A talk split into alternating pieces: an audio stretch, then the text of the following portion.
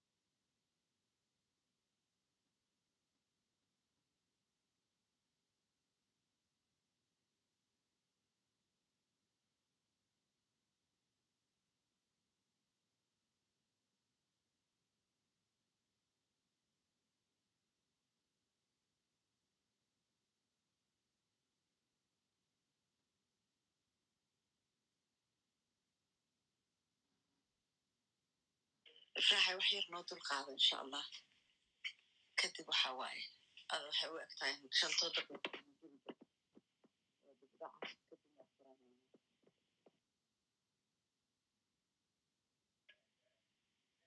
dhib malahan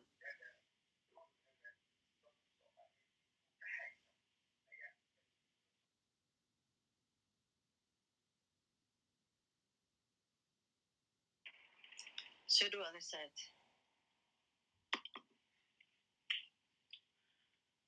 wasoo gala soo maha ha wax yar isug barnaamijkaa noo furaaya marxabaade hay ayaa dargacad asalaamu calaykum waraxmatullaahi wabarakaatu dhammaan waxaa ku soo dhawaataan kulmiso platform ama maaragta madasha ama degelka kulmiso cawada barnaamijka waxaa barnaamijka tix iyo tiraab laakiin laba barnaamij i don't know waxayba noqota joogta umalaynaa topic walba markaan furno markuu laba qayb ka baxdo ayuu wuxuu noqdaa mid la kala googooyo. Marka malaha waa lagu tababartaa labada u horeysa. Tix iyo tiraab waa la kala gooyey. Waxaa la yidhi sabti dhaafa laga dhigo sabtina tixda ha la siiyo sabtina tiraabta. Marka caawa tiraabtii baa la siiyey. Xoogaa dood yaro waxaa timid ahayd tiri tix la'aantii tiraab ma socon karto ama maaragtay waxay noqonaysaa wax boran ahoo lagu daalo oo maaragtay marka daas daraaddeeda ciwaanka uga dhignay tiraabi tix la'aanteed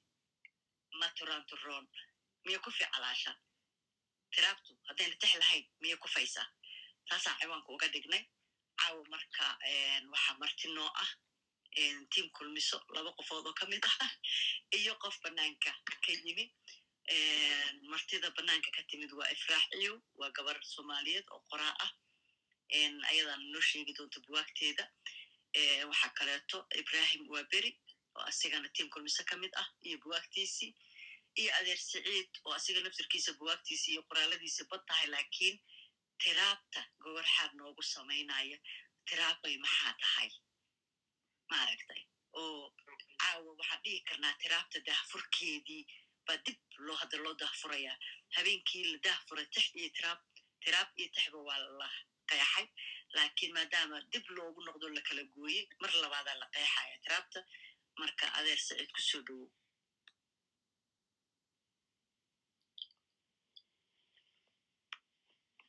aad iyo aad baan idiin salaamaya sow si fiican isu maqli mayno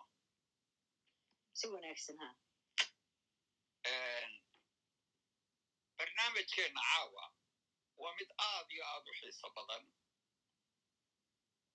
oo aan filayo in dad badani ay danaynayaan mawduucaas ku saabsan tiraabta oo aad moodid in dadku marka la soo qaado ay si uga dherigsan yihiin. Baynu isku dayaynaa caawa inta waktigu ina ku simo inaynu halka kan isaga bayaamino qaybihiisa ugu roonroon mar aynu si guud uga hadalno iyo mar aynu hoos ugu dhaadhacno oo dadka tilmaamo iyo tusaalooyin taabasho leh aynu u gudageli doonno anigu kolkaa qaybtan aad moodid inay igu soo aaday aan inoo ku iba furayo barnaamijkeenna kan waxaan jeclaystay inaan isku ekaysiiyo inaan erey gaaban erey kooban oo guud mara inooga iftiimiyo tiraab curinta qiimaha iyo kaalinta ay ku leedahay bulshada soomaaliyeed waxtarkeedaan uga jeeda suugaanta soomaaliyeed marka la soo qaado sidii iminkaba ay lula carabaabaysay waxaa loo kala qaadaa qaybaheeda ugu roon tixda iyo tiraabta maansada iyo tiraabta labadaa markaynu isu egno isu barbar dhigno waxaynu garan karnaa farqiga weyn ee u dhexeeya iyo waxyaalaha ay wadaagaan iyadiio kolkaa aan tilmaamo yar ka iftiimin doono meelaha ay ku kala duwan yihiin iyo kaalinta ay kala leeyihiine kala qaataan. Ayaan jecelahay marka hore inaan inoo sheego tiraabey xaggeebaad ka soo gashaan nolosha ummaddeenna nolosha bulshadeenna qiimiga ay ku leedahay kaalinta ay ka qaadato baan in yar un ka iftiiminaya oo waa maxay? Bani aadmigaba markaad ka soo qaadid? Ama bulshadeenna soomaaliyeed? Ama ummaddeenna soomaaliyeed meel walba nolosha adduunka wuxuu ka bilaabantaa ka bilaabantaa waa dhalashada. Dhalashada marka laga soo qaado waxaynu uga jeednaa waa ilmaha dhasha markaa ilmihii wuxuu la yimaadaa laba arrimood. Mid waxa weeyaan jimsigiisa curdinka ah ee jilicsan ee aad u nugul. Oo taas waa xagga jimsiga. Ta labaad ee uu la yimaadaana waxa weeyaan waa caqliga caqligiisaasi ilmuhu si kasta ha u yaraado da'diisu si kasta ha u yaraato laakiin caqliga uu la yimaadaa waa mid mar walba u dihin wax qaadashada ha ku adkaato soo celintu ha hadaaqo ha dhawaaqo yaan la fahmin laakiin isagu wax badan buu garan karaya oo qaadanaya da'daa laga bilaabo ilaa uu qofku qaangaadh ka gaadhayo mar walba xilka korriimadiisa waxbarashadiisa cilmisiintiisa barbaarintiisa u xil saarani waxa weeyaan waa qoyska waa aabbihii iyo hooyadii hor iyo horaan iyo inta ehelkeeda dee garab joogta. Waxa u soo raaca waxa weeyaan waxay u soo raaca oo dhamina waxa weyan waa bulshada uu ka tirsan yahay ka dhashay bulshada uu dhashay iyo dowladdaa jirta. Iyo dowladdaa jirta. Dowladdaas jirta kolkaa markaynu leenahay intaas waxa weeyaan labada shay uu la yimaado aynu marna tilmaannay jibsigiisa mar aynu tilmaamnay caqligiisa. Labaduba waxay u baahan yihiin korriimo iyo barbaarin gaar ah. Ka jirkiuna waa adiga arko xagga cuntada iyo xagga nafaqada iyo xagga magarata waraayinta iyo xagga maaragtay xanaanada buu u baahan yahay. Sidaas oo kale intuu jidhsku u baahan yahay in ka weyn oo ka culus ayaa maskaxduna u baahan tahay in iyana la xanaaneeyo in la barbaariyo in la koriyo in la dhaqaaleeyo in laga shaqeeyo ilaa inta uu ka qaangaadhayo ee hadhowto isagii mas'uuliyaddiina la wareegayo isagoo la wadaagayo mar walba bulshadiisii. Hadba hadba heerka iyo sida loo gacan qabto sida loo koriyo sida loo barbaariyo muddadaas hore uu nugulka yahay muddadaas hore ay maskaxdiisu ugub tahay muddadaas hore ee maskaxdaa ugubi sida birlabta ay wax alyaal wixii cusub oo dhan u qaadanayso. Ayaa mar walba ay ku jirtaa sareedada iyo aayaha iyo yoolka ummaddaasi ay mar walba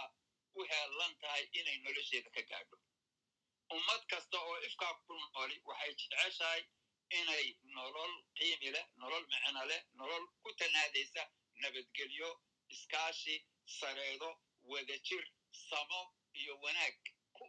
asalaysan ama ku salaysan inay gaadho bay ummad walba meel kastaa joogtee ay jeceshahay. Hadhowtaa danaha iyo damaca iyo waxaasaa kala qaadqaada laakiin himilada laga wada siman yahay waa taas. Himiladaasina himiladaasina mar walba waxay ku xidhan tahay sida aan u soo sheegay min ubadkaas dhasha sida loo barbaariyo iyo sida ay u soo koraan waxa weeyaan aanigun bay ka tolantaa halkaa marka laga soo fara qabto sidaas loo soo korkoriyo sidaa loo soo koriyo ayaa qofku waxa uu ku soo barbaariyo ku soo weynaado uu hadhowto midhaheedii la gurtaa markaasay bulshadaasi bulsho maaragtay waxay higsanaysay oo dhanna ay u fududaataa iyo siday ku gaadhi lahayd. Halkaa haddii aan kolkaa ku dhaafo inta aynu dunida la wadaagno min dhalashada ilaa iyo dhimashadaba ay arrintaasi sidaas tahay ayaan teenii ahayd ta soomaaliyeed hoos ugu soo yara daadegaya tiraab curintu waxay ka mid tahay qoraal curinta qoraal curinta oo dhammina waxay ka mid tahay qoraal curintu waxay u kala baxaysaa waataynu sheegnay qoraalba hadday tahay waxay u kala baxayaan kolkaa curin oo dhan. Curinuhu waa maxay? Curinuhu waxa weeyaan waa hababka waa qaababka waa tabaha laysugu gudbiyo wixii la doonayo in laysfahamsiiyo in laysbaro in laysugu sheego in laysaga warramo. Qaababka lagu gudbinayo iyo siyaalaha loo qaadanayo ayaa intaas oo dhan waxay isugu wada yimaadaan hababka iyo qaababka iscabirka kolkaa marka leedo suugaanta suugaantu waa ka mid hababkaasay ka mid tahay. Ee habab kaloo fara badanina waa jira kuwa sawiradaa jira kuwa musawirkaa jira kuwa maarata aslinta abaa jira la aslo kuwa magarata sculptorska ee maarata la xardhiya laga qoro baa jira. Waxaas oo midhan kuwa la matelo ee sida filimada loo matelo baa jira riwaayadaha jira. Inahaas oo midhani karikateerada aydin aragteena maarata wejiyada ama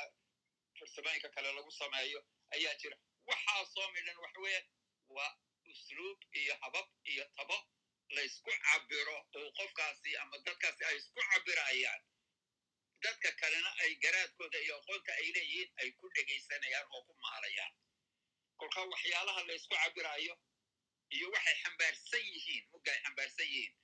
iyo sida hadba ay ummaddaas u saamaynayso ama dadkaas ama bulshadaas wax u yeelayso ama wax u tarayso ayaa qiimigeeda oo dhammina uu ku jira sidaas awgeed kolkaa haddaan inta kale iyo hababka kale iyo qababka kale oo dhan meel dhigo oo aan u soo noqdo teenii inoo gaarka ahayd ku saabsanayd suugaanta ee u kala baxaysay tixda iyo tiraabta ayaan tixdiina laba erey keliya kaga baxaya oo tixdu waa maxay tixdu waxa weeyaan mid ummaddeenna soo laasimtay ilaa iyo taariikhdii ay lahayd oo dhan ummadahoo kale oo dhammina wayna la wada wadaagaan. Ee adduunkaa ku nooli mar walba waxaa ku soo horraysa xagga qoraalka iyo xagga tiraabta iyo xagga tiraabta iyo danaynteeda. Waxaa mar walba ka horreeya taariikh ahaan oo aynu ku haynaa oo laga soo qaadayo dunida halkaa doontid u tag ama bariga iyo shiinaha iyo waxa iyo jabaanka iyo tag ama galbeedka iyo tag ama yurubta tan u tag ama arabiya iyo afrikadeennaa soo meeyo soo wada mar. Intaba waxaad ugu tegaysaa maansooyinka ayaa maaragtay mar walba horrayn jiray. Laanno sababta ay ku timaadaana waxa weeyaan waa hab iyo qaab maaragtay u fududeeya dadku inay wixii ku xasuustaan oo ku hantiyaan oo ku haystaan oo isku dhaxlaan kolkaa kolkaa teenuna waa la mid oo waxa weeyaan taariikh dheer bay soo leedahay oo tixdu nolosha ummaddeena waxay ka qaadataa taariikh aad u dheer. Nolosha waxay ka qaadataa taariikhdana waxay ka qaadataa saban aad u dheer yani waqti aad u durugsan xagga kan kale ee noloshana waxay ka qaadataa qayb kasta oo nolosheenna ka mid ah min dhalashada la dhasho ilaa guurka ilaa dhimashada ilaa inta u dhexaysa ilaa waxyaalaha lala kulmo waxa lagu farxo waxa laga naxo geerida farxadda guur waxaas oo miidhan ba ay mar walba toos ula xidhiidhaysay oo laga tiirinayay tixo iyo maansooyin lagu xasuusto oo mar walba dadba oo layska kala dhaxlo oo aanay tiraabtu ku jirin. Tiraabtu waxay ahaan jirtay un hawraar iyo hadal maarata la sheego. Bar dhifo mahmaahda oo lafteedu soo wada geli karta labada qayboodba. Mooyaane tiraabtu hadalka caadiga ah ee maalintii lagu hadlo marka dantii laga lahaana ay dhammaatona halkaa lagaga tago bay ahaan jirtay. Laakiin ta mar walba dadka ku sii hari jirtay ku sii jaari jirtay ee ilaa iminkana dadkeennii aanay si weyn uga soo wada xuub siiban ee aad u sii haysatee aad loo daneeyo waxa weeyaan waa tixda tiraabtu kolkaa waxaynu odhan karnaa waktigeedu wuu soo sokeeyey. Oo waxay ku kala duwan yihiin midna waxa lagaga bogtaa jeedinta uu qofku jeedinayo. Oo kolkaa erey xulashada xaraf raaca miisaanka habdhaca hanaanka maaragtay lagu jeedinayo. Ee uu qofkaa dhegaysanayaana dhegta ku maalayo dhegta ku maalayo ee uu ku raaxaysanayo ee uu ku uryaaqayo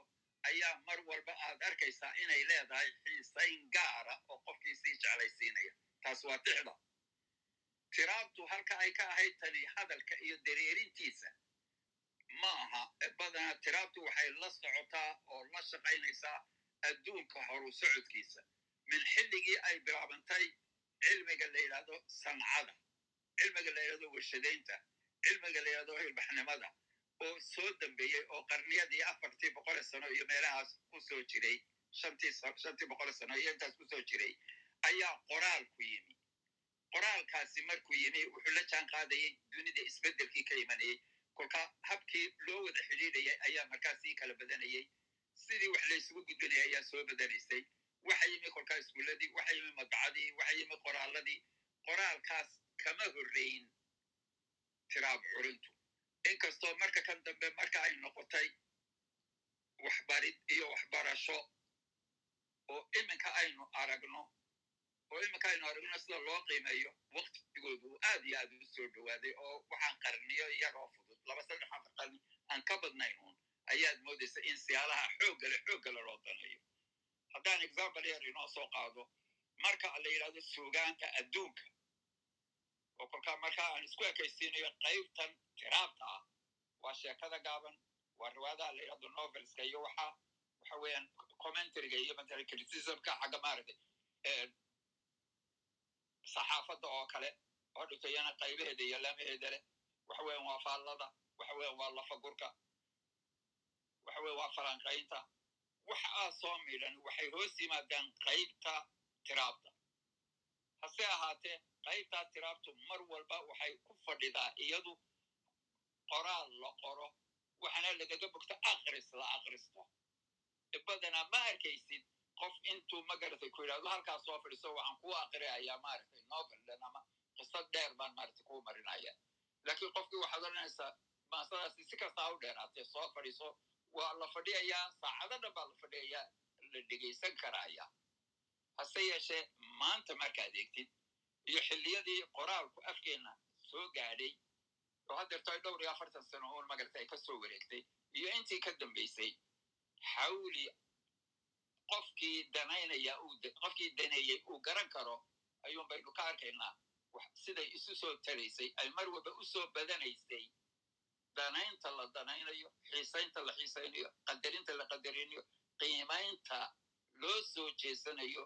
tiraabay maxaad ku fadhidaa iyo tiraabay macnaha. Dhallinyaradeenna inta maanta wax qorta inta maanta wax isugu gudbisa inta maanta wax ku akrida waa la garan karaa ee tiraabta magaratay u heelan maalinniba maalintai ka dambaysa sanadba sanad buu ka dambeeyo. Waxaad arkaysaa in tiradoodii iyo tayadoodii iyo xoogoodii uu ka soo badanayo intii. Halkaa si aanan kolkaa ugu sii dhaaraan hadhowtaynu isula iman doonaa wax isweydiinta iyo waxaa halkaa inoo ka cad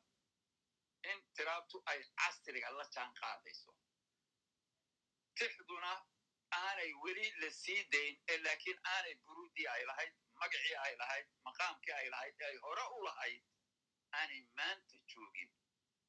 maansayaankii iyo gabayaagii awel aad ogaaj aynu niqinay hadday colaa tahay iyo hadday nabad tahay iyo hadday farxad tahay iyo hadday muruga tahay intaba isaga uun sidaas loo eegi jiray oo ummaddaas kolka afkeeda ku hadli jiray maanta waad arkaysaa oo wixii waxba kala sii jiraan. Kii halkaa wax ka jeediya indhifa mooyaane wax la sii daneeyaa ma jirto. Waxaad ku garanaysaa hoobalayntii ahaan jirtay muusigeeda ee intaan midhahaba la maqal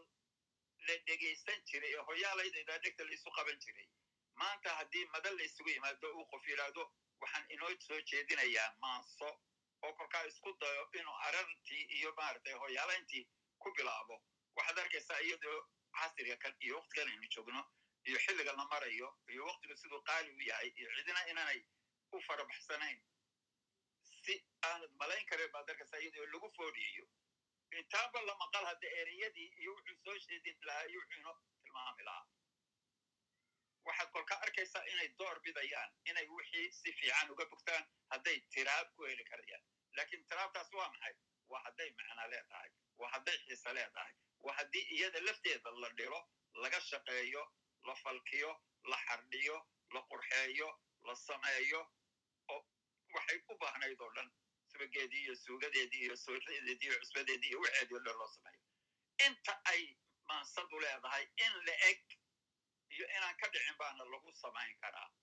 Ciddii kolkaa danaysa ee si gaara u danaysa way helaysaa furayaasheedii iyo halkii ay ka geli lahayd. Kolkaasay arrintii u fududaanaysaa qofkii kale se wuxuu ku qafilan yahay arrintii hore oo iska ahayd. Hadal iyo hawraari waa shuqul magara shuqul ciyaar aan waxba maaragtay macno lahayn. Ee xigmadoo dhan waxay ku jirtaa. Oo murti oo dhan waxay ku jirtaa maansada anigu kolkaas ciid ahaan iyo da'daan ahay waxaan ka mid ahay dadkii ugu horreeyey ee min markii farteenna la curiyey curintay curitaan ka wada waxa weye farteenna oristeeda la bilaabay. Dadkii ku tahambaabay ama soo jeediyey in wakti kasta ha qaadatee in tiraabtu ay xilli xilliyada ka mid a gaadi doonto heer maaragtay sidii loo jeclaysan jiray ee loogu muraaqoon jiray ee loogu burli jiray ee loo xiisayn jiray maansada. Si aan ka tira yarayn si aan ka qiimi yarayn ama si aan ka derajo yarayn haddaanay ka derajo badin in lagu gaadi karo tiraab lafteeda. Haddii la siiyo xilkeeda xilligeeda habkeeda hanaankeeda iyo hawsha ay mudan tahay in magaratay loo fidiyo. Intaas markaan halkaa kolkaa ku ekaysiiyo aan ka imaado oo aan goonni ugu soo baxo kolkaa tiraabtii oo kolkaa iyadana an in yar una u gaara ka tilmaamo. Maadaama aan ka mid ahay macallimiinta ku hawlan in muddo aan hadirto soo waday cashar bixinta iyo tababarada lagu tilmaamo tiraab curinta toolmoon erigu marka hore waxa weya qoraal curinta kolkaa qoraal curinta waxaan wadaagnaa kooxdan saaxiibadaya ee aanu iyana ee maansayahankaa ee maansada matalan walaalkay saaxiibkay siciid saalax oo kale iyo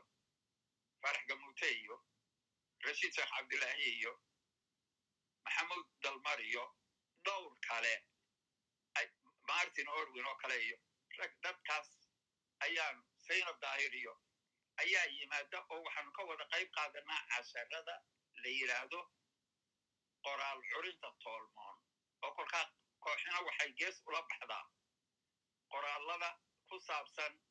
maansada. Ama ha noqoto riwaayadaha ama ha noqoto masraxa ama ha noqoto maansada laamaheeda kala duwan. Gabaga geeraarka jiiftada masafada guurowga heesta eelada saarka sitaadka. Dee waxa weeyaan iyo baxarkeeda aynu kalwad garanayno bay goonno ula baxaan iyo habdhiskeeda iyo xafraaceeda iyo sida loo sameeyo iyo aniga iyo dhowr kalena waxaanu u baxnaa qaybta tiraabta. Markaasay tii tiraabtuna sii kala baxdaayo kolkaa waxaanu isku soo ekaysinaa novelska ama sheekada dheer iyo maxay iyo sheekada gaaban. Anigu siciid ahaan weliba waxaan ahay dadka u goonida ugu baxay sheekada gaaban. Dadkeennaa naqaanaa oo qoraal dheer haddii loo sameeyo oo intaasoo bog ka bato markiiba uu ku indha daraandarayaan waa ka caajisayaan iyadiio aan dhowr saafxo aan si fiican looga bogan ayaad arkaysaa in markiiba laga daaliyo oo laga xiisa beelayo oo kolkaa cilmigaas iyo qoraalka caynkaas oo kale ah xilliga aynu maraynay waxaan u bixiyey cari dhammay. Waxaan xusuustahay joornaalkii ka soo bixi jiray muqdisho oo saddexda afiyo ku soo bixi jiray af soomaaliga waxaa lagu odhan jiray xidigta octoobar talyaaniga waxaa la odhan jiray distel october.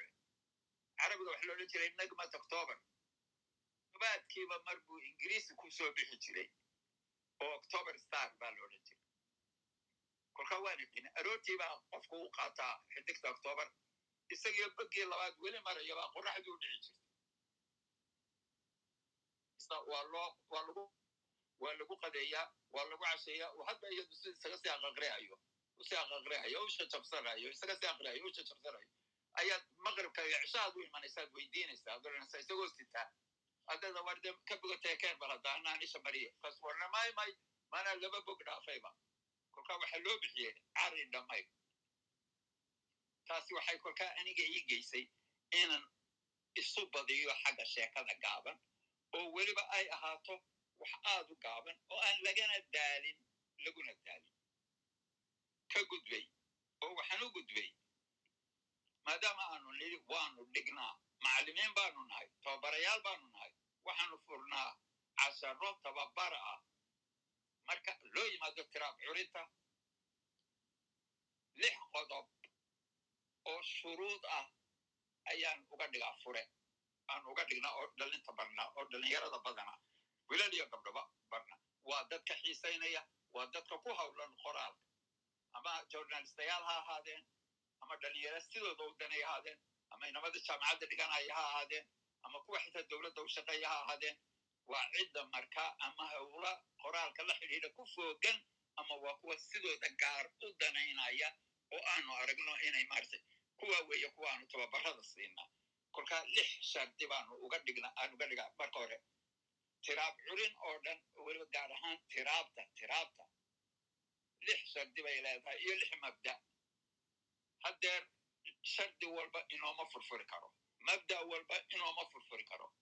laakiin waxaan inoo soo qaadayaa si dhegihiinu ay u gartaan wax aan daqiiqad rubiceed ka yar ayaan lixda shardiya hore kuwa ay yihiin inoo sheegaya tiraab curinta toolmoon shardiyadeeda lixda ugu horreeya ka ugu horreeya waxa weeyaan waxa weeyaan af soomaali saxa af soomaali saxa oo la laasimo waa ka ugu horreeya. Ka labaad waxa weeyaan hodonnimo af oo la hanto. Ka saddexaad waxa weeyaan rabitaan hiyi iyo rabitaan dhab ah oo lala yimaado ka saddexaad ka afraad waxa weeye ka afraad waxa weeye dad qoraal curinta ku xeel dheer oo ama ah dadkeenna dalka gudihiisa iyo ummaddeenna ka dhashay amba dad shishayaaba ha ahaadeene dad qoraal curinta ku caanbaxay oo loo yaqaano inay yihiin dad maaragtay waxooda wax ku ool inoo yahay in wax laga barto oo iyana mar walba la akristo oo la kororsado ta shanaad waxa weeye intaas oo dhan midda hore markaad ka soo baxdid ta labaad markaad u gudubtid saddexaad ta afraad ta shanaad markaad u gudubtid intaas oo dhammi way isbiirsanayaan oo isbiirsanayaan oo waxay kuu fududaynayaan qoraal curintii bay kuu fududaynayaan. Ha ahaatee taa u dambaysa haddii iyada lafteeda laga tago ayaan waxaagii hore aanay isu dhammaystirnaanayn oo taa u dambaysa maxay noqonaysaa? Waxay noqonaysaa fara ku hayn mar walba haddii aan faraha lagu hayno aanad qoraalkii ku noqonoqonayn oo ku noqonoqonayn oo ku noqonoqonayn oo aanad mar walba si cusub aanad u gelaynin iyana cidlaa u tegaysa inahaasi waxa weeyaan shuruudaha qoraal curinta. Shuruudahaas waxa soo dhaca mabaadi mabaadida laba keliyaan ka soo qaadaya. Ee inta kale waa ka imanaya. Mabaadida ta ugu horreysa waxa weyan waa dhalad iyo dhidid. Oo waxaynu isweydiinaa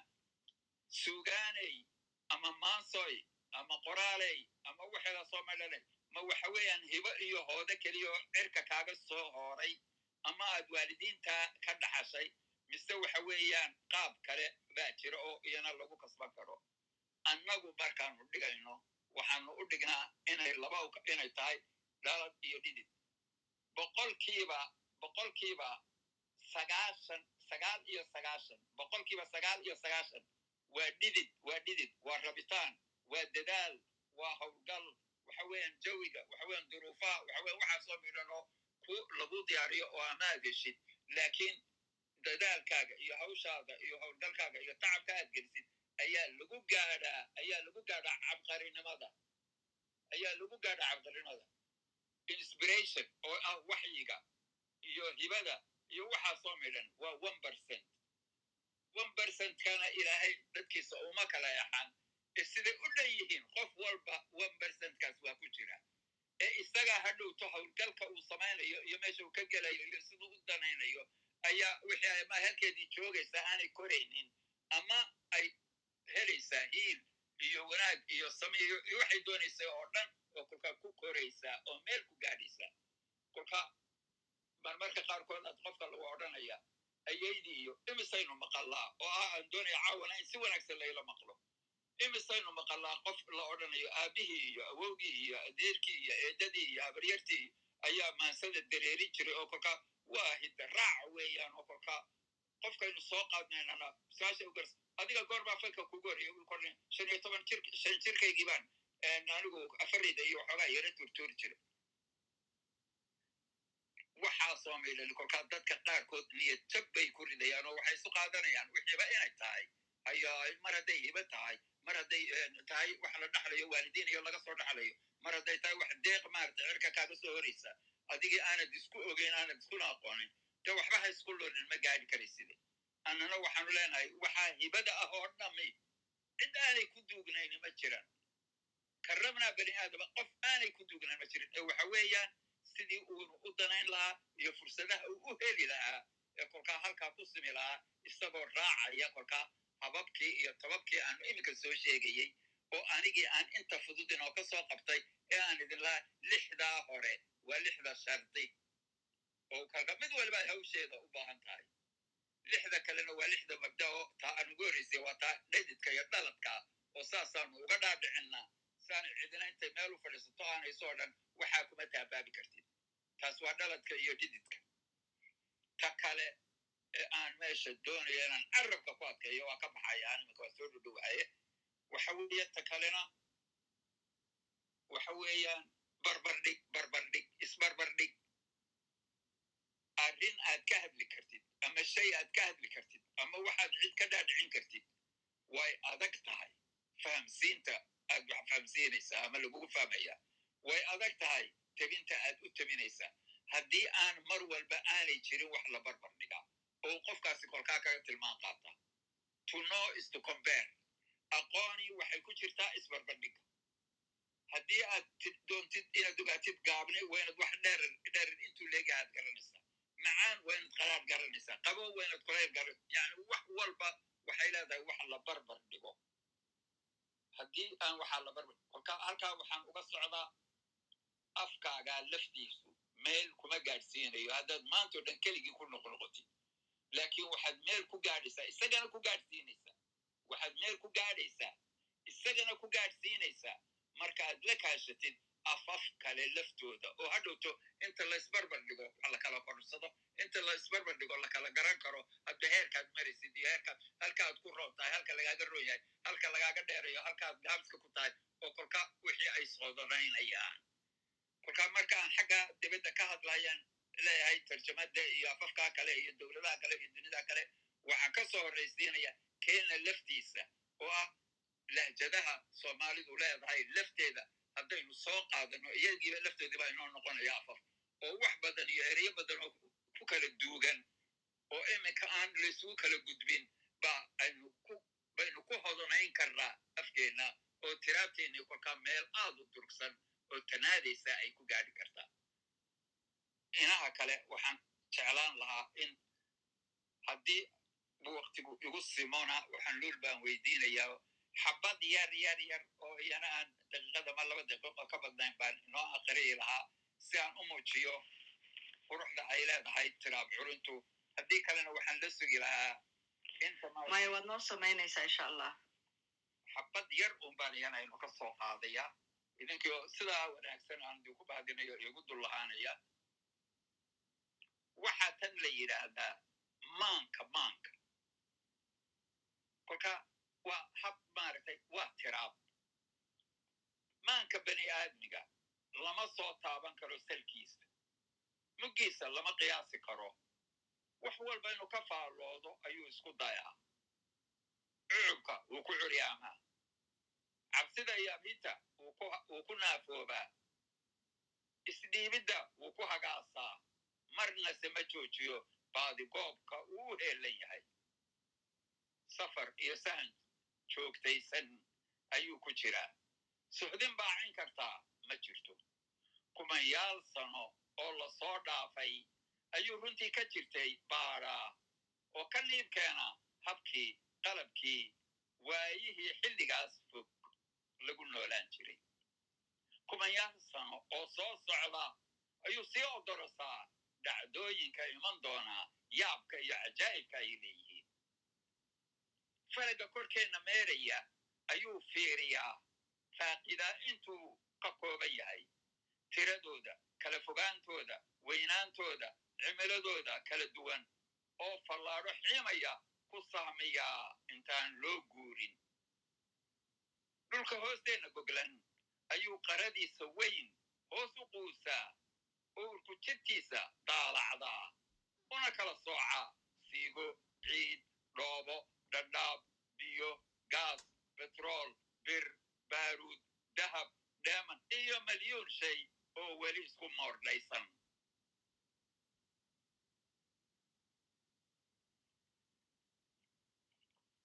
maskaxda hawshaas gelaysa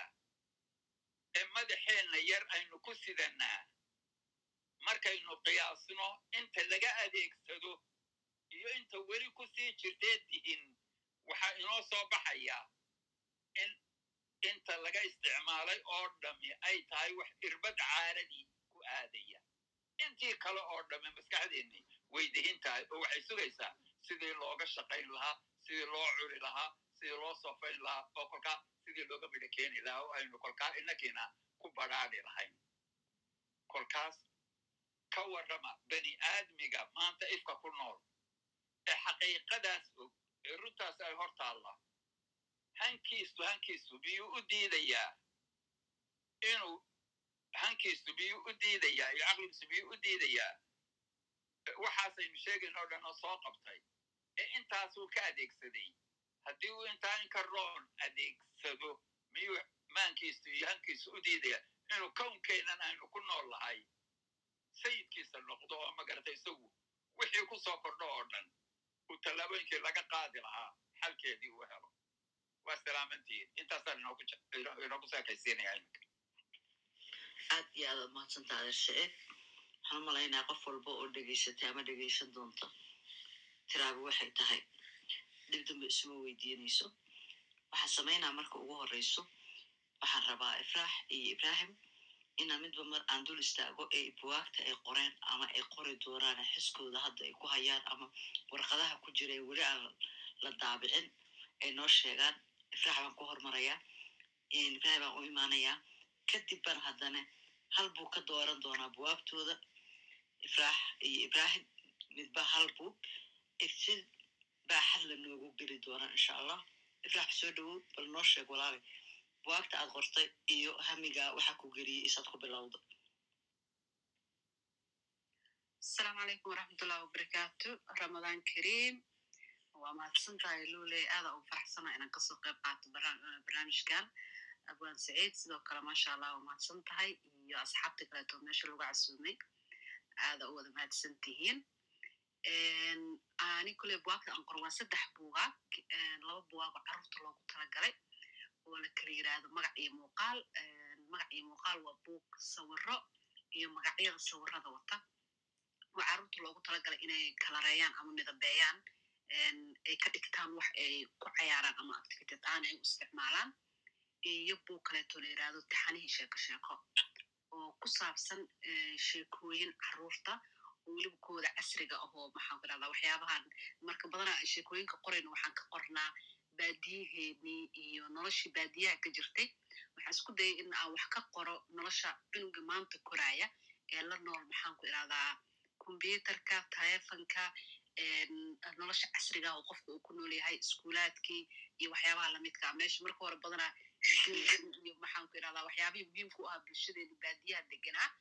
la qori jiray in aan wax ka qoro bulshada haddeertaan cusub ee nool se cunuga loo aqrinaayo u dareemo waxa loo aqrinaayo in ay ku saabsan yihiin noloshiisa haddeertan isiga oo nool yahay oo aan loogu qasbaanin erey kasta loo fasiro la isku dayo in la fahansiiyo. Arrinta ugu dhalaysa kole go'aanka carruurta inaan qoro waxay ahayd in aniga carruur aan leeyahay oo aan arkay dhibaatada ay leedahay in ilmihii aysan helaynin bugaag luuqadooda hooye ku qoran oo qofka waalidka u akrin karo. in ilmaha wax loo runta wax aad muhiim ah. Weliba waa in la bilaabo xilliga dhulka uu yar yahay sida lix bilood oo kale markuu jiro waa in loo bilaabo dhulka in wax loo akriyo oo xoogga la saaro inuu markasta fahmo luuqadiisa hooyo. Ani marka sida hooyo waxay noqotay arrin aad ii saameysay maxaa yeelay markii aan tegey maktabadaha iyo meelaha buwaagta lagu hayo badanaa norway aan deganaya waxaa waaye luuqado islaameed buwaag ku qoranayaana. Marka cunuga way adkaanay af soomaaliga si lagu baro haddii aysan jirin wax waalidka qofka waalidkaa caawin kara si uu cunuga luuqada ku fahansiiyo oo ku dareensiiyo soomaalinimadiisa taasaa kuley keentay inaan buwaagta af soomaaliga aan ku qoro luuqadaha luuqada wax ku qoraba ani absolute waa soomaaliga. Sheekada kaleeto aan qoray oo labada kun iyo toban iyo sideed aan soo saaray ayadana waxa waaye sheekada la yiraahdo ilo oy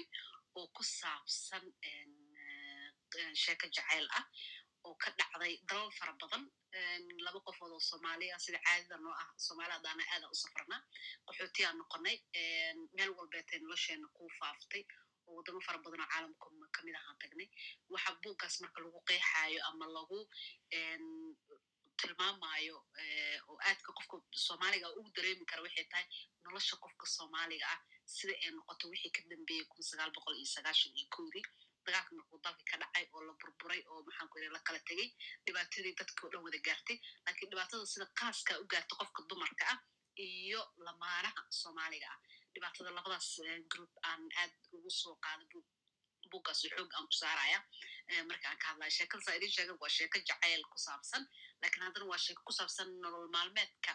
xaqiiqada ee qofka soomaaliga ah waxaa ku jira buugga shaqaale qof ah oo maxaa adeegto?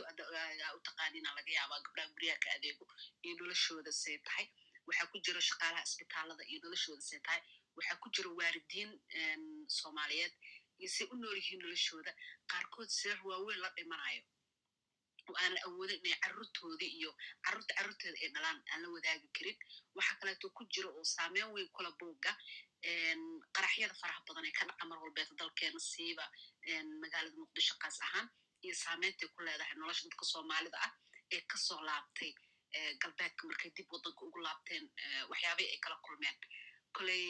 dibaan ugu laabanayaa inaan aad idinkugu dhex galo sheekada oo idin magacaabo dadka ku jiro iyo tusaalooyin kala duwan oo ku jiro marka waa mahadsantaha intaasaan ku soo koobaya aad iyo aad waa mahadsan tahay. Saa idin sheegaba buwagta markaa noo sheegtaan baan buu ka dooran doonaa. Ibrahim baa u tegaya bal ibrahim adna sidoo kale noo dulmar. Asalaamu calaykum dhammaan waa idin salaamaya loy iyo adeer siciid iyo dhammaan walaalaha runtii maasha allah wax badan baan ka faa'iidaysanay adeer siciid oo ku saabsan taraabta iyo sida ay ku timid iyo iyo doorkay kala leeyihiin tixda iyo taraabtu wax badan baan runtii aan aniga lafteyda hadhowna adeer siciid ka sii weydiin doonaa arrimaha taraabta ku saabsan ma sida shaksiyan u fahansanahay iyo wixii uu iga sixi doona laakiin hadda imika buugtaan gelayaa si aanan sidii maalintii hore aynan dhan kale ugu taraaraxin xagga tixda. Waxaan qoray anigu afar buug baan qoray. Mid ka mid ah kii horreeyey waxaan laba kun iyo saddex tobankii baa la daabacay. Qaadkiiyo qabyaaladan kaga hadlaya waxa la dhaha dhibaatada dhulkeena qaad iyo qabyaalad. Runtii buugkan muddo shan sanaa ku hawlnaaba hayoon soo bilaabay qoristiisa laba kun iyo toddobadii oo laba kun iyo saddex tobankaan daabacay kadibna isla laba kun iyo saddex tobanka dhammaadkiisi baan buug kala qoray oo la ydhaha ridaha farxadda oo kaga hadlaya ilaa saddex qaybood oo marka ah sacaadada iyo farxadda mawduuc shaksiyan aan muddo baadayan jeclaan xiisan jira kana mid ahaa un arrimaha tanmiya bashariya ama horumarinta aadanaha dadku tababarno ka mid ahaa ayaan markaa wax ka qorayey kadib isla labada buugba laba kun iyo afartonkii maraan dalka tegey baan la kulmay buug feerka hargeysa oon markaa ku soo bandhiga kaga qayb qaatay labadii buugba hal mar baan ayaa ku soo bandhiga waan xasuustaayo annaga dhalinyaro kale oo jaamac muuse una siiyey muddo yaro toban toban daqiiqa qof kasta buuggiisa ku soo cardinayo anigu labaan watay markaas de waxaan ka warwaraya sida waktigaas igu filaa doona laakiin haddana runtii sharaf weyn in intaasoo qof oo adeera siciid iyo adeera rashiid iyo cid walba ka mid tahay oo dad aad u tiro badan oo qaali fadhiyaana bugaaga lagu soo fadhiya inaad soo hor fadhiisad bugaaga magaciisa ku sheegta lafteeda wax qiimo badan bay yahay waxaan markaa tobanka daqiiqaan ku soo koobay labada buug baan maalintaaga ku soo bandhigay waxaa ka dambeeyey buug kala laba kun iyo toddobiyo tobankii soo baxay oo isna waktiga kaga hadlay oo la idhaahdo maaree noloshaada waktigana ka faa'iidayso isagana waa la daabacay waddanka isagana lagu soo bandhigay buuggaas waa la iibgeeyona maktabadahun baa la dhigay lakiin labada hore bandhig iyo dhowr meelada bandhigii lagu sameeyey baa jiray waxaa buggii u dambeeyey hadda laba kun iyo laba kun iyo labaatankii aan qoray waxaa la yidhaahdaa dabar adeeg waa lix tallaabo isbeddelku horseedi kara runtii buggana imanka isagu amazon buu ku jiraa oo laga heli karaya waa buggii ugu dambeeyey hiil baras baa daabacday madbacadda hiil baras oo runtii imanka dadaal badan bugaag badan runtii aad u daabacday oo wax badan soo iyaduna qayb weyn ka ah arrimahan tiraabta nooleynteeda qoraalkeeda. Hadday sheekafaneedatay kuwa la turjumaya hadday ti hadday bugaagta kala tahayba. Marka buugga runtii isaga laftiisa dhibaatada dhulkeena waxyaabaha igu kalifay buugga u horreeya qaadkii qabyaalada qayb ka ahaa. Oo had jeer labada mawduuc iyo labada dhibaato ee qaadkii qabyaalada dadka ku jira midna waa balwadka kalena waa noocun balwadda kamida oo qofku aaminsan yahay inuu mararka qaar xataa aanu garanayn si uu ugu dhex jiraba. Isagoo qabyaaladii ku dhex jira ayaanu qofkii fahamsanayn aanu garanayn qaab uu ugu dhex jiro qofkii marka sidee qofku isku bedeli karaa baan isweydiinayay? Markaan dee qof balwad leh amba qaad ha noqdo amba wax kale ah ama qof qabiilkii iyo qabyaaladii kala garanayn oo noloshiisa iyo lafihiisi ay galeen sidee isku bedeli karaa markaa isbedelkaas mawduuca halkaasaan ka soo qaatay xiisihiisa iyo darayntiisa falilah alxamdu ilahay ku qadaray in laba kun iyo labaatankii aan markaa buugaa qoray oo la idhahda lix tallaabo oo isbeddel ku horseedi karaa marka isaguna markaa wuxuu ka hadlayay bal tallaabooyinkaas iyo sida u kala horeynayaan iyo kuwa gudaha iyo kuwa dabadda banaanka iyo iyo tallaabooyinka laftooda sida isku saameynaya ay effect iskugu leeyihiin markuu gudaha ka imanaya isbedelku iyo markuu dabadda ka imanaya labadaba marka buuggaasi saasuu ka hadlayay runtii maadi gudagelayo koley lul baa tiri hadhowa laga yaabaa bugaagta inaan mar kale lagu soo noqdo gudagelkeeda lakiin labada bugorta bugaagtaasaa kamida bugaagta aan qoray matala haddaan yaro dul maro kale kan dambe oo kale dhibaatada dhulkeen dabar adeeg lixda tallaaba waxa ka mid ah tallaabada horeysa fikirka kaga hadlaya oo ah halka ugu horeysa islamarkaana iyadoo tallaabadaas ugu horeysa ayaa laga yaaba tallaabooyinka dambe laftooda inay curayaan inay bilaabo inay sababaan isbeddelka fikirka ku dhacaya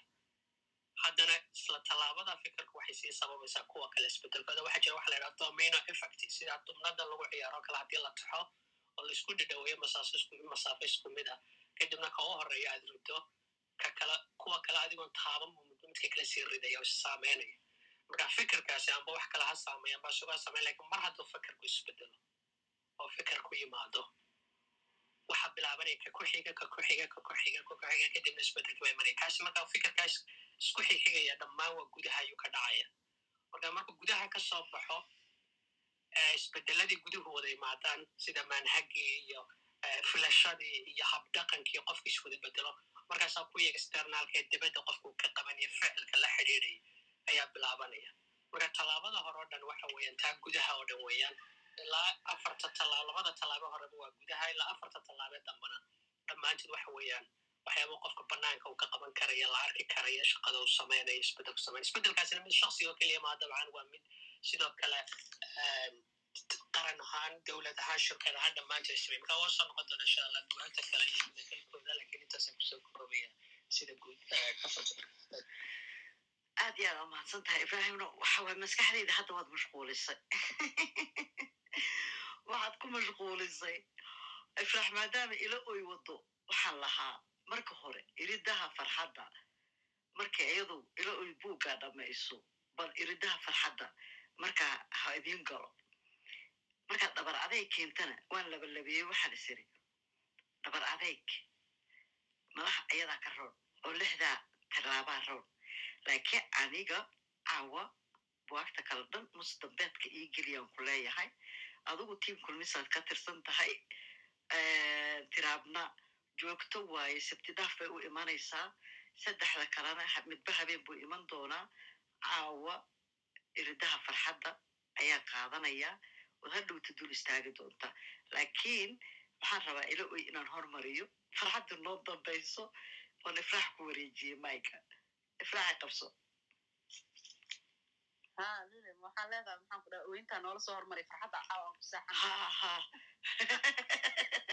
kula fahmo sheekada waa caqli ayada leh buga sababta ilo oy loogu bixiyaa waxay tahayba maxaa ku yiri soomaali haddaana nolosheena ay noqoto runtii nolol aad u dhib badan mana dhahay shaksi walbeet oo soomaaliya waxay tahay noloshiisa nolol aad u dhib badan oo dadka bilaadanka way kala nolol duwan yihiin dabcan laakiin waxaana saameeyey dhiiggii faraha badnaaya waddankeenu ku daatay waxyaabo fara badan oon xalaal ahayn oo aanan cun oo cunay. Inkasteeto qof walba uu aaminsan yahay asiga uusan wax aan xalaal ahayn uusan cunin. Waxaa aaminsana marka waddan oo boob ka dhaco oo dhibaata ay ka dhacdo oo maxaan ku yidhaha xayawaan aan loo nixin dadkii warkooda haba sheegin. Wax walbeeto la baabi'iyey qasab qof walbeeto naga mida. Qayb qayb waxa uun ka soo gaaray jabka meesha ka dhacay waxa uun ka soo gaaray looma kala harin. Taasita waxay keenay marka in aniga sida qoraa aan ku fikiro nolosha qofka soomaaliga ah badanaa inay ku saabsan tahay murugo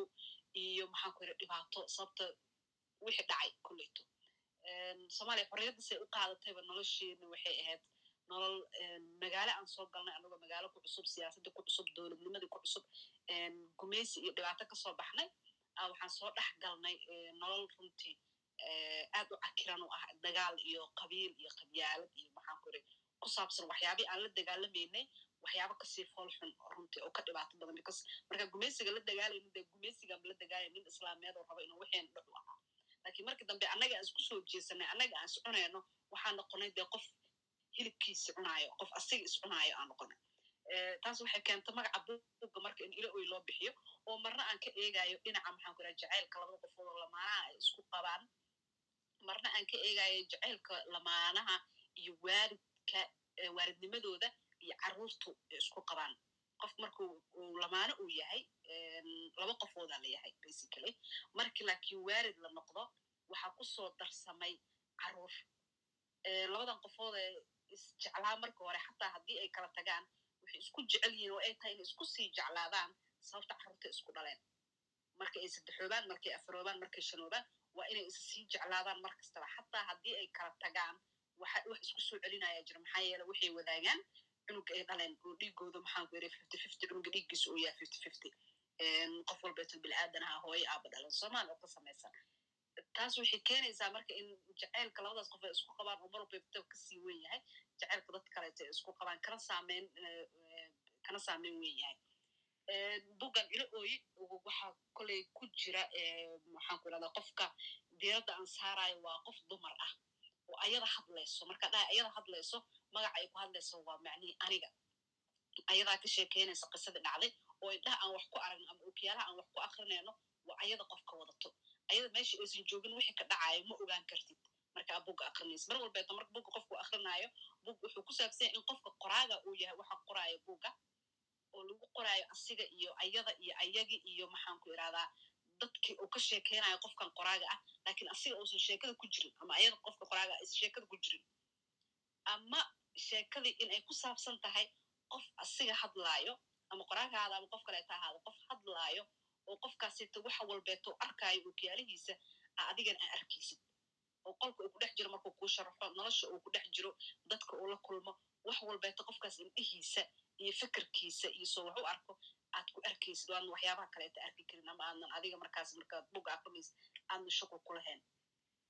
bugga marka sida aan idiin sheega waxaa qoraysa ama aan wax ku aqrin ku arkayna gabar waaye la yiraahdo fortuun kalkaalisa ah ka soo guurta waddanka ingiriiska ayada iyo ninkeeda ay ka soo guurayaan waddankaas ayagoo carruur leh. Soomaaliya dib ugu laabanayaan. Sababtay dib ugu laabayaan ay tahay in ay aaminsan yihiin in waddankoodii ay dib ugu laabtaan ay waddankoodii wax ka dhisaan waddankoodii wax ka hagaajiyaan. Oy waddamo islaameed maalin ku noolaa karinay welwel iyo maxaan ku rahdaa ilmihii waxay kaa raacayaan dadkan gaalada ah oo diinta aan lahayn iyo maxaan ku irahdaa waxyaabaha lamidka ah waa laga qaadan karaa haddaa qalad yarkiisa samaysid. Qofka cabsida fara badan ula noolyaha marka uu qof muslin oo degan galbeedka badanaa tan dhacda cabsiyaashaasete waxyaabaha lamidkay ka caran inkastay runta ay yihiin famil aad aqoon u leh aad u xoog badan shaqaysanayay isku filnaa weligood dowlad iyo system aanan u baahanin ayagoo dhalinyaraa soo degay maxaan ku irahdaa london isku filnaaday noloshooda ay isku toosneed haddana waxay aaminsanaayeen inay u fiican tahay ilmahooda inay dib u laabtaan ay waddanka tagaan si ilmahooda ay u dhisaan. Marka xagga ay tageen laakiin waa la sheekada markay dhexaysa waa labada kun iyo lixdii soomaaliya markii ay xoogaa iftiin yar oo ka soo baxay siyaasadeed oo maxaan ku irahda dad fara badan oo soomaaliyeed ee dibadda degan ay dib u laabteen maxaa yeelay dowlad waxaa dhismatay lasiri ama nabadgelyadii meel saartay oo laga roon yahay intii horeeto waxaa ka soo iftiimay mustaqbal cusub. Familadi waxay ku jiraan xilligaas guure familkan xaggay tageen waxay la kulmeen waxyaaba fara badan oo runtii aad ula yaab leh sida xuquuqda biniaadanka loogu tumanaayo sida maxaan ku irahdaa dumarka loogu tumanaayo kaas ahaan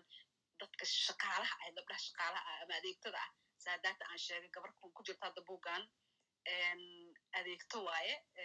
waxay la kulantay waxay tahay in gabadha guriga ay ka shaqaynaysa iska laheyd ee xaaska ka ahayd ay ka shakisay inay ninkeeda rabto gabadhan shaqaalaha ah ninkana uu ahaa xaqiiqadii run waxa raba gabadha oo daba socdo laga reebi la'aa lakiin aysan u jeedin dhibka inuu ninkeeda ka socdo ay u jeeda ninkan gabadha masaakiinta ahe gurigeeda ka shaqayso inuu ka socdo. Saas darteed ay ku nabtay inay dahab ka qaadatay. Ay tiri dahabi iga xaday. Gabadha saas darteed loo jir dilo loo dhibaateeyey si xun runti. Lana kala jecleenoo qof uusan jirin dhahayo gabadha masaakiintaha idiin shaqaysa maxaytaa sababtaa u dilaysiin sababto qofna uusan u samaynayn reactionka ama aan loo kala jeclayn gabadhaas dhibka loo geysanayo iyo dilka loo geysanayo maxay tahay way jasta inay ka dhalato dadka laga tirada badan yahay soomaalida waa shaqaale dadka laga tirada badan yahay soomaalida ay ka dhalatay macnay u samaynaysa ma jirto qof u raacanaysa dhiiggeeda ma lahan taas waxay ku tusaysaa marka qiimaha qofka dumarka ah ay ka dhex joogto waddankii iyo maxaan ku irahdaa masawirka aan ka haysano qabiilada iyo qabyaalada soomaalida heerka ay gaartay in qof bili aadan horteena lagu diri karo oo caadi ay tahay. Maxaa yeelay wuxuu ka dhasha qabiil hebel iyo waxyaabaha lamidka ah. Gabadha marka shaqaalay ahayd dhibaatada seed faraha badanaa loo geystay. Waxaa marka sheekadeeda ka sheekeynayo oo annaga aan sheekadeeda ku dhex akrin karnaa gabadhaan la yiraahdo fartuun oo la kulmaysa. Gabadhii oo ku jirto meel maqaasin oo la dhibaateeyey oo runti aad loo dilay oo maxaan ku irahdaa dhiig fara badan oo ka socdo ugu tegayso meeshii. Oo waraysanaysa maxaa ku gaara dhehayso tan kaleeto ku jirto bugan waxay tahay. Laba wiil wiilka marna ah argagixisada ah wiil dhashay soomaaliya xilligii ay gumeysiga ay ka dhammaanaysay iyo wiilkan la dhasho guurka dambe ay hooyadiis ku dhashay. Laba wiil is aqoonin midna waxaa dhalay nin talyaaniya midna waxaa dhalay nin soomaaliya. Isma yaqaaniin wiilkan ninkii talyaaniga ah ee dhalayaa qaatay marka talyaaniga waddanka uu ku guurayaa la oo hooyadiis dib umaysan arkin way ka sabartay intu wakti badanay raadisay. Qof dumarahay ahayd way calaacasho wiilkayga ninkan hala iga qaado iga qaadanaya waxay doontay sheegta laakiin gumeysiga waddanka ka jiray awood ay lahayd maysan jirin. Waxaa la dhahay hool yeelo cunugeedu waa laga qaata saasay ku weysa murugo fara badan ay dabcan la nooleed sanado fara badan ay ku tirinaysa wiilkeeda inuu nool yahay inuu dhintay aysan wax war u haynin xilligaas taleefon ma jirin warqad ma jirin maxaan ku irahdaa? Si ay ku hesho ama ku ogaato war warbixintiisa way adkeed. Laakiin wiilkii aabihiis wuxuu ka tegey information badan marka talyaaniga la geeyey inuu dad fara badan oo soomaaliya ee jaamacadaha wax ka baranaya la kulmay inuu isku arkay qof aan maxaan ku irahdaa u ekeen dadka kaleeto oo si fudud oo ugu socmay. Oo aabihiis ku qasbanaaday inuu u sheego meeshuu ka yimid iyo qofka uu yahay sababto ugu bedelayan dad kaleeto talyaaniga in loo sheego in lagu qasbanaa taas oo keentay inuu ogaado inuu soomaali yahay oo intaasoo sana asigana baaraya hooyada yaa waaye. Aabihiis uu dhintay asoona u sheegin qofka hooyadiis ay tahay lakiin masawirada uu haystay iyo informationka uu haystay ay keentay inuu raadiyo baaritaano fara badan sameeyo oo hooyadiis markay dhimatay kadib uu helayaa wiilkan walaalkiis ah marka dhibaatooyinka fara badan ay ka hadlayo waa taas qofkaas dumarkaa hadda cunugeedu inta laga qaatay haddana la dhahayo shuqul kuma lihidoo qof ka difaacaysa aysan jirin dhibaatada noocaasa dowlad aysan jirin system uusan jirin meelaa ugu dacwo karta aysan jirin iyo labadan wiiloo dibka kulmaaya siday isku rumaysanayaan sideen ku ogaana inaa walaalkay aad tahay. Oo hooyaday ay ku dhashay. Adaa sheeganayso hooyaday way dhimatay. Yaa markhaati ku ahay? Markay hooyadii ku dhalaysay su'aalo fara badanaa meelihii maxaa ku irahdaa ka imaanayo wiilkan marka wiilka dambe oo la kulmaayana waa wiil maxaan ku irahdaa argagixisa musawir argagixisa laga haysto. Marka waxyaaba fara badan ay la kulmaysaa gabadhan furtun dhahaayo oo ay ka sheekeynin waddankii iyo siduu u yaalo xuquuqda bini'aadanka heerkay naga taagan tahay aniga ifrax ahaan marka sheekada saameynta ugu yeelatay a waxay tahay markii aan la sheekay dad fara badan oo soomaaliya mar walbeetaan ka warhayaa waxyaabaha ka dhacayo si daily ah ayaan ugu warhayaa dadkeenna saameynta ay ku leedahay inay wax akriyaan oo ay wax ku akriyaan indhaha qofka dumarka ah ee wax ku aragto. Badanaa waxaan wax ku akrinaa oo aan wax ku fahnaa luuqadda ragga iyo indhaha ragga. Ayaga se wax u akrikaana wax u akrinaa se wax u fahmaana wax u fahnaa taas waxay keenaysaa in qofka dumarka ah sida ay wax arkayso inaan la fahmin. In qofka dumarkaa bulshada aysan ka qayb qaadan karin oo aysan cagkeeda goosan karin. Maxaa yeeley qofnaba ma fahmi karo waxa ay dareensan tahay sida ay wax u fahmayso si caqligeeda u isticmaalayso iyo awoodda ay leedahay shaksiga ah. Qofna uma jeedo. Taas waxay kutusay gabadha marka ninkeeda la yiraahdo wuu dhintay dhaawac weyna gaaray in la isku yimid oo familkii ninka ay isku dayeen inay la wareegaan xoolihii wiilkii maadaama ilmahoodii ay dhinteen hooyadiis ay dhimatay qofka keliya ka dambeysa ayada gabadhii ay noqotay. Asigana loo malaynaya inuu dhimo doono oo isbitaal yaalo koomo ku jiro. Familka waxay isku soo diyaariyeen inay maxaan ku irahdaa xoolihiisa dhexlaan markay isku soo diyaariyeen xoolihiisa inay dhexlaan gabadhan waxay taaganta dee xoolihiisa u dhexlaysay ninkan anaaba boqolkiiba konton ku lahay. Waxaan aniga ninkan waa isla shaqaysanay dibadda iskala imaanay. Wax walbeeto oo leeyahay waxaan ku leeyahay boqolkiiba konton. Kontonkiisa aa ku sii leeyahay dhaxashayda ani kabacdi aa qiibsan kartin wax idin soo haray. Adinka idin taa laakiin ayaga waxay adi naagaa tahay si horta wax u yeelatay yaa wax ku siiyey. Waxay la yaabaan ay ku noqoto qof maxaan kura dumara oo leh waxaan leeyahay ama xisaabtanka noocaasa samaynayso waxay waxay la noqota la yaabaan raggi markaas soomaaliya jooga. Dad ragga soomaaliya maanta jooga caadiyan. Weli ay la yaaban yihiin taageen qof dumara lacag kama hadasho de wixii la siiyo waa inay qaadato ay ku qanacsanaato inay afaarahaas gasho ma aha marka waxa aad uga hadlaya ani buuggaasayt guriis waxay tahay tusaalooyin fara badan oo aan arkay aniga oo u soo noolaa dumar fara badan ee soomaaliyeed lagu sameeyey rag fara badan ee soomaaliyeed ay sameeyeen oo ay ku sameeyeen gabdho walaalahooda ama gabdho familo kaleeta ka dhasho oo ay qabeen ay ku sameeyaan tusaalooyinkaas waxay u baahan inay imaadaan bulshada dhexdeeda waxaa u baahanaa in laga wada hadlo bugga sababta loo qoraa waxay tahay in la sameeyo wada hadalka discussionka oo imaado mawduucyada aan ka dhuudhuumano ee ku saabsan maxaan ku dhahdaa qabyaaladda ee ku saabsan cadaalad darrada lamaanaha lagu samaynayo ku saabsan cadaalad darrada carruurta lagu samaynayo ku saabsan cadaalad darrada lagu samaynayo dadka maxaan ku idhahdaa special needka ah ama si uun caafimaad ahaan aanan u buuxin ama lixdooda lixaad aysan dhammaystirnayn qofka waxaa laga yaaba dhagool inuu yahay ama indhaha uu leeyahay.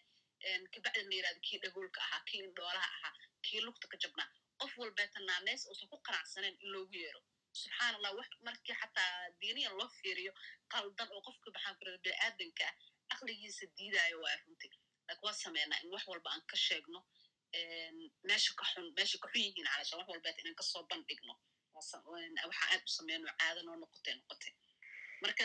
buga qof markuu akriyo waxa uu dareemaya waxay tahay in qisooyin ku jira ay yihiin qisooyinka bulshada soomaaliyeed maantay saameynta weyn ku leh. Iyo maxaan ku idhahdaa nolol caadiga ah ee qofka soomaaliga ah sida daataa idin sheegaba oo ah maxaan ku idhahdaa dagaal iyo murugo tira badan. Lakiin haddana buga dhammaadkiisa in familkan aan ku gebagabaynayo sida qoraawan isku dayayo inaan dib u soo celiyo qofka bini'aadanka in rajada asiga uu leeyahay iyo sida uu wax u arko uu suurto geli karo. Hadda gabdhan iyo wiilkan oo kale carruurtay lahaayeen waxaa kaga dhaca madfac soomaaliya ugu dhinteen wiilka dhaawac weynaa gaaray ingiriisa dib ugu laabteen sanaday soo maqnaayeen soomaaliya dib ugu soo laabteen waxay go'aan ku gaarin inay ilmaha agoonta ah ee waddooyinka muqdisho daadsan inay guryo u furaan inay guryo u sameeyaan yidhahdaan bal meel lagu haayo ilmahan hala raadiyo. Annaga kuweeni xag ilaah baa loo qaatay qabriyay ku jiraan. Lakiin kuwan waalidiintooda ay qabriga ku jiraan ama waalidiintooda ay xanuunsan yihiin ay dayacan yihiin qofna waxba aysan u qabanayn aan wax u qabanan laga yaabin ilaahay annaga uu nagu badbaadiyo inay ku fikireen micnihii wanaag inay bulshada dib uga celiyaan inkastoo dhibaata ay gaartay haddana aysan sabrin oo dhibaatada gaartay aysan guri iskula soo xirin oo depression ku dhicin oo aysan ku dhibaatoonin dabcan. Laba iyo toban sano ilmo ay korinaayeen aa ka tegay sooma. Waa nolol aad u adag. Qof walbeeto waaridna dabcan ku adag. Waalidiin fara badana laga yaabaa ilmihiisii almost labaatan sano jiro inuu ka dhinto markuu ka sugaaya nafcigii iyo faa'iidadii inuu maxaan ku irahdaa ku faano ku ilqabowsaday xilliguu sugaayay inuu waayo soomaha oo murugo fara badan ka qaado iyo inuu noloshiisa dib ugu laabto qofkii. Taasaysan ugu dhicina waxay isku dayeen in ay dadka kaleete carruurta kaleete inay caawiyaan. Carruurta carruurtooda lafacdaa ay soo dhoweystaan caawiyaan bulshadooda dib wax uga celiyaan. Waana tusaalaha qofka soomaaliga ammaantay u furan oo ah inuu bulshadiisa u noqdo musawir wanaagsan. Qof wanaaga xoog u yeeli karo qof wanaaga hore u mari karo qof tusaalaha mar walbeeta negativeka ee nugul dhex samaynayo inaan jooji karno waa wax aad muhiim u ah. Taas markay sameeyeen kabacdi familkan waxay noqonayaan mar walba mar kale laba qofood oo lamaano ah noloshooda ayaga sida caadiga u nool nolosha u isbedelaysaa waktigu wuu soconayaa dibay ilmo kaleeto u dhalayaan nolol kaleeto u samaysanaya bug wuxuu ku dhamaanaa halkaasita ayagoo uur kaleeta leh oo ma sugaayo mar kale inay waaridiin noqdaan laakiin waxyaabaha ay ka sheekeynayaan oo ay soo dhex mareen ay u soo adkaysteen oo waxyaaba runtii aad u adag. Hooyada oo dhimatay oo maxaan ku irahdaa waxba kaaga sheegin walaalka oo meel kaleeto ku nool oo dhahayo waa walaalkaan ahay. Iyo maxaan ku irahdaa bulshadii aad la nooleed oo ku kalsooneed rag aad ku kalsooneed oo walaalaha aad u arkaysay dumaashayaasha u arkaysay oo kule xoolaha ninkaaga waxba kuma lihid. Wax aad tahayna ma jiraan qof dumara baa tahay hool yeelo. Waxyaaba fara badan oo la yaab leh ka dhex dhacaayo marka qof walbeet waxaa dhiila kolleyto adig inaa akritid oo ka dherigtid maahane ani kolley ma ku wada mari karo kuma wada sheegi karo because qof markuu asiga wax akrinaayo uu caqligiisa iyo ishiisa iyo maxaan ku irahdaa wax ku akrinaayo mar walba wuu ka macyahay aan qaba ani buga in qof uu kaaga sheekeeyo. Inkastoo ani aan qoray. Maasha allah maasha allah ifrax iyu aad iyo aada u mahadsan tahay. Kolley dadka wixii su'aal qaba hadhowti bay iman doonaan marka waxaan u gudbaynaa dhanka iyo ibrahim waa beri u tegaynaa ibrahim aw xasanow bal soo dhowow ee bal iridaha farxadda wax nooga sheeg. Iyo buugga.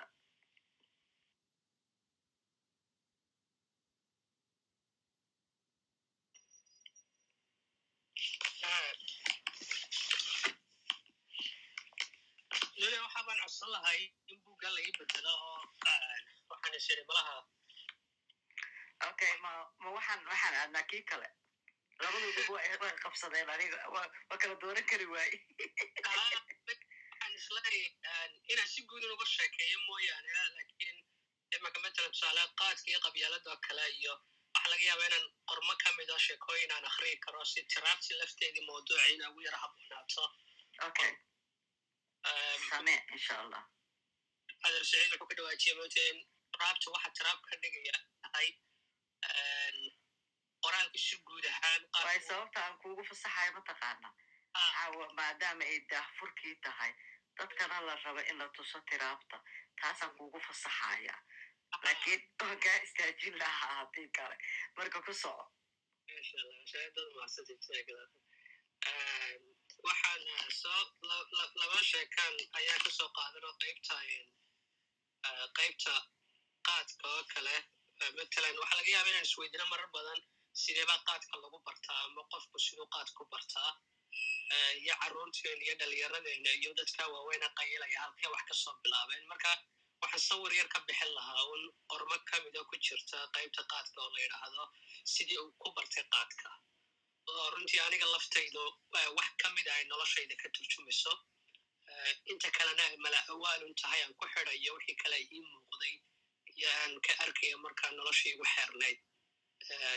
xilligaas runtii aan qaadka bilaabay nacidiisa amba ku dhex jiray intaan qoraalkiisa bilaabin ka hor. Markaa qormada waxaa la yidhaahdaa sidii uu ku bartay qaadka.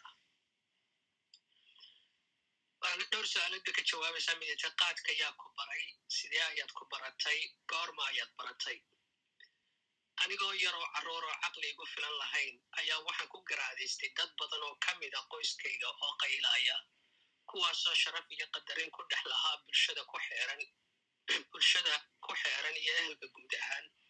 Kuma dayan oo hooyaday ayaa ilaahay ha ka abaalmariya mar walba qaadkayga waanin jirtay iina sheegi jirtay inuu wax xun yahay. Waxaan ogaaday dadkan sharafta leh ee reerka ka mid ah islamarkaana qaadka cunaya in aanay iyaga laftooda daraensanayn waxaan xumihiisa sidaas ayaana ayaan hadalkii hooyo ku qaatay waxaanan ka dheeraaday qaadkii muddo kadib waxaan arkay macallin ka mid ah kuwan aan ka dambayn jiray kuwa aan ka dambayn jiray ee aan jeclaa oo qaad maqaaxi la sii gelaya waxaan ogaa inuu macallinku yahay bare tusaale iyo tilmaame. Ardaygu rumaysto macallinku ardayguna rumaysto macallinku wuxuu yidhaa waxaan dareensanahay sida ay hooyaba mar walba ii sheegto qaadku inuu waxun yahay. Haddana arrimo badan ayaa isku kay qaban la reerka intii ka dhaqaaqaysay kuwaasoo la cuqaal iyo odayaal taliya oo guriga had iyo habeen ku qayilaya iyo ugu dambayn macallinkii aan ku arkay qaadka waxa aniga iyo caqligayga yaraa kolba dood isku kaliyaystaanba maalintii dambe qaar ka mid a dhallinyaradii aan saaxiibka ahayn qaadkii barta khamiista ayay qayili jireen oo intay la fogaadaan ayay la aadi jireen meel aan laga garanayn.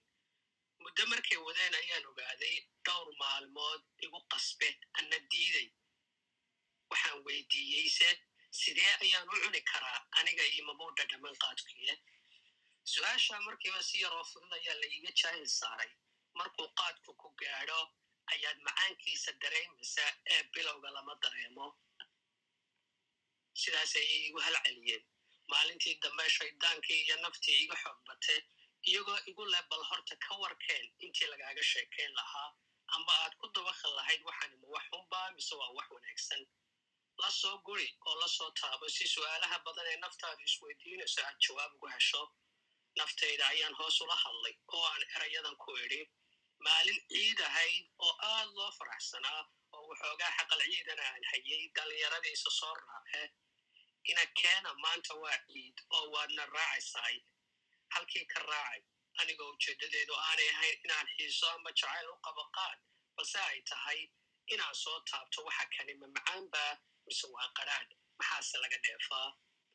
duhurkii maalintii halkii aanu fadhiisanay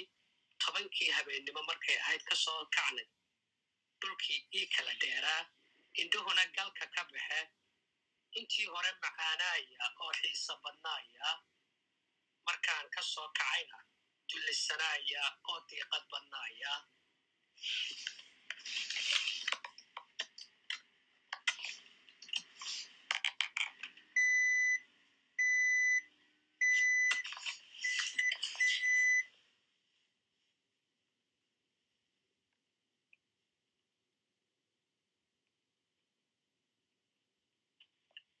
markii duhurkii maalintii halkii aanu fadhiisanay markaa dulisanaaya oo diiqad badnaaya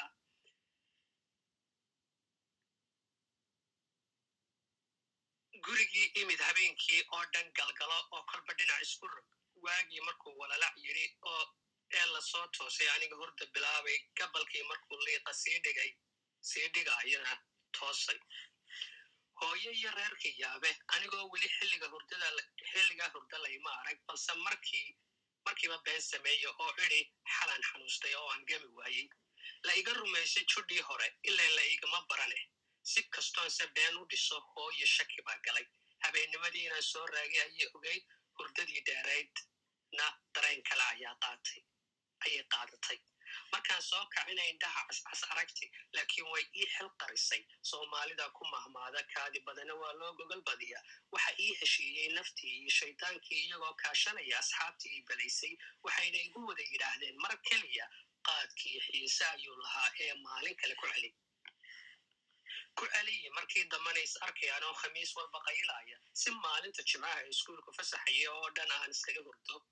kolba dhexda iskaga qabtay oo joojiya haddana ilaa waxa ii muuqda bulshadii aan ixtiraamaya ee qayilaysay sida shakhsiyaadkii qoyskii iyo weliba macallinkii qiimaha lahaa naftu kolba waxay leedahay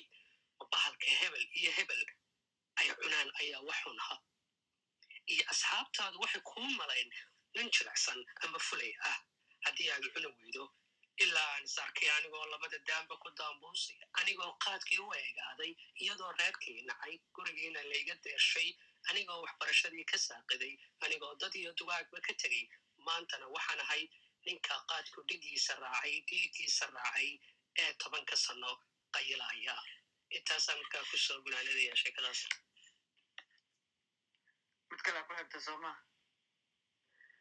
Haa ta kale waxa weeyaan qaad iyo qabiil u ahaay ah qabiilka ayaa mid cudurka ku saabsan cudur bilaaya la yidhahdo qabiilka ah ayaa isdaba gaystay isdaba dhig insha allah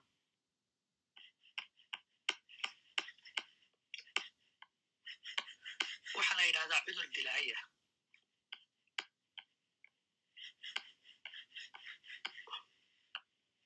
waa noocma xanuunkani marka xanuunka cudurka dilaaga ah ayaa sharxaya wuxuu yahay waa noocma xanuunka ugu khatarta badan ee soomaalida ku dhaca si guud ahaaneed waa xanuun daawo loo waayey waa xanuun dilaa ah waa xanuun qarmuun.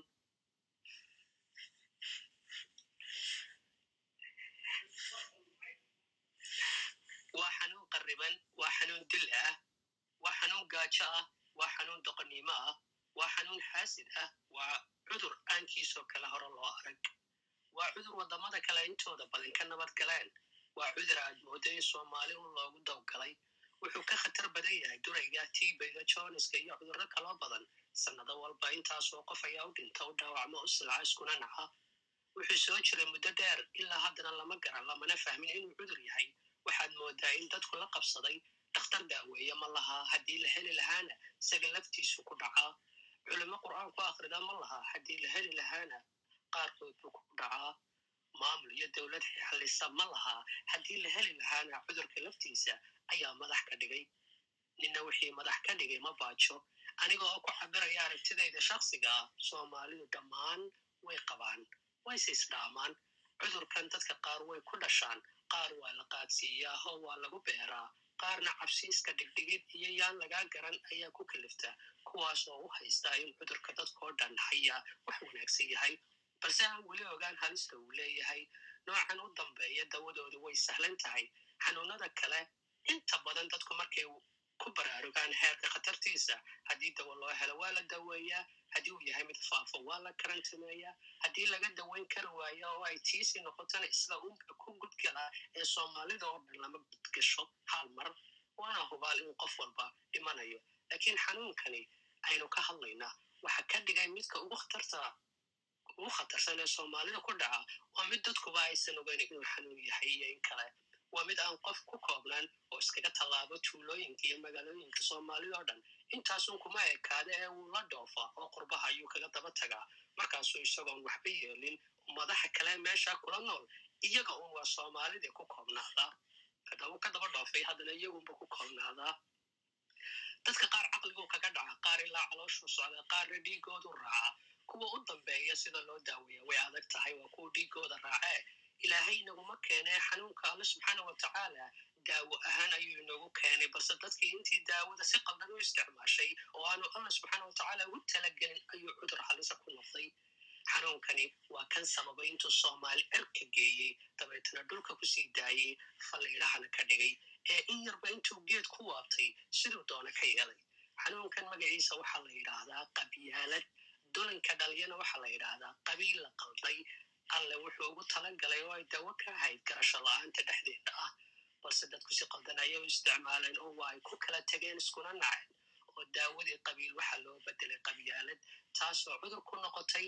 Alle waxaan ka baryaynaa inuu xanuunkan inaga cirib taro inta qabta ka caafiyo inta aanu weli ku dhicina uu ka hayo aamiin. Waa intaas qornadaasina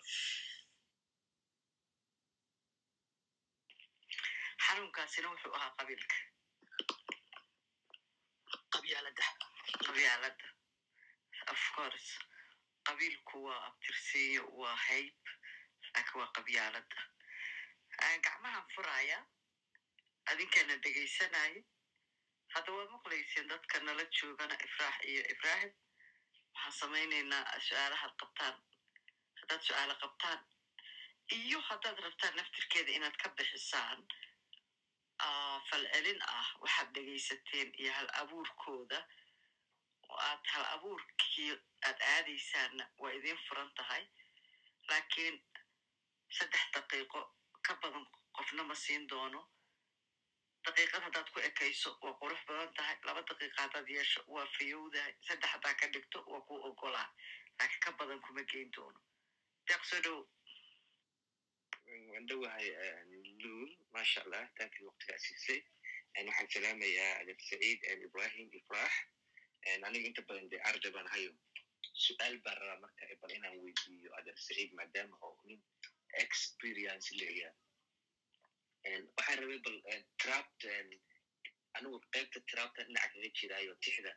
waan kala carownaa tixda waan kala carownaa marka waxaan rabay bal inaan weydiiyo dhaqankii hore iyo sugaantii hore iyo wixii oo dhan maxaa waan soo dhegeysanay trapta waan garanay oo programka aad baa ula socday beryihii hore dhan dadka aad u dhegeystana waan ka mid ahay. Adeero waxay marka noo kala caddaysaa bal tiraabta qaybte ay ka qaadataa curinta aflaanta iyo qorista scriptiga oo la yidhahdo screenplayga ah qaabkii xaggee iska raacan soomaali ahaan. Mahaadsanta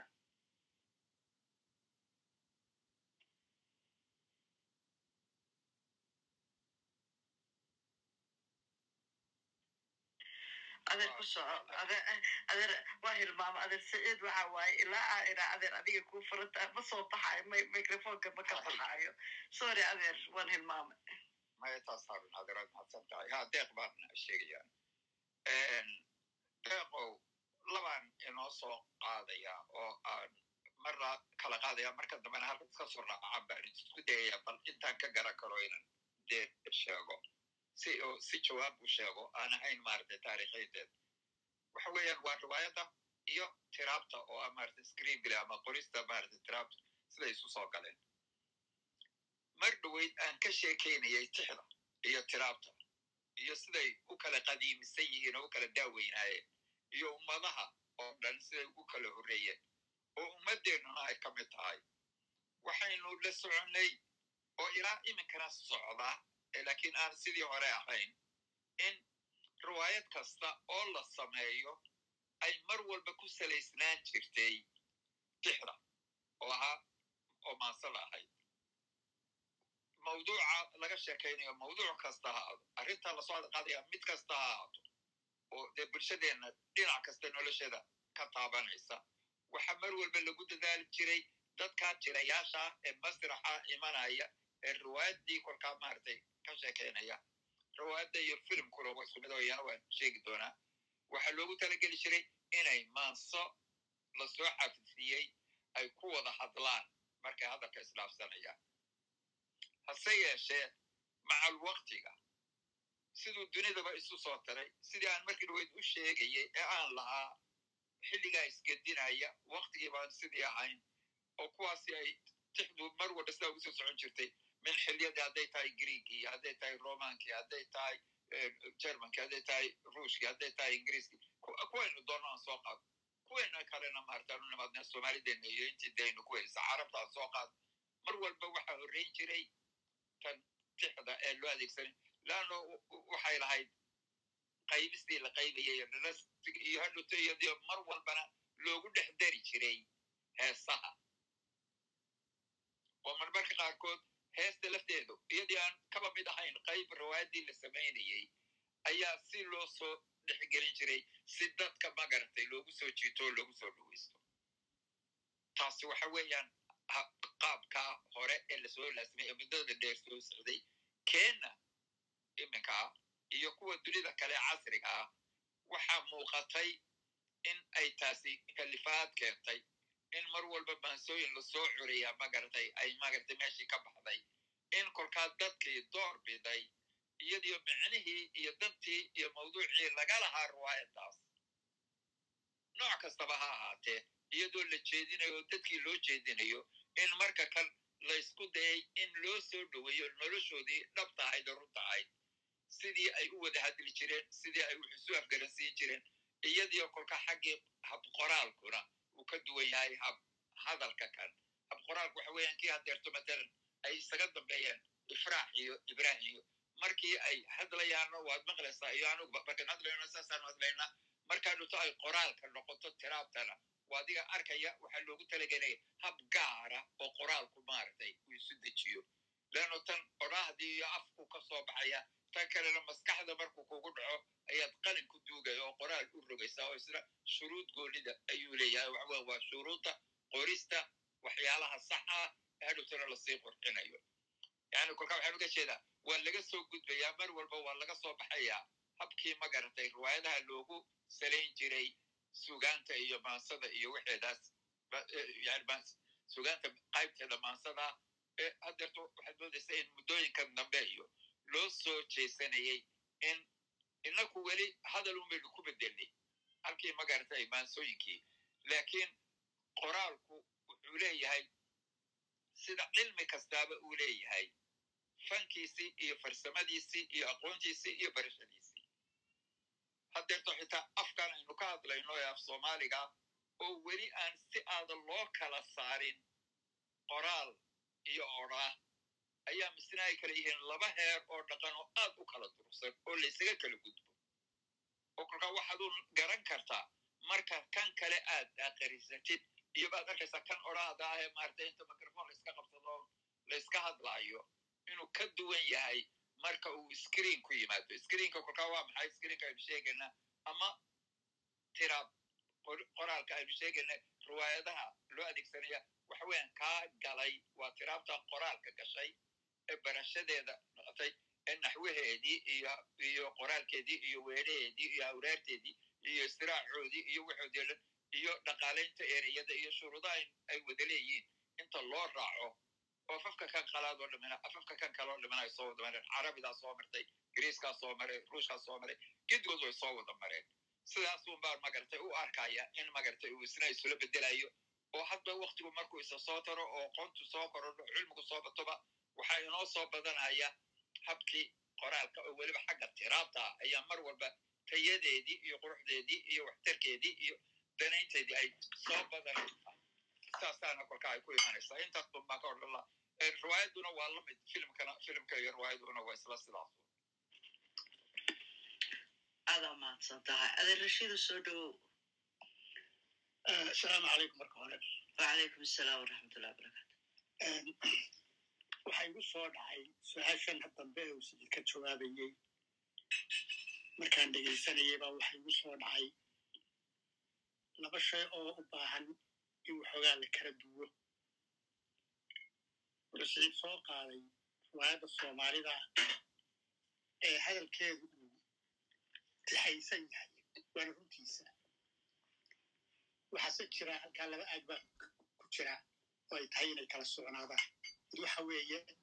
tiraabtan uu siciid inagala hadlayey ee ay dhallinyaraduna ka hadleen qoraaladooda kaga hadleen ee ah sheekada iyo riwaayadan muxuu ahaa qoran sifayn iyo daraamo iyo dhacdooyin iska daba dhacaya iyo muxuu ahaa ah fikrad la gudbinayo oo tiraab lagu gudbinayo. Waxaa ka duwan riwaayadda tan aynu u soo barannay soomaalida uga soo barannay ee masraxa lagu matelo waana taa uu sicii tilmaamayo ee hadiyo jeeraare wadahadalka dhexdeeda ku jira uu sugan halkan tan dambe waxaynu nidhahnaa oo ayna tahay masrax markaa sheekada riwaayadda sheekada gaaban iyo teeda dheer ee qoran waxa weeye waa wax inugu cusub hormoodkoodii ugu horreeyey siciid baa ka mid ah sheeko af soomaali ah oo qoran oo buug gasha oo la akhristo taasi waa taasoo inugu cusubtay had iyo jeeraanana waxa keenay dadka aqoonta waxbarashada waxbarashada aqooneed yeeshay ee sheekooyinka noocaasa adduunka kareba ka jira akhristay riwaayadda tan soomaalidee la dhigee masraxa la dhigaa ee had iyo jeer hadalkeeduna uu tixaysan yahay waxay ka soo jeedaa ilaa waktigii gobonnimo doonka waxaana lagu cabiri jiray marba xaaladda taagan halganka dadku ku jiro mustaqbalkaa lagaga fikiri jiray waxyaabaha la naqdinaya ee cilaaqaadka bulshada dhexdeeda ayaa lagaga hadli jiray marka waa masraxoo taasi waxay u baahan tahay iyada lafteedu weli way ceedhin tahay sidii loo horumarin lahaa looga xorayn lahaa inay hadiyo jeeraale hadalkeedu noqdo tix noqdo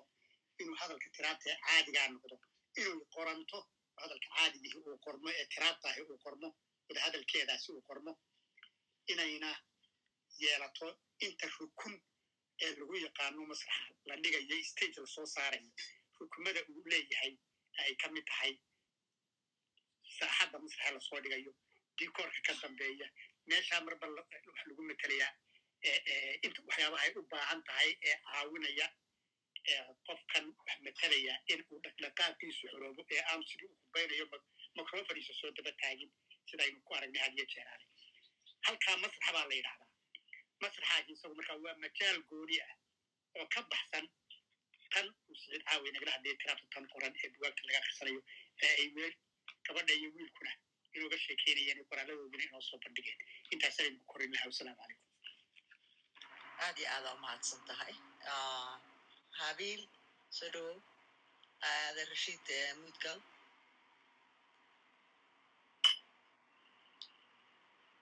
asalaamu calaykum wacalaykum asalaam waraxmatullah si fiican ma lay maqlaya ha dhammaan waan salaamayaa adeer rashiid iyo adeer siciid iyo akhyaarta kale ee halkan ku jirtaba intaa waxaan uga sii gudbayaa xagga hoosan ka soo xoogaa ka dhegaysanaya markuu ibrahim waday qormadii dambe ee uu kaga hadlayay arrinta qabyaaladda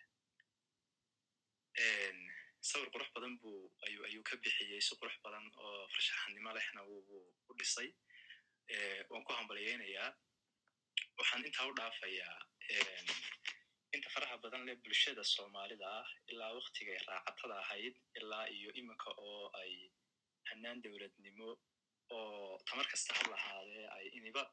hanaan qabali ugu qanacsan tahay oo ay meel ku haysato bahashi way haysaa mushkiladdii xaaji aadan axmed afqalooc allah u naxariisto cabdillahi sultan tima cadde armakaas ha habilo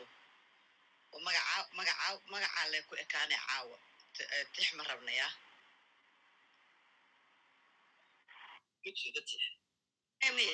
waxaan rabaa keliya sheekada waa sigu xasuusina iga taa waa oga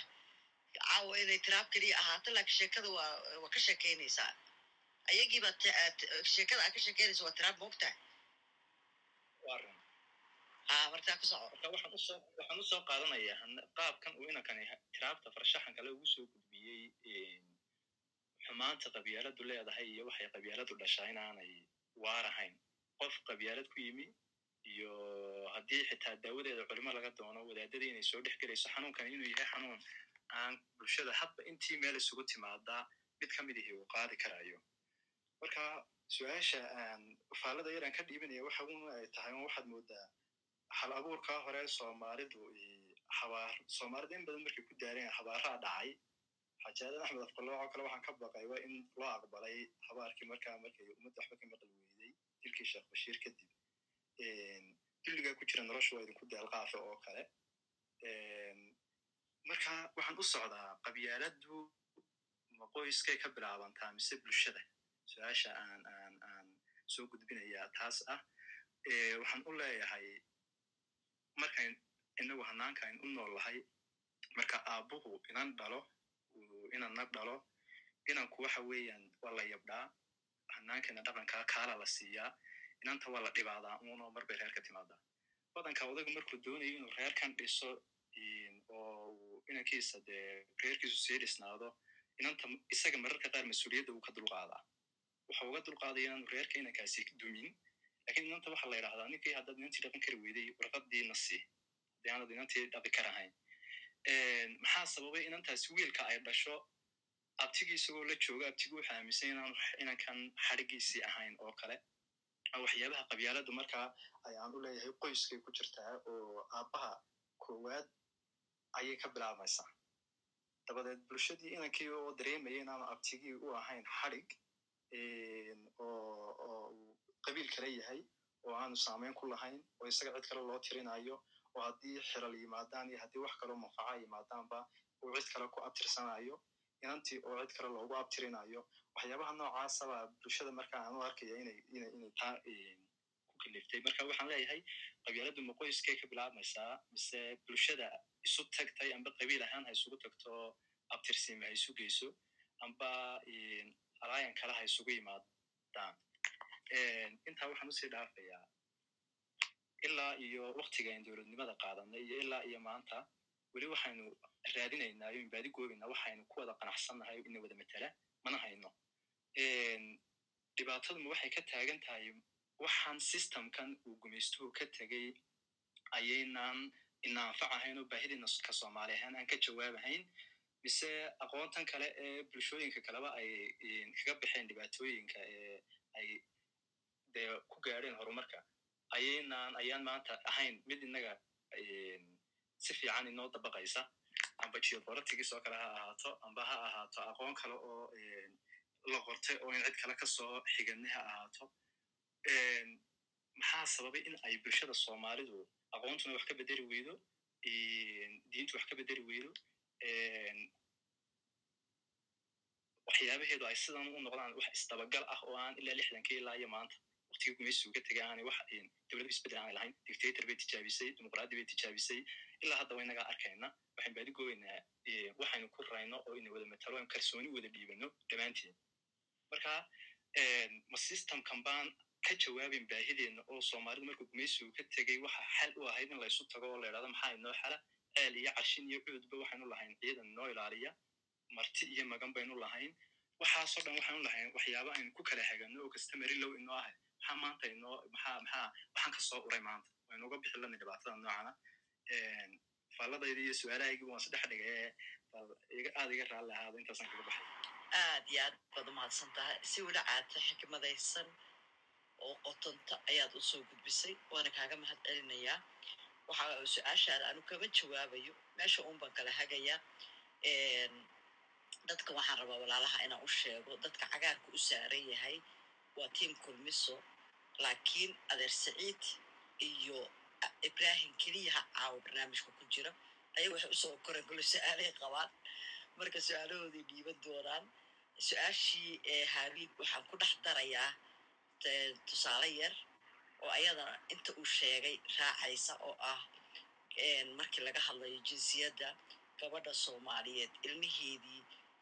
waxaad sheegtay qabiil kalaa lagu tirinayaa hadday waddan kaleeta ka guursatana waaba laga saaraba soomaalinimadii oo loomaba ogolaba inaa xataa jinsiyaddii la siiya ilmaha dadkii ka tirsan. Oo hanti dadku waa hanti hantidiiba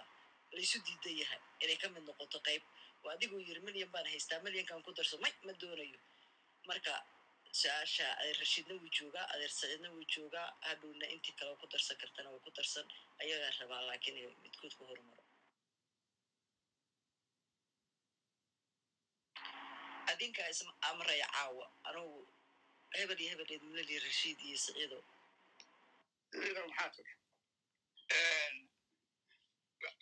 Aniga iyo ibrahim iyo ifraax iyo waxaa maanta aanu kawaanka naloo soo dhigay ama kawaanka aanu u nimi. Inaanu waxoogaa culayska saarno maaragtay tiraabta iyo tiraab curinta iyo qiimaha iyo kaalinta ay ka qaado ama ay ku leedahay bulshada. Ilaahay baan ugu shukri naqaya hadduu saaxiibkeen rashiid inoo keenay. Isagoo aan weliba ogahay su'aalaha kama derto kheerhaad abil soo jeediyey. Inuu kolleba wax inoo ka iftiimin doono cilmal waxayna la gelaysaa sociologiga iyo politica iyo waxaas waan farahan ka taagayaano rashiid baan ku weri jiray saaxiibkay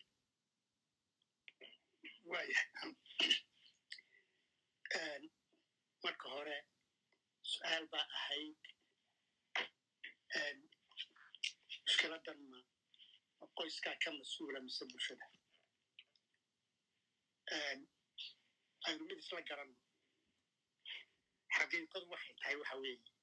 bulshada guud ahaaneed ayaa qoyskuna ka tirsan yahay. Bulshada ayaa abuurtay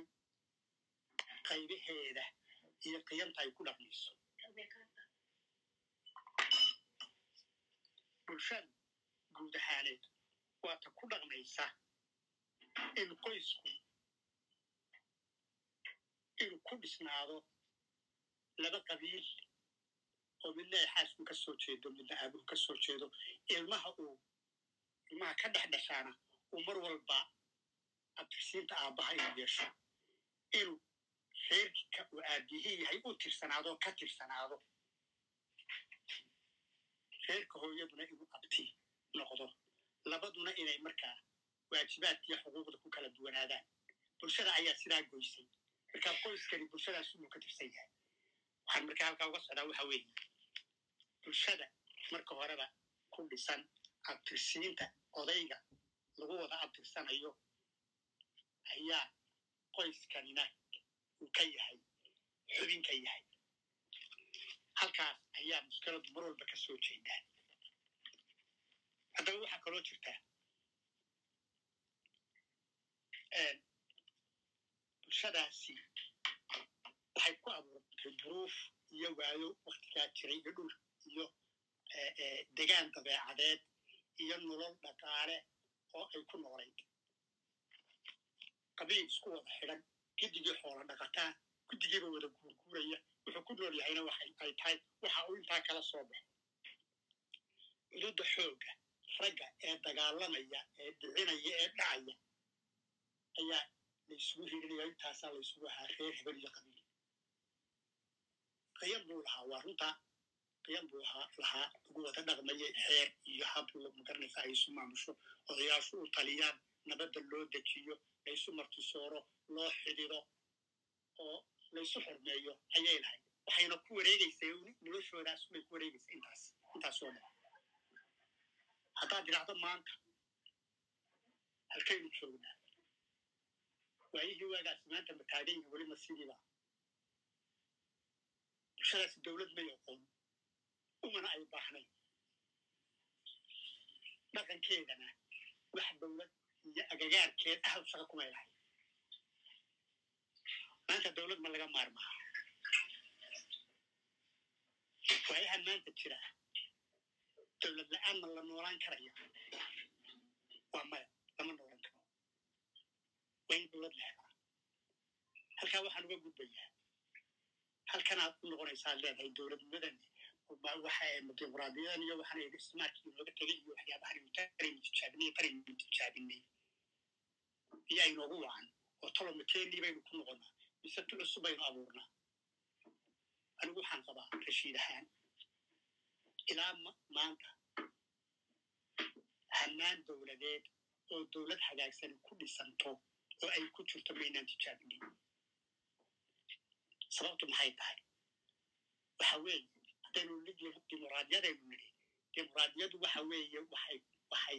waxay ina tusaysaa waxa weeye ina aynu inaga oo bini aadam ah marka hore marka labaadna ummadda halkaa ku wada nool ee soomaalida ah ee isku afka ah ee isku dhaqanka ah ina aynu dadnimadana inaynu ku siman nahay soomaalinimana inaynu ku siman nahay muwaadiniin inaynu dalka ka noqonno laakiin markaynu dalka gudihiisa ka noqono ee dabeetana sidii geela loogu diriraya aynu qabaa'ilka dowladda lafteeda iyo xafiisadeedu ugu tartanno ee reer hebel ha qaatiyo reer hebel qaadanina innagu aynu qaadanna ay noqoto dhaqankii dowlad la'aaneed baynu doonaynaa inaynu dowlad ku dhisno kuma dhismayso marka waxaynu tijaabinay dimuqraadiyad may hayn runtu waa midhkan dimuqraadiyadda afkaynu ka leenahay dimuqraadiyadu sidaa maaha dimuqraadiyada waxa aasaasi ah qofka muwaadinka ah ee xorta ah ee codkiisa u xorta ah ee rayigiisa u xorta ah ee damiirkiisa dadnimo ay mowqifkiisa iyo mabdi'iisa hogaaminayso. Waxaad tidhahdaa ka soo qaad waa qof soomaaliya waa muwaadin waa qof muslima caqiidad islaama leeyahay oo waxa weeye waxay waxay ku fadhidaa kullukum liaadam wa aadamu min turaab wata caqiidada islaamku ilmo bini aadam baa tihi aadamna turaab baa laga sameeyey laa fadli licarabiyin calaa cajabiyin ilaa bitaqwa walaa cajabiyin calaa carabiyin ilaa bitaqwa taas dadna caynkaas bay dowladnimada ku dhismi kartaa kursiga ha ugu helin codkaaga adiga iyo damiirkaaga intaad isweydiiso halkeed dhigaysaa adigoo ka fikiraya maslaxadda dalka oo dhan iyo muwaadin kasta oo soomaali ah dantiisa xalaasha ah iyo xuquuqdiisa dadnimo adoo taa ka fikiraya dalka horumarkiisa halkeebaad codkaaga geynaysaa haddaad tidhahdo in adeerkii baan xitanimo ku siinaya waxa weeye waa dhaqankii dowlad la'aaneed markaa taynu ilaa iminka ku soconna waa dhaqankii dowlad la'aaneed baynu dowladnimo ku dhisaynaa markaa dimuqraadiyad agayaadkeeda ma hayno manaynaan dabdaqin umaynaynaan dhawaan waynu ismoodaynaa uun waa raygayga shaksiga waxaan leeyahay waxa weeye dowladnimadu ma aha muxuu ahaye cid weliba shakligay doontayna uma samaysan karto. Wax la wadaago iyo wax la kala lagu kala soocan yahayba way yeelataa. Waxa la wadaaga waxa weeye waa inta bini aadam oo dhan wadaago. Waxa weeye waa mabaadida cadaaladda waa mab- mabaadida xuquuqda simane dadka. Waa mabaadida in ay dowladdu dadka u adeegto sharci iyo qawaaniin. Dadka oo dhan simaya inay yeelato institutionska iyo mu'asasaadka dowladduna ina ay ku aasaasmaan. Xeer iyo qawaaniin iyo shuruuc ay ku shaqaynayaan oo ay si institutional si hab hay'adeeda inay u shaqaynayaan. Ee aanay si tolliimayo in adeernamiyo kanaaxigiyo kaasaan shisheeyaa aanay u shaqaynaynin. Taas dowlad hagaagsani meeshay ku jirto oo dhammiba intaas way wadaagtaa laakiin ashkaasheeda kale iyo waxay ku kala duwanaan kartaa way jirtaa meel kasta oo crisis uu ka jiro qalalaasa uu ka jiro hirdan uu ku jiro civil wars uu ka dhacayana intaasunbuu qalad ku jiraa halkaasunbuu qaladkeedu ka soo baxaya deetana aakhirka ugu dambaysa keenaysa qalalaasayya in laysku dilo oo ay wahay mushkiladi dhacdo waxaan leeyahay waxa weeye aynu u fahamno dowladnimadu gadaasheed ma jirto xalka mushkiladeenna maanta xalka mushkiladeenna maanta mashaakilkeenna maanta xalkoodu gadaasheen ma jiro oo ugu noqon mayno reermigii xoolo dhaqatadii iyo muxuu ahaaye dhaqankeedu ugu noqon mayno arrintu waxay taallaa maantay taagan tahay xalkeeduna waa bixinto sida baynu u wada noolaana haddaynu soomaalinahay kii horeynu berigii hore ku wada noolaan jiray mustaqbalka laguma wada noolaan karayo waana sunnaha koonka ilaahay abuuray isbeddel isbeddel buwaadiya jeeraale isbeddel baa yimaadaa waayihi way isbeddeleen duruuf cusub baa timi baahido cusub baa yimi xataa caalamkaynu maanta ku nool nahay kii maaha aan laysa qoonin aan laysu imanin guri walba waxa yaalla adduunkii oo dhan baa gudihiisa aad ugu imanaysa kaa imika ma hadda ku wada hadlayno anigu waxaan joogaa uk siciidna la dhawu joogaa anigu shibil baan joogaa labadeedin horta halkan aan joognaa dhulkan ingiriiskaan joognaa afarta koone adduunkaynu ayaynu wada joognaa hadaba innagaa ma hadda wada hadlayna si toosa isu wada maqlaynaa ee arrimayaani ka doodaynaa teknolojiyadda heerkaa maraysa adduunkii oo dhan bay qaryad ka dhigtay tuulo meel guri guri lagu wada nool yahay bay noqotay adduunkii markaa meella kama maqnaa adduunka si aynu ugu noolaan inaguna inaynu wada noolaanaynu baanay adduunkana aynu la noolaano maaha inaynu inagu wada noolaano keliya adduunkana waa inaynu la noolaano waayo dhibaatadeena adduunka way saameynaysa waa laynu soo faragelinaya oo laynaga maqnaan maayo marka. Waxaynu u baahan nahay inaynu waxaasoo dhan ka fikiro oo aynan odhan inaynu gadaalu noqono waa iga dhan yahay aad iyo aad waa mahadsanta adeer rashiid deqsi soo dhowo asalaamu calaykum waraxmatullahi wabarakaatu may maqlaysaan waa ku maqlaynaa adeer rashiidna mudu kuu gelayaa si wanaagsan aad baad mahadsan tahay luley waxaan doonayaa inaan weydiiyo su'aal iyada rashiid iyo ibrahim bay gaar u tahay rashiid ibrahim bay gaar u tahay ilaahay khira siiye oo waa qabyaaladii qusaysa iyo qarankeena su'aal kalena waxaan weydiinayaa adeer saciid ma jiraan tixda ma jiraan eriyo u kala gaara tixda iyo tiraabta mise mar walba adeer waxa la isticmaalaa kuwa isku mida sidoo kale ma jira xeer u dhexeeya tixda iyo tiraabta tusaale taas waa su'aal xeer u dhexeeya ma jira eriyo u gaarna ma jiraan waa su'aal isku mid kalean doonaya tixdu iyadu waxa la idhahdaa maxay ahayd? Waa hadalka leh dhawaaqa gaarka ama luuqda sidoo kalena waxay leedahay sharci iyo xeerar u gaara. Tiraabtuna waa hadalka kooban ee eriyada la isku fahmi karaa ama eriyada la micnayn karayo. Marka tiraabtu sida tixda ma leedahay xeerar u gaara iyo sharciyo u gaara oo tiraabtan oo keliyata loogu talagalay in loo isticmaalo sida tixda loogu isticmaalo xeerar iyo sharciyo u gaara. Iyo waddooyin loo mara ay u leedahay sida gabaygo kale dee loo raaco ama eriyo isku mid u dhacaya. Micno badan oo culusna samaynaya tiraabta ma leedaydona sidaas oo kale. Su'aasha kalan weydiinayo luley ibrahim iyo adeer rashiid. Adeer wuxuu qoray buuggii qabiil iyo qaran. Sidoo kale ibrahim wuxuu qoray qaran qabiil iyo qaad. In badan waxaynu aragnay qabiilka iyo qaranka. Waynu aragnay waxaa awood badan qabiilka. San qabaanugu qarankii iyo qabiilkii mar walba waxa ka awood badan qabiilkii. Soo maaha haddaba sidaa markay tahay sidee la isku sidee la isku raacin karaa ama loo walaalin karaa qarankan iyo qabiilkan? Mar walba waynu arkaynaayo waxa awood badan qabiilkii ma kala hadayaan oo lama kala go'ayo oo ma kala maarmayaane. Sidee loo walaalin karayaa qarankii iyo qabiilkii? Intaasaa kaga baxaya waa mahadsantaha su'aashaas waa haynaynaa hani soo dhowo waa jawaabiya waxay yihiin bad marka inaan isku daraa ka ror haa waa idin salaamay. Mas'uuliyiinta dhammaantiin waa idin salaamay. Su'aal walahi gadaal baan ka soo gaaray oo wax fikira hadda gooniya mahaya laakiin su'aal waxaan weydii lahaa labada professor oo ah soomaaliga wax taariikha macnaha luqadda soomaaliga amaba macnaha taariikhda soomaaliga maxaa lagu saleeyaa oo ilaa hadda anaga macnaha haddaan fiirino shakiyaa nooga jiro meesha lagu salayn karo ilaa hadda ma aanan fahmin. Waxaan rabi lahaa inaan wax faahfaahina ka helo.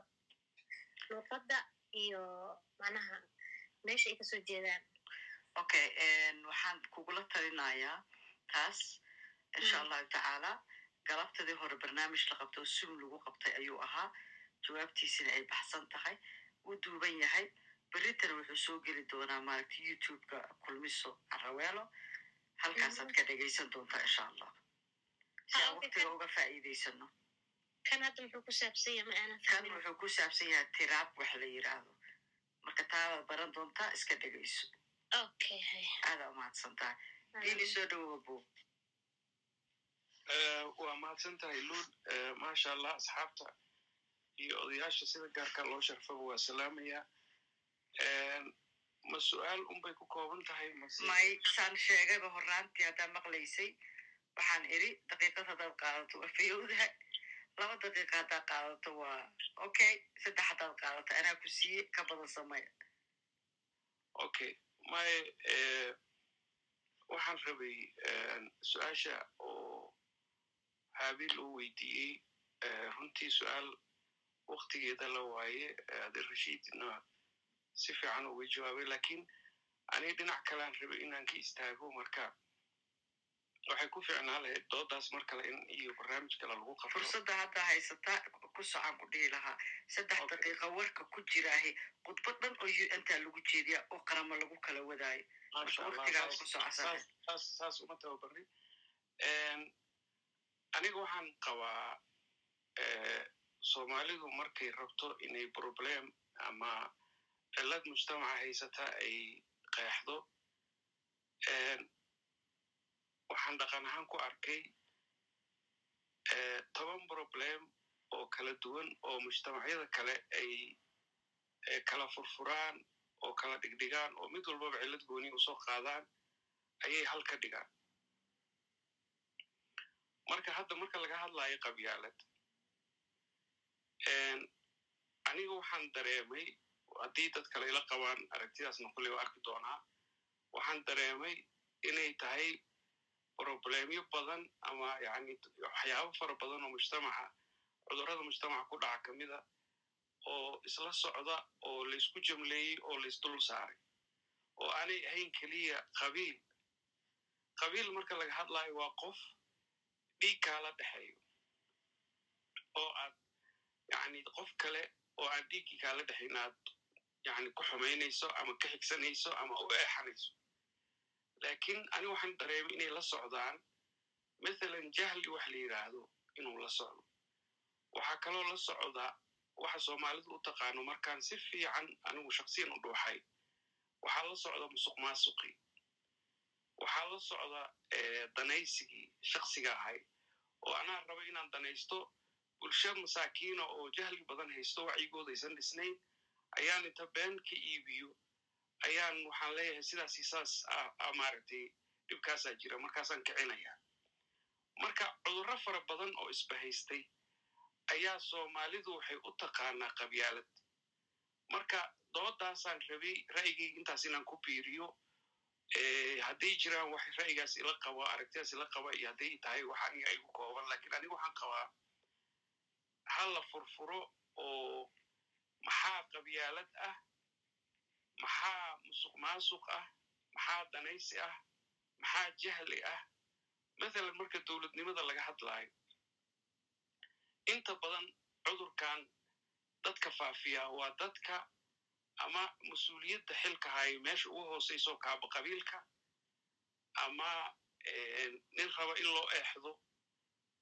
ama nin raba inuu kursiga eex ku joogo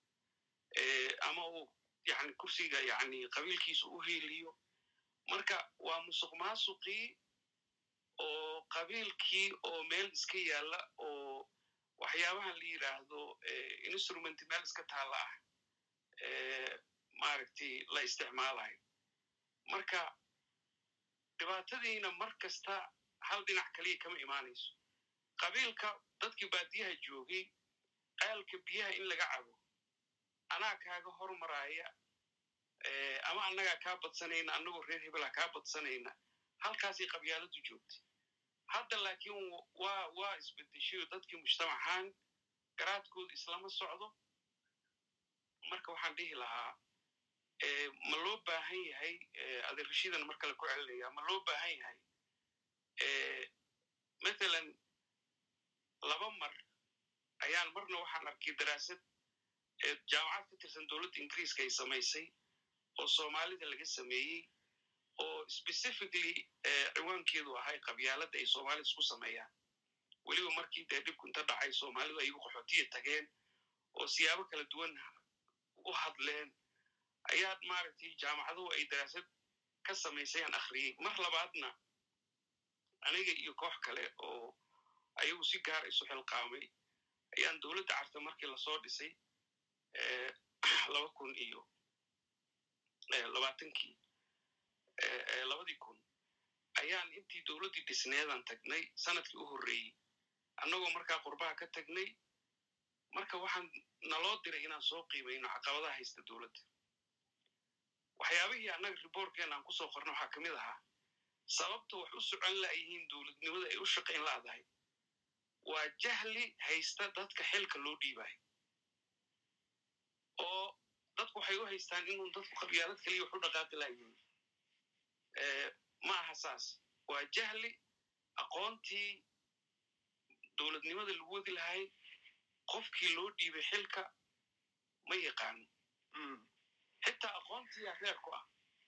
waxaan ku soo gabagabaynaya lule gaalaha waa dareemayna waqti dheereeyey waxaan ku soo gabagabaynaa mar ayaan waxaan sidaasoo kale. Shir kaga qayb galay soomaalida problemkeeda looga hadlayay oo soddon iyo laba institution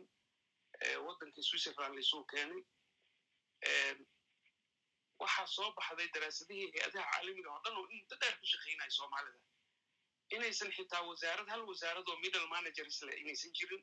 oo aqoon u leh shaqada si loo kala socodsiiyo si aanay maaragta caqabo shaqada ugu imaan si horumarku yimaado haddii horumarku hore u dhaqaaqo oo yacni dhaqsaha loo baahan yahay horumarku inuu ku yimaado caqabadahan hadda dowladnimada hortaagan waa yaraanaya marka waa ila dheeraatay raalliga ahaada laakiin waxaan is leeyahay xoogaa jumlada tirada badan ee qabyaaladda ah halla furfuro oo maaragtay scoobka inta kaliya oo qabiilka aan ka fiirinayn ha laga ballaariyo waa mahadsanta aad aada u mahadsan tahay. Ma la ila qabaa baa tiri moogtahay runtii shaksiyan aniga tayda haddaan ku daro wax badan baan kula qabaa hadalkaaga. Waxaa kaleeton rabaa inaan adiga aan nasteexa kaaga dhigo. Saddex daqiiqaan ku siiyey lix daqiiqa isticmaashe. Waa nuxurkaa ku hadlaysay baan daayey waxaan hubaa next time ina afar daqiiqa aad ka dhigi kartid. Kadibna aad laba ku sheegi kartid inta aa hadda sheegtay maadaama aad tiri uma tababari laakiin haddana waa ku aqaanaa waa u tababaran tahay. Maskaxda inaa u sheegto keliyaha dhiman waana ka gudbaynaa. British walaalkay soo dhowo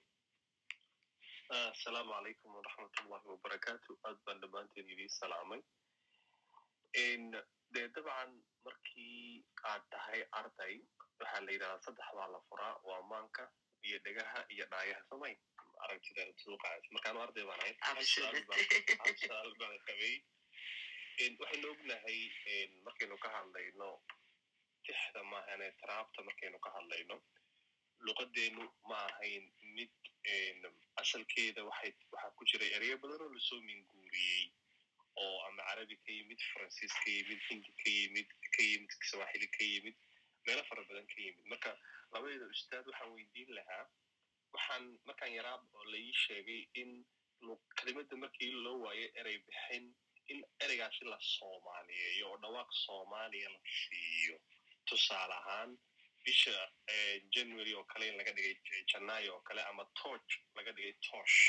marka hab kale miyaa jira oo haddii lacalla maanta anigoo arday ah aan doonayo kelimad shisheeye inaan soomaaliyeeyo islamarkaana aan u waayo erey erey bixina inaan saas ugu dhawaaqi karan u soomaaliyeyn karo. Weli miyay shaqaynaysaa mise waxba iska bedelay marka haddaan si kale u dhaho kelimadihii la soomaaliyeeyey asalkoodu ahaa luuqadaha ajinabi sidii miyaan u soomaaliyaa dhawaaqa miyaan u bedelaa si wax kalaan u raadinayna? Aad aad umahadsan tahay adinkeeda ku soo noqotay marka jawaabihii markii jawaabaha la dhameeyana mubaarak xaddi baan siin doonaa insha allah waxaan dib ugu dhigay asiga waxa waaye tiim kulmisuu ka mid yahay wax badan baa ka guuxaya. Adeer said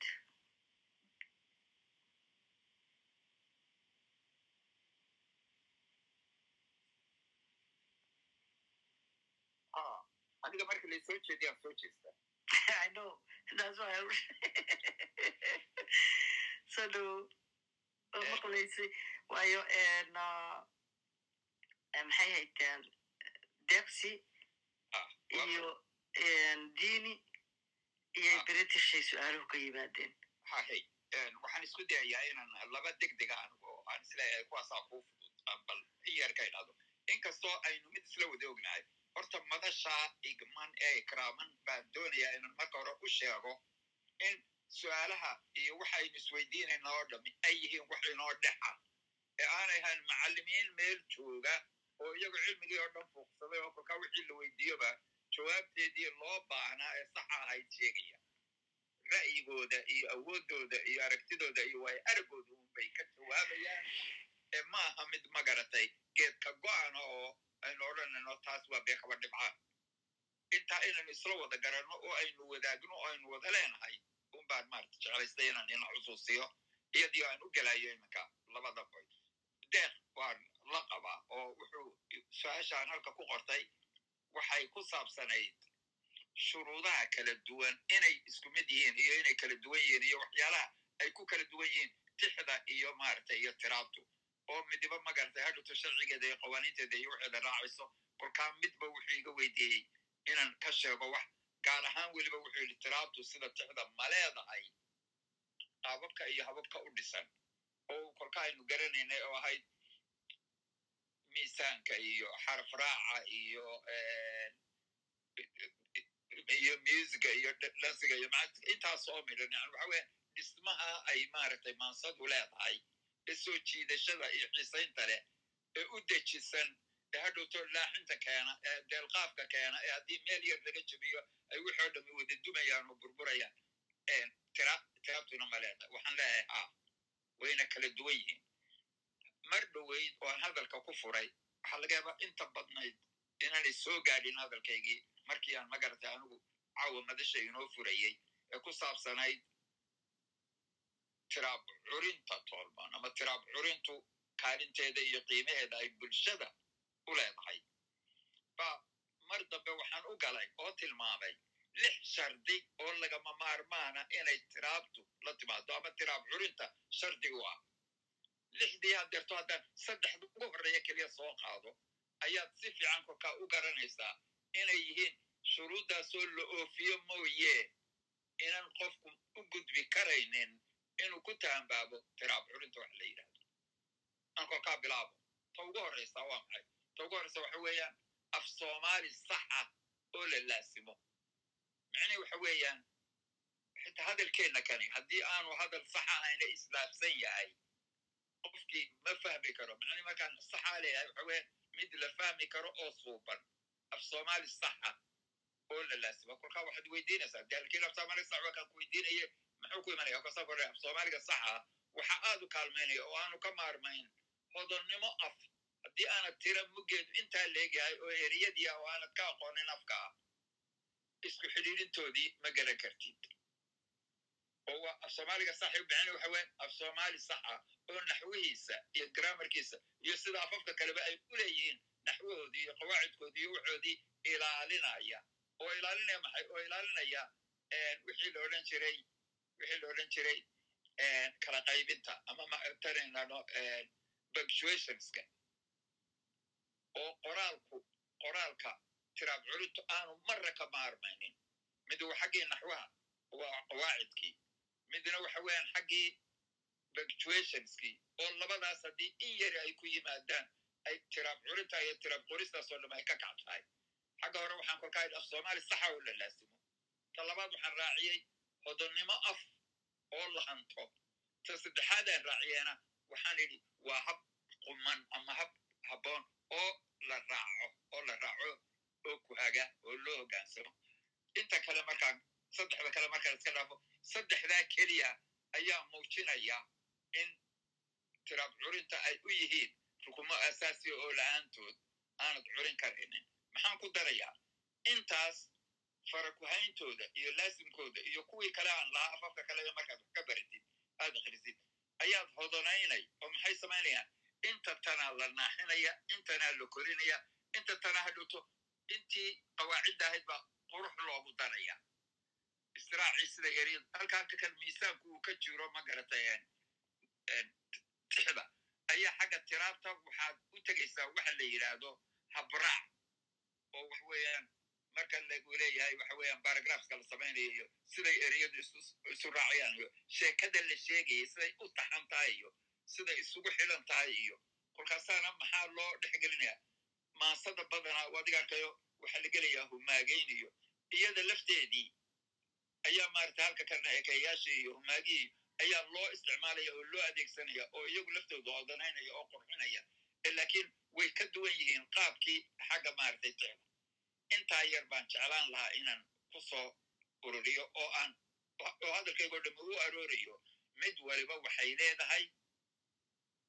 intay ku kala duwan yihiin waxa weyan tani maadaama ay taariikh dheer soo martay oo mar walba la sii kala hufayay oo la sii kala hadinayay oo u kala qaybsantay inta aad aragtay a gabaga jeeftada geeraarka masafada guurowga heesta heellada saarka sitaadka marcadaha intay u kala baxaan aad ogaartid ayaa tani weli waktigooduna uu dhowaa habkeedina uu cusub yahay oo siduu markii dowda rashid inoo sheegayey wakti dhow la soo galay lakiin saasaan intaasaan kaga baxayaa tii saashihida saaxiibkay khiyaar british oo isagu tiisu ahayd lul hadda ii taabo saashii magarde waxay ahayd erayada maadaama waagi hore laga soo xigan jiray haddii erey inaga maqan yahay erey shisheeye oo la soomaaliyeynayo sidii maaragta tooshka oo kaleeto toosh af soomaali laga dhigay maanta casrigana aan joogo misle xeerkii baan raacaya oo sidii baan u samaynays samaysanayaa mise xeerar kalaa jira laba laba laba fudud wey wax horta arrintu waa fudud tahay waxaana ka eegayaa weli caataba waan jeclaan lahaa su'aasha inaad sii hayso sida muuqata telefon baa ku jira nama maqaliyo clubhouse wuxuu naga caawiyey inuu na tuso in qofka telefon soo galay su'aashii kale uu adeer rashiid sii qaado tii ahayd diini diini su'aashiisii haa sii gal ee qabyaaladda in maaragtay ay cudur tahay oyna hal xaba ahayn tii qabiilka ahayd ee haybta ahayd ee dhiigga ahayd waa laga soo gudbo taas eex unbay keentaa oo inaad qof u eexato. Moogi wax kala ma keento. Wax kala taas su'aashaasay ahayd. Laba laban kolkaa iyadana matalan rashidnaa dhowto intuu doono ha ku daro ha dhowto hadduu arko in magartayna wixii ka tegey anigiina in intii un markaana ka haleeli karo ayuun baan dhaqsaynoo ku taabanaya. Horta waxay meesha ku jiray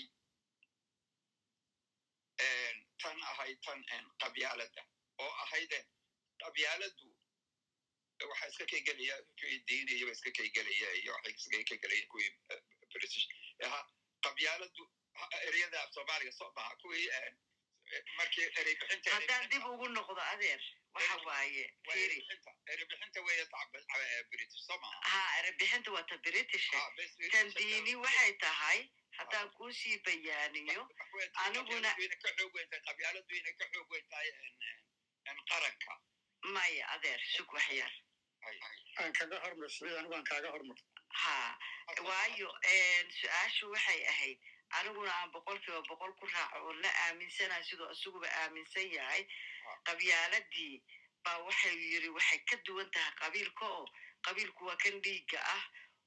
laysku abtirsanayo ee eexda keliya keenaya laakiin qabyaaladu nin danaysanayo danaysi baa meeshii ku jira. Waxaa ku jira musuq maasuqii waxaa ku jira waxyaalo badan. Marka waa cudur gaar ah oo u baahan in keligiis barnaamij laga dhigo oo keligiis la falanqeeyo. Markaad rashiidan u dhiibaya Ma- waa- waa- waa raalaan ka ayo aniguna taa rashid baan la jecelahay ha sidaan u fahmay eh, diini wuxuu yidhi mushkiladu qabyaalada oo qura maaha waxaa jira cudurro kale qabyaaladii lagu daraayo Ah, wuxuu eh, iyada keligeed gooni in loola baxa maaha waxa weeye waxyaabo badan oo isku jira baa meesha jira buuri marka wuxuu soo qaaday musuq maasuq ah, iyo ha, musuq maasuq iyo jahli labadaasuu soo qaaday wuxuu yidhi qabyaaladanna waxa keenaya waxa weeye waa jahil jahli dad jaahiliina ayaa isticmaalaya jahli baa meeshii jira waana runtiisa waan ku raacsanay inuu jahli jiro waanan ku raacsanay inuu maasuqna jiro. Qabyaalada iyo eeg i fiirso. Qabyaaladan iyada lafteeda lafteeda markaad hoos ugu noqoto ee aad ula noqoto kii dhaqankeedii hore ahaa. Labada kii kuxiga u kuxiga u hiili tolkaa garya gardarraba u hiili eexa ayay wadataa mar walba cadaaladda way markaaba cadaaladda way ka leexsan tahay toliimo waxa weeye tol waa tolane waa inaad mar walba tolkaa la jirtaa oo aad uga heelisaa kaa shisheeyaha ah waxalla wixii qabaa'ilka dhex yimaada xoog iyo xeelad iyo xeer saddexdaba way dhacdaa inay ku kala goostaan xoog haddii lagu kala xoog raado waa lagu kala qaadayaa jaceelkaa laga cadeeye laysku xoog sheeganayaba ka soo qaad haddii kaleto xoog iyo xuduudu isleegaato waa la wada fadhiisanayaa oo xeer baa la samaysanayaa inay qolaba kaalin iyo miino gaara inay yeelato ayaa laysu ogolaanayaa deedna xeer baa la samaysanayaa adigu waxa weeye waa la kala goosanayaa wixii mushkiladda hadda soo korodhay waxa weeye weligaa u fiirso. Waxaan u kala go'aynin ayaa meeshii yaalla oo an inta la kala qaybsado xeer balowna intaa qaata reer intaa qaata. Deedna lagu kala tegayo qolo waliba inteeda intay dararsato ay iska tegayso ma jirto taasi. Dowladnimadii waxa weeye waa wada noolaanshihii iyo dalkii iyo horumarkiisii iyo waxbarashadii iyo caafimaadkii iyo waddadii iyo wad wad wad wad wad iyo waxalla waxaas waxaan dadka u qaybsanayn oo kala kala gogoyn kari weye qof walibana waa inuu helaa in la wada lahaado oo cadaalad lagu wada lahaado oo qaanuun iyo sharci lagu wada lahaado oo taa lagu wada shaqeeyo ayay gidi deeqdaa waa wax cusub. Dhaqan may lahayn haddaba tii marka la soo qaado ee qabiilkii yimaade ee deetana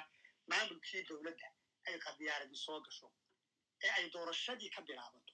Ee ay goorona xafiiska shaqadiisii soo gasho. Marka eeg eexadii qabi qabyaaladda qabiilka ee joogtay hawdka joogtay ee miyiga joogtay ayaa inta la soo qaaday ayna dowladnimada soo gelin marka waa iyadii qabiilku buuga qan iyo qabiil labaan isqabanna waan ku soo qaaday arrintaa. Kala goyn karaynu laba wax ka kala dhigayno qabiilka iyo qabyaaladda sidaa uma kala goona sidaa uma kala goona. Dhaqankii qabiilka ayaa markuu dowladdiya maamulkeeda soo galo ayuu qabyaalad noqonaya waa isagii un qabyaalad hadday timaadana ilooba iloo musuq maasuq bay wadataa. Musuq waa khasab. Mar hadday qabyaaladda xafiiska soo gasho waa eexasho kaa uu hiili kaana sii wuu cunayaa waa dembi buu ka gelayaa dowladda. Laaluus buu qaadanaya. Lacagtii dowladdu cunaya. Qabiilkii wuu la safan yahay waa tolnimadii baa loogu hiilinaya haddii markaa awood loo helo in weliba xafiiska sii fadhiya sii fadhiya xarig iska daayo. Haddii awood loo yeesho waxaa la isku dayaya in la suuro geliya taa. Macnaheedu waxa weeye waa runta qabiil iyo qabyaalad iyo musuqmaasuq musuqmaasuq iyo qabyaaladu. Waa laba waxoo labaduba ka jiraan marka laakiin laba mid walba goonidiisa loo abaari karo ma aha. Waa laba waxoo isku xidhan qabyaalad haddaad istiraahdo meesha ka saar. Ilooba iloo musuqmaasuqeena meeshaad ka saaraysa. Haddaad qabyaalad daasatana ilooba iloo musuqmaasuq bay wadataa qabyaaladu musuqmaasuq bay wadataa waxay qabyaalad ku tahayba waa musuqmaasuqa. Fasaadka ay dowladda gelinayso iyo nidaamkiisa ay gelinayso iyo xeer xeerka la jurayo qawaaniinta la jurayo iyada lafteeda ayaa wadataa oo dhalaysa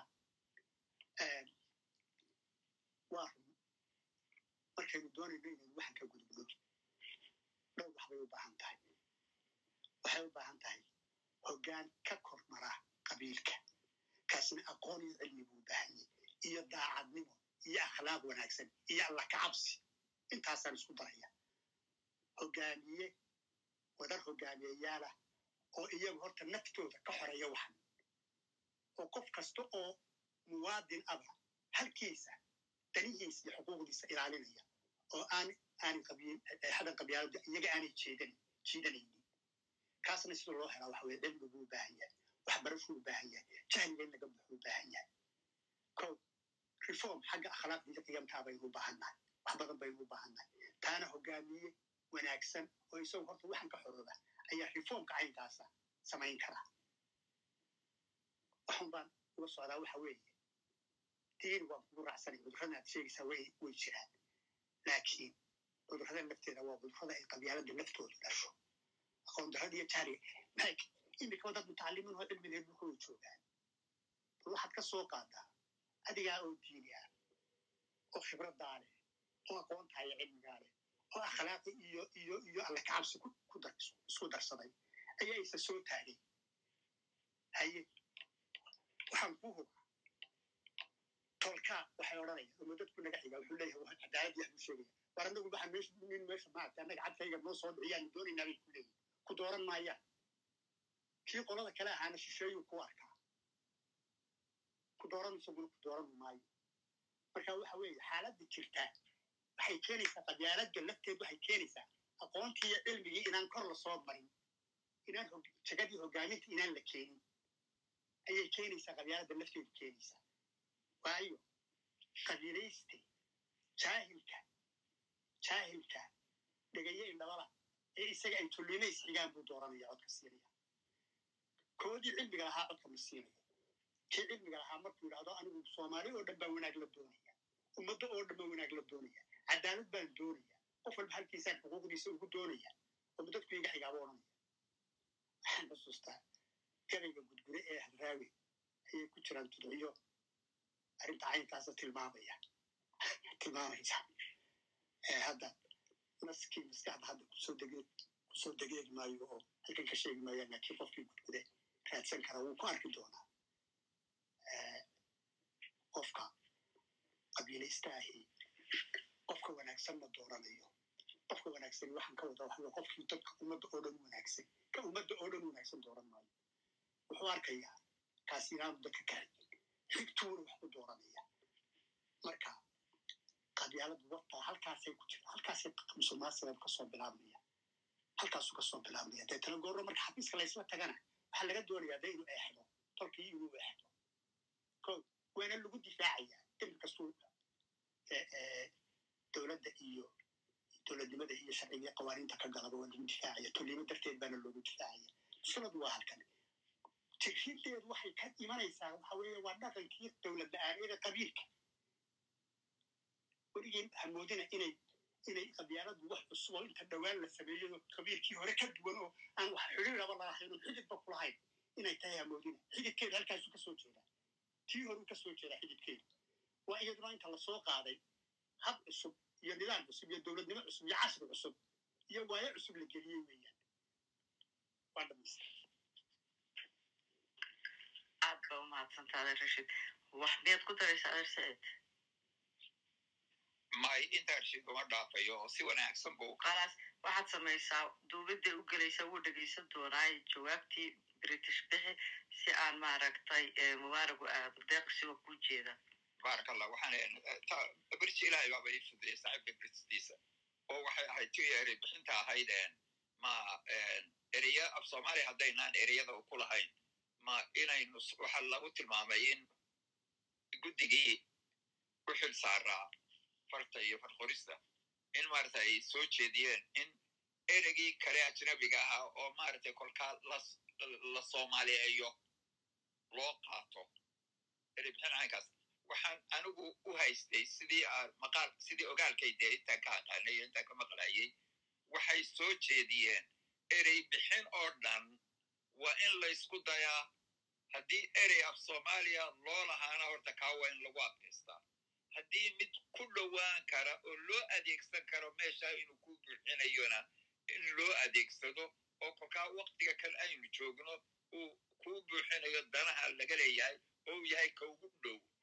Haddii kale laakiin la arko ta saddexaadna waxa weyan xagga soomaaligana in la koyngareeyo macnuu waxa weyan in laysku daro ereyo oo abuur hor leh oo soomaaliya la sameeyo. Maselkan masel baan inoo keenaya ereyada cusub oo dhan xagga siyaasadda iyo dhaqaalaha iyo waxaad u tegaysaa warfaafinteenu ay aad iyo aad kaalin weyn ka qaadatay ama bbc ha noqoto ama kuwa kale ay qabdayna soomaaliyeed. Waxaad ugu tegaysaa dayax gacmeedo waxaad ugu tegaysaa madax banaaniyo waxaad ugu tegaysaa kacaano waxaad ugu tegaysaa hanti wadaago waxaad ugu tegaysaa hab hababka maaragtay dhaqan dhaqaale oo waa wada ereyo ma garatay cusub. Marka saynska kale loo galo iyo xisaabaadka iyana waa adiga arkay xagasha iyo waxaan iyo waa wada ereyo af soomaaliya laakiin meelo kale loo adeegsanayo oo micnihiina ku qumanaanayo in halkaa laga abaaro. Marka keliya ay soo gashaa ajnabigu waxaa la yidhi haddii aynu weyno erey u dhigma waxaynu isku dhownahay oo abtirsimanahay oo ilmaadeernahay af carbeedka oo si fudud af soomaaliga u dhex gala ee kolka ereyadaas ereyada carabiga aan carabiga u doorano haddii la waayo oo aynan garanaynin oo carabidiina aynan ka helaynin soomaaligiina aynan sidaas ugu samaysan karinin anu gudubno baa la yidhi oo ereyada kale ajnabiga oo hadeerto maaragtay british sheegay sida matalan maxay raadiyaha oo kale iyo telefishonka oo kale iyo. Ereyada hadeerto ilan facebooka ereyada caynkaasoo midhan telefon telefonka iyo raadiyaha iyo telefishonka iyo. Kuwaasoo midhan sharaabka kale adeersida lagu leeyahay kookaha iyo bebsiga iyo. Saabuunaha kan lagu leeyahay tide iyo snow iyo spel iyo. In siday ku yimaadeen qalabkaas iyo salabkaas iyo la soo sanceeyey sancada ah iyo warshadaha ka soo baxay ee magacyada ajnabigaa watay erey yar ha la jebiyo ama erey yar ha la soomaaliyo si uuna qaabka loo qaabeeyo laakiin waa in magacoodaas lagu qaataa kuwan kalena sidii aan u sheegay ayuunbay magartay igula muuqdeen wax cusuboo kaloo badan aan ku dari karaa ma jirto intaasunbaa bashiir u soo jeedin lahaa aad iyo aada u mahadsan tahay british intaasay gaari doontaa deeqsi su'aal miyaad ku dari lahayd intaan mubaarig u wareegin luley malaha su'aal aan weydiiyey adeer rashiid iyo ibrahimba malaha waa waa darjeedheen oo ahayd adeer wuxuu qoray buuggeenii ahaa qabiil iyo qaran labaan isqaban waa labaan isqaban oo isma qabato oo waynu aragnay in badan sidoo kale qabiil iyo qaran marka la eego waxa adkaaday qabiilkii oo dhinaca u liiciyey qarankii iyo wax walba wanaagsanba haddaba iyadoo taasi jirta adeer qaran iyo qabiil sidee laysku raacin karaa ama loo walaalayn karaa iyadoo aan sas laga qabin qabiilkii qabyaaladii. Su'aashada saasa u dhigneed. Waa si fiican u xasuustaa sore hawada ka baxday. Britisho waxaan rabaa britisho soo noqday. Waa ka xumahay hadaayi telefon baa ku soo galay. Waxaan dhahnaa british su'aashiisi si loogu jawaabo. Bal aan dib u dhigno kadibna markaad naga baxday waxay dantu baday in laga jawaabo ay duwista gasho berri baad ka dhegaysan doontaa ka raali noqonaysa waa laga jawaabay adeer saciid maxaad dii rabta anaa rashid inta laga yaro horeynaya intan deeqsi ee weydiinaya rashid iyo ibrahim iyo oo waxa weeyaan qabyaalada tan xoogaysatay ee uu hadeerta ku tilmaamay inay ka xoog weyn tahay qarannimada ee dalkii ka jirta ee aan cidina dafiri karaynin iyo rabitaanka iyo doonista aynu doonayno inaynu hab qaran in qarannimo buuxda loo gudbo. Sidee baa magaratay labadii laysugu wadi karaa anigu waxaan leeyahay taariikhdu waa taxane. Taariikh kala googo'ani ma jirto. Taariikh inta meel meel lagu gooyo oo sag laga siiyo tii kale loo gudbayaa ma jiro. Ee mar walba waxa weeyaan habkaa jira habkaa jira. Ayaa habku wuxuu la nool yahay oo ku nool yahay waayaha uu joogo danaha laga leeyahay iyo duruufaha maaragtay dadkaasi ay ku nool yihiin. Aan qabyaaladoo kale ka soo qaado. Waatuu rashiid tilmaamayey wuxuu ku tilmaamay habka guurguurka iyo reer guuraaga iyo xoolodhaqatada iyo hayaanka iyo safaradeeda iyo xoolahooda iyo roobkooda iyo baadkooda iyo biyahooda iyo meelahay kala tegayaan iyo iyagu dadkaasi siday u wada xidhiidhayaan xeerka ay samaystaan ee kolkaa tolnimada iyo qabiilka iyo waxaasa. Inahaasoo maylan maxaa keenay? Waxa keenay habdhaqankaa ay ku nool yihiin modof ma garatay. Waxaweyan habkaa ay ku nool yihiin iyo iyo duruufaha ay ku nool yihiin ayaa keenay inay xeerarka kale samaystaan oo ku dhaqmaan oo uu noqdo dhaqan. Kiioo sidii u jira ayaanu misna meeshii joogaynin maadaama dunida shaageedu uu rogmayo oo adduunku aanu hayn masdarad keliya ama waxa la yidhahdo tub maaragtay toosan oo sidii siraadkii jidkii siraad sidaas u toosan. Aanay noloshu hayn. Ee ay tahay kacaakuf ay tahay qalqalooc ay leedahay horumar ay leedahay dibudhac. Ayaa mar walba nolosha dadka waxaa ku soo kordhaya isbeddel. Isbeddelkaasina mar walba wuxuu beddelayaa oo doorinayaa habkii hore ee loo dhaqmi jiray. Masal yar oo example haddaan deg deg u galo berigaa hore ee dhaqanka iyo reer guuraaga iyo habkooda iyo dhaqankooda iyo xeerarkooda iyo sugaantooda iyo maansooyinkooda iyo hiddahooda markaynu sidaa u egno wuxuu ku salaysnaa habkaa xoolodhaqatada iyo reer guuraagooda iminka markaad eegtid casriga la joogo magaalaa la yimi. Ganacsi dabadeed iyo dunia la xidhiidhmaa maaragtay lala yimi. Xidhiidhkii dadku lahaayeen ee awel maaragtay isku kaashan jireen ee dhiigga ahaa ee reerka ahaa ee tolka ahaa ayaa iminka markii magaaladii la yimi xirfado kalaa yimi aqoontiibaa korodhay dadkii siyaalo kale ayuu wada xidhiidhaa shaqadiibaa wada kulmisa macallimiin baa la noqonaya dhakhtarraa la wada noqonaya arday baa la wada noqonaya xaafad baa la wada degaya deris baa la noqonaya ee sidii baadiyihii loo joogay loo noolaan maayo isbeddelka caynkaasi kolkaa wuxuu keenayaa xeerkii xaggaa ka jiri jiray in habka ka yimi uu wax ka duwan keeno iyadiioo kolkaa dadka kan magaalada yimi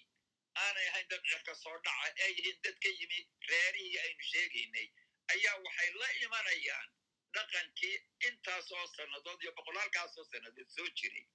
Waa ka iminkana ina haysta. Laakiin mar walba joogitaanka iyo jiritaanka iyo lagu sii noolaado magaalooyinka iyo horumarka magaalooyinka laga gaadho waa biyihii waa waddooyinkii waxa weeye waxyaalaha badan ee la wada wadaagayo waa nabadgelyadii waa bilayskii waa militarigii waa hay'addii waa xukuumaddii waa waxa weeyaan sidii dadku uu kolkaa isu xigi lahaa ama xidhiirka dadku siduu isu bedelayo waxa baxaysa baahidii awel loo qabay ee qofku aanu taagnaan kali jirin miyiga haddaanu tol lahayn oo kolkaa nabadgelyadiisii iyo amnigiisii iyo waxsiintiisii oo dhan ay ku xidhnaan jirtay reerkiisa ayaa halka kale isbedelaya maxaa kolkaa uga socdaa iyadiio kii uu sidaas weli u sii haysto noloshii magaaladii oo isbedeshay ayaa misna weli xaggii wacyigii iyo garaad wacyi korintii ay meel hoose joogta oo kolkaa waxa leeyahay waxbarashadii oo kolkaa la socota dunida la xidhiirkeedii oo sina wax weyn iska bedelaya qaabka iyo hababka ma garatay aqoon kororsiga ee ku imanaya warbaahinta ee ku imanaya warfidinta ee imika rajid tilmaamayay ee lahaa inako iminka intaasoo meelood isu kala jirna intaasoo kuban oo mayl ama kilomitr isu kala jira ayaynu ismaqlan oo isgaranayna kolka waxaan leeyahay waa la soo kala xuub siibanayaa ee ma jirto wax mar keliya inta laga go'o. Si iminka weli ha sii xoogaysnaato weli ha sii jirto oo dadka adeegsanaya ha firfircoonaadeen ha orod bateen. Laakiin iminkaba waxaa jira xoogag badan oo soomaaliyeed oo rag leh oo haween leh oo dhallinyaro leh oo cid walba leh oo markaa leh qaabkaasi mid ina anfacaya maaha oo kolkaa maxaynu u baahnay aqoon? Oo waato doctor rajidna sheegayay aqoon kororsigii iyo in lagu leeyo iyo iminka diinina xitaa ay isla soo qaadeen wacyigaas. Mar walba tartiib tartiib sidaa aynu iminka inakaba u dareensannahay ayaa boqolaal kale iyo kubanaan kalena nala dareemayaan oo kolkaa laga soo baxayaa mugdiga kan iyo reeraysiga kan iyo qabyaaladatan maa qabiilka qabyaaladatan laga soo baxaya oo hab kale oo loo wada xidhiidho oo loo toloobo oo loo kolkaa muwaadinoobo siduu rashin sheegayay uu qofkii muwaadin noqdo oo waddankiina magartay laga wada dhexeeyo oo xeerkii xaggaas inta laga yimaado xeerarkan cusub ee nidaam kale ee hay'adihii ay ku dhisan yihiin hay'adihii dowladda ay ku dhisan yihiin oo kolkaa ay noqonayso xilqaybsi iyo xisaabtan. Laysdaba joogo oo laysku ilaalinayo oo cududii kolkaa cududii aan ku sheegayo bracekii aan ku sheegayo nabadgelyadii aan ku sheegayo amnigii ay yihiin cududda ilaalinaysa iyo maxkamadaheedii iyo waxeedoo dhami ciddii ku xadgudubta. Xeerarkaasoo ciidankaasna haysta iyo xooggaasna haysta ayaa ahaanaya ka tartiib tartiib inta looga soo baxo ay tani mar walba sii shuuqayso oo tanina soo gacan sarraynayso waktiga aynu ku jiraana iyo cilmigiisa iyo horumarkiisa iyo xawligu ku socdaana teenan dambe ee aynu sheegayno aynu cindiga ku hayno aynu hiyiga magarati ku doojinayno ee himiladeenna ayuu mar walba u adeegayaa ee inaku kolkaa aan sidaa cusub u fakerno waktigaa garanno xilliga la jaan qaadno oo inaha iyo qaybaha ugu aynu wax ka kororsanayno o dhan aan ka kororsanno si aynu tan maaragtay baadiyowday ee ah saamajiidka saamajiidka ee sii shuuqaysa ay hoosu dhacdo. Sida runta ana way sii shuuqaysaa oo iminkaba waxaad ka garanaysaa qayladhaanta meel walba magaalooyinkeenii iyo dalkeenii gudihiisii ka jira. Intaasaan taa kaga baxaya oo aan leeyahay deeqsi waan kula qabaa oo wax maaragtay la tuuraya maaragtay berkeliya ma jirto laakiin tartiib tartiibbaa magartay sidaas ay tani u soo xoogoonaysa oo madanigii bulshadii madaniga ahayd baa xoogaysanaysa oo soo koraysa iyana innaka keliya maahe adduunkana waxay ka qaadatay tani waxay soo jirta kumanaan sano teena aynu doonaynana waa ilaa iyo dhowaan magartay oo waxaan qarni iyo ka badnayn hadday uguba badato waa ilaa gobonnimo doonkiiyo oo kolkaa waxaan boqolkii sano xitaa ma dhama kolkaa yaynaan isa saluugin meel roon baynu maraynaa ee aan halkaa aynu joogin oon ka sii amba qaadno waana salaamantiin adeer aad iyo aad u mahadsan tahay. Waxaan u dhiibayaa hadda mubaarak mubaarak xaddi soo dhowow mubaarakna cashir buu bixin doonaa insha allah filosofiyadu way badan yihiin moogta filosof marka erey siinaayo waa inaad sii afeeftaa dadku say hadhowta isu dhihin qofka hadalkay u dhiibta waay saddexdii daqiiqo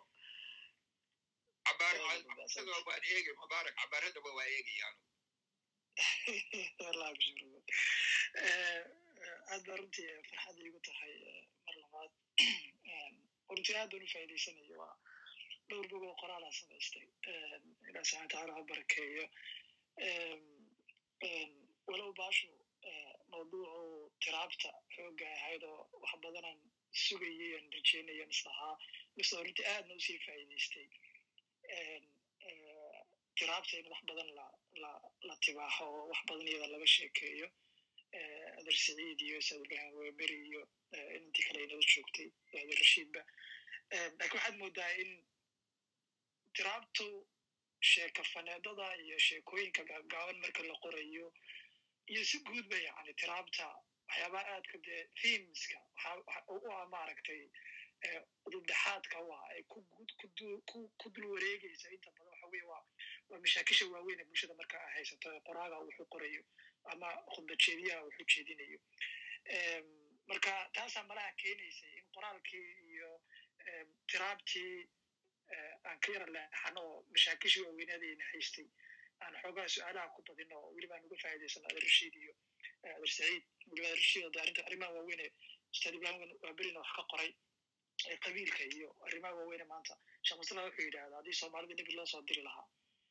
labada arrimood oo xoogga saari lahaa uu soo bixi lahaa waxay noqon lahayd qaadka iyo iyo iyo qabyaalada marka waa arrin weyn weeyaan taasaadna dareemaysaa inay ka tan badatay ka sheekeynteedi iyo su'aalihii inagu dhex jiray inay inay maaragtay traptic kale iyo mawduucii kale ay ka xoog badato inta badan de waxaynu inta badan xoog ku ku qiimaynaa cimriga bulshooyinka iyo cimriga bani aadamku waa shaksiga caadiga waa kala weyiin inagu inta badan waxaad dareemaysaa in ummaddan oo hadda miyigii ka soo kacday oo madaninimadii ku cusub yahay oo first generation eighty percent ama ninety percent bulshada ay tahay. Madani ay tahay inaan haddana aan doonin inaan hamar. Aan isbabar dhigna maraykan iyo yurub iyo dalalka lamidka ah marka wakti bay qaadanaysaa. Cimriga bulshooyinku uu ka weyn yahay. Waxaa laga yaabaa qofka caadiga soomaaliga soddon sano hadday ka tagtay cimrigiisa ama qofka bini aadamka in wax badan cimrigiisa uu ka tegey laakiin cimriga bulshooyinku waxa weye waa wakti dheer buu qaataa. Marka inagu inaan cimrigeennana ku soomaalida iyo isbeddelka laga sugay ka rajeynayno inaynu da cimrigeennana ku qiyaasin laakiin cimriga bulshooyinka ku qiyaasno taa taa culays badan bay naga dejinaysaa. Indha fiicanna waan ku eegi karaynaa isbeddelkan qayb weyn ka qaadan karaynaa taa taasaan ka odhanaya hadalka aadka runtii macalin saciid uu tilmaamay baan baaibtaa ugu dhaliyey laba su'aalood baan qabaa oo la xidhiidha tiraabta oo weliba qodobadii adeer saciid uu tilmaamay la xidhiidha inta ka horeysa laakiin waxaan jeclaa maybe ma dambeysiya su'aalaha soo hormariya su'aal waxa weeye waxaa tilmaantay in tiraabta wanaagsani weliba qofku markuu wax qorayo u baahan yahay hodantinimo afeed inuu hanto hodantinimo afeed inuu leeyahay adiga yaraantaadii maanta waxaad lagugu tilmaamaa inaad tahay boqorkii sheekada gaaban aadnan qoraaladaada aad baan u aqriya runtii aadna u jeclahay buggayga ugu dambeeyana hata waa ii yaallaa oo amazon baan ka dalbaday beliya ka badan baan sugaya baan u malaynaya inuu ii yimaado anoo inta badan u bartay inuu laba cesha igu timaado waa prime baan leeyahay amazon maraykankaan deganahay marka laba cesha inta badan bugtay igu yimaadaan kaagu waxaa beliya waxba igu yimi kaadi rashiidna waxaan malayna maraa fifteen days wisnaga igu yimi su'aasha marka waxa weeye hodantinimo afeed adigu yaraantaadii maxaa kuu fududeeyey farakuhaynta oo aad soo samayn jirtay oo caado ku ahayd ama aad jeclayd inaad samayso oo qayb ka qaatay hodantinimadan afeed aad leedahay oo markaad wax qoraysid waxaad u baahan tahay inuu ereyadu kugu soo dhacdhacaan sida roobkii kugu soo horaan oo adigu aad kala xulato oo midda erey waxaa jira fikirka fogeynaya fikradaada soo dhaweynaya nuxurkeeda iyo ereyo kaa fogeynaya. Marka maxaa qofka ka saacidaya? Adiguna kaa saaciday yaraantaadii adna nagula talin lahayd in ereyada hodantinimada in lagu gaari karayo. Waa su'aal. Su'aasha labaad wasfiga iyo marka la cabirayo erey lagu cabirayo description qof la describe garaynayo shaksigiisa kore ama ama yani ogadiisa kore iyo muuqaalkiisa inta badan waa way fududahay oo shanta dareen wadaad adeegsanaysaa inkastoo dad laga yaabo dad qaar laga yaabo inaan u fudnayn laakiin dareenka gudeed laxawyada cumqiga gudeed ee qofka gudihiisa ku jira iyo thoughtskiisa fikradihiisa isbedelaya iyo oracyadan ka dhex guuxaya inagu inta badan qofka bini aadamka inta uu dadka la hadlayo intu isagu isla intu isagu isla hadlaa badan dareenkaa gudeed marka la cabirayo ama sawirkaa gudeed marka la cabirayo kan dibadda waan garanay. Waxa weye waa qofka ogadiisa iyo muuqaalkiisi iyo jismigiisi iyo siduu taagnaa iyo dharkuu xidhnaa iyo wixii baad cabiraysa markaad weliba sheeko aad aad dhifayso. Lakin marka aad dareenkiisa gudeed aad tegayso maxaa kuu fududaynaya maxaa qofka u yara fududayn karaya? Inaad ana cabiri karayo qofka siduu u fekerayo? Monologa gudaha dooda gudihiisa ka jirta inaan cabiri karayo ka sheekayn karayo iyo dareemadiisa cumqiga aan u dhexgeli karayo labadaas su'aalood baan baan baan runtii qabaa adeer saciid weydiin lahaa adeer rashiidna hadduu ku kabayo iyo ustaad ibrahim waa berni waa jeclaan lahaa runtii waxaan rabay inaan maadaama tiraabta iyo quruxdeeda inta badan sugaanta iyo quruxdeedan aad u sheegnaa oo waxaad moodaa marka haddaan soo yaro wareejinay ee mawduucii tiraabta keliya loo soo loo soo wixiyey in laga soo ay jiidanaysay sugaanta iyo quruxdeeda iyo siday isugu taxan tahay iyo habdhaceeda ay runtii qurux badan leedahay dadku dhigooda ay sii jeclaysanayaan. Lakin tiraabta laftigeeda waa la qurxin karaya. Oo bugaagta qofkii akristay bugaagta adeer adeer saciid oo kale runtii uu garan karaya uu fahmi karaya. Waxaa jirta hadda koor baan ka qoray yamyam ilaahay u naxariiste ba waxaa la yaabaa is idhahdaa yamyam malaa sugaantiisa markaan eegay iyo dhowr sheeko uu curiyey markaan eego waxaa idhahdaa inuu sheeko curintooda kaga fiicnaa sugaanta. Anoo de sugaantiisa ogoo bad inuu ahaa subxaan allah mucjizaadka soomaalida soomadu ka mid ahaa. Qofka sugaantiisa yani ilahay kaydka erayeed iyo wax ku cabirin iyo wax ku sawirin ilahi subxana watacaala siiyey de waxaad ka garan karaysaan heesaha soomaalida ee la tiriyey ee la qaaday ay dhahde ayaad ka garan karaysaan ereyadiisa siduu wax ugu cabiri jiray marka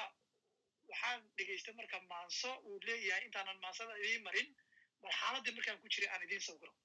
Marka wuu akhriyaya youtube-keda ku jirtaan u mise waxaan u malaynayaa ma isaga akrinaya mise idaajaba ka soo weriyey oo ka soo oo qoraalka akrinayay miduu ahaa ma xasuusta laakiin waan qoray.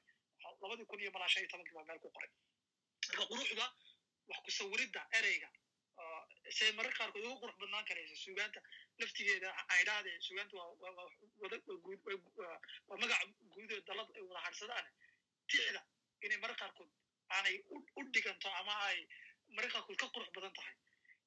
Wuxuu leeyahay maansada intaanu tirin buu rabaa inuu meeshii uu joogay uu maansada ku tirin lahaa iyo dareenkii ku dhaliyey maansadan ticdaa inuu isku taxo ayuu rabaa inuu tiraab ku gudbiyo. Wuxuu leeyahay inta aanan erey wax ku sawiridda ku boodin ama aanan idiin soo gudbin horta halkaan joogaa waxaan taaganahay meel u dhaxaysa badda iyo webiga waa buur yar. Dhowr mitir ayay dhulka ka sarraysaa. Baddu waxa ay u jirtaa shan boqol oo mitir. Webiguna sidoo kale. Berisamaadka maadaa iskale wada sii dhowr sano roobku kama qaadin. Wax shimbira ah wax shimbir ka weynina sooma dul istaagin. Dhinacaad jaleecdaba waa ubax xareed barkan iyo xareed ubax ku dul horida xilligu waa casar gaab qorraxdu ha sii dhacdee waxay fallaadhaheeda awood ku soo dhex marisay. Daruuro biyaysan oo leh lakabyo kala sarreeya. Waxay ka soo qaadatay intii ay daruuro midaba lahayd. Webiga biyihiisa qarka ka soo dhacay shucaaca qorraxdu xoog buu ku soo jiiray. Wax habeena uma hambayn. Ujeeddada qorraxdu falkaa u samaynayso waxay tahay intaysan dhicin inay sagootiso kaynta quruxda hadhsata bilicdana huwata markasta markastoo xilligu sii xilliga sii dhaceeda sii dhowaadaba waxay indoora ku dul nagaataa beerta manka iyo ubaxa la laamadooda caleemaheeduna darabka qoyani ku raaxaysto. Waxay dhegaysataa codadka malaayiinta noocee shimbiraha nasashada habeenka isu diyaarinaya ku macasalaameynaya ilayska habeenku markuu sahaydiisa qaatay maxaad dareentay? Ma riyoonaysaa mise waad soo jeedaa maxaad ku kala garanaysaa inay beertani kuwii jannada ka mid tahay iyo in inay beer adduun tahay? Ma ka dheragtay xiisaha iyo hamuunta ay sawiradan yaab kale kugu reebeen? Ma seexanaysaa? Mise waad sugaysaa ballantii shimbiruhu la galeen soo dhalashada kudhacashada berri? Jihooyinka ma kala garanaysaa?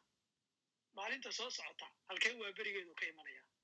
waxaad soo weecisaa luquntaada ku daashay ku daashay halkaad u jeedisay gabaldhaca ka hor.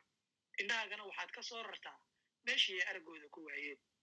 Fadadka cad fadadkii cadcaddaa ee galabta dhanka bari kaaga muuqday weli waa sidoodii qaanso roobeed baa kaaga dambaysay laakiin wax weyn kama bedelin in yar baa ka bannaysay meesha in yar bay ka bannaysay meesha cirka iyo dhulku iska galaan. Waxbaa soo gududan maxay yihiin? Si aad u ogaato dhaqdhaqaaq samee yaro tallaabso kuna sii dhowow. Waa dayixii ogolsho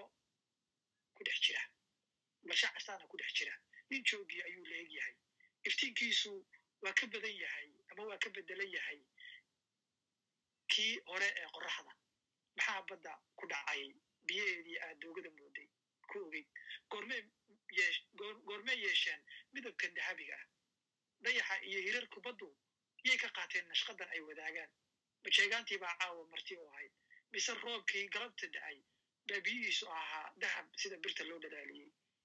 dabadeedna lagu qoray inta u dhaxaysa badda iyo dayaxa waxani waa qurux quruxay mar kasta ma dhammaataa mise kol kol baad waartaa maya waxaan ilaah ahayd ma waaraan hadday tegayso waa inaan sii raaca garbahayguna ii noqdaan baalashii aan ku duuri lahaa waa go'aan fiican laakiin waxaa iga maqan jacaylkii aan weheshan lahaa hadday ila joogi lahayd annagoo isku maran waan wada duubi lahayd. Haddaan darteed u baaqday ma u sheegi karaa waxaan arkay. Haddaan u sheegase may rumaysanaysaa mise quruxda mise quruxdan u ballambiyaa si ay indheheeda ugu aragto. Labada ra'yi ka hore ayaa runtoo dhow. Wuxuuse rabaa in loogu sheego si ay rumaysan karto. Waana qaangaraadkeeda ereyada ay ku ogolaan kartana waa sidan markaasu wuxuu tirinayaa maasadii markaa uu rabay inuu tiriyo u quruxdaa uu arkay inuu ka tiriyo. Maasadii markaan akriyey iyo qoraalkii markaan akriyey qoraalkii baa ila qurux batay anaa halkaan waxaan saalayo un quruxda ay yeelan karayso tiraabta marka lagu xaraboodo qodobada adeer axmed tilmaam adeer siciid tilmaamayey loo adeegsado iyo hodantinimada haafeed ee wax lagu cabiri karayo. Inaas uga baxaya adeer siciid iyo adeer rashiid iyo isa ibrahim waberina waxaan jeclay bal su'aalaha aan soo bandhigay inay inay adeer siciidna iigu horreeya labadaa su'aalood bal insha allah waan ka baxay asalamu calaykum calaykum salaam waraxmatullah aad iyo aad umahadsan tahay. Waa ogaa inaad waxun soo wadid ilaha ku dhowro adeer siciid soo dhow. Aad buu mahadsan yahay mubaarak. Ereyga luulay aad tidhi. Ee aad ku soo qaaday mubaarak iminkana dhegaysanaynay qaybtii uu soo jeediyey oo ku saabsanay tiraabta ee uu ku soo halqabsaday marxuumka allah u naxariistee yamyam iyo tixdii uu yidhi labada tanaaba igala sii qurxoon waxaa iiga muuqdaa in labada su'aalood ee uuna weydiinayo laftooda laftooda meelaha uu waxaa ka aqriayo dhan uu ka wada helay oo ka haysto uu ka dheri u haystaayo dadku inay ogaadaan uu rabaa. Oo sheekada ku wada shaqayno. Markaasaan anigu waxaan jeclaystay aan solan lahaa. Bal inta kale aannaku aan ku in waxaan jeclaan lahaa isagio intaa issii raacsada oo kolka inaha ka dhiman aan kolka aanana sii wafayno. Laakiin waa kugu waxaan ahay arday sidii ustaad british sheegayo runtii waan jeclahay. Waayo aragnimadaasaan raba inaan la hadlo jazaaka allah khayran.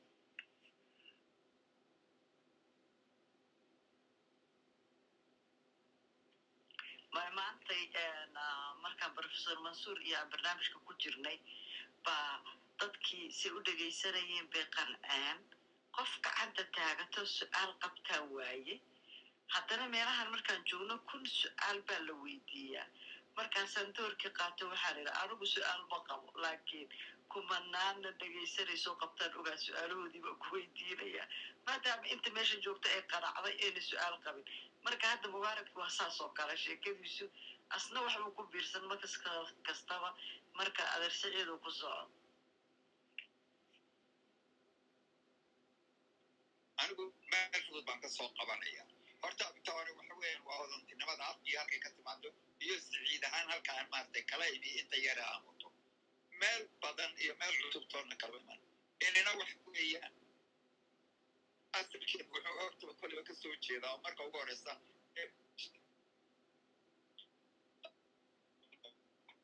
oo ugu horeynaya hor iyo horaan qoyska ama qofka sooyadii aabiyaato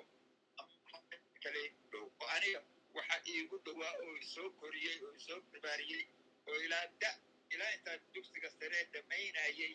ihayo gacantay waayey oo korinayey islaan ayaydeya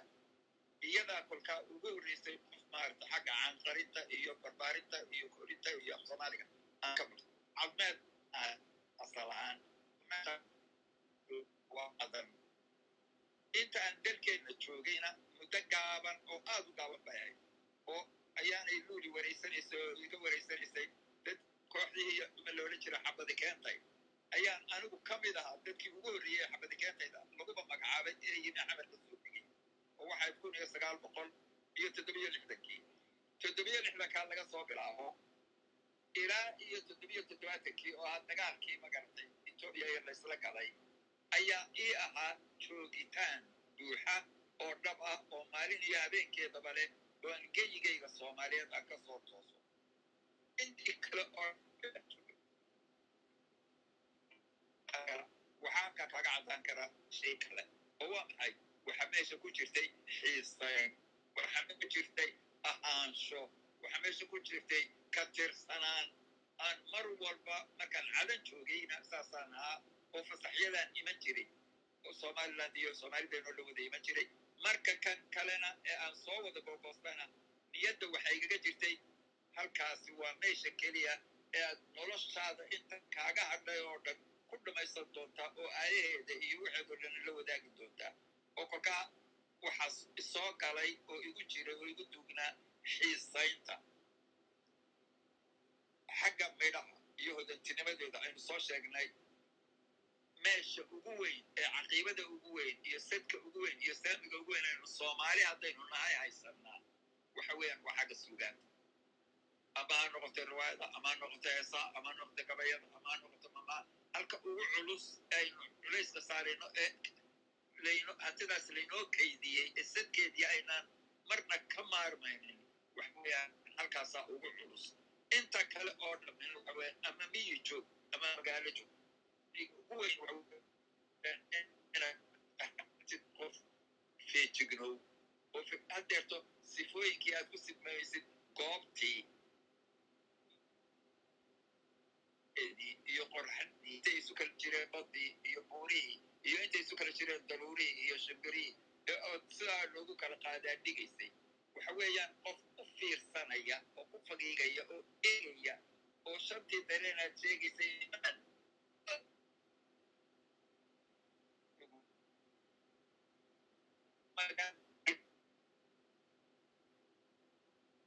kolkaas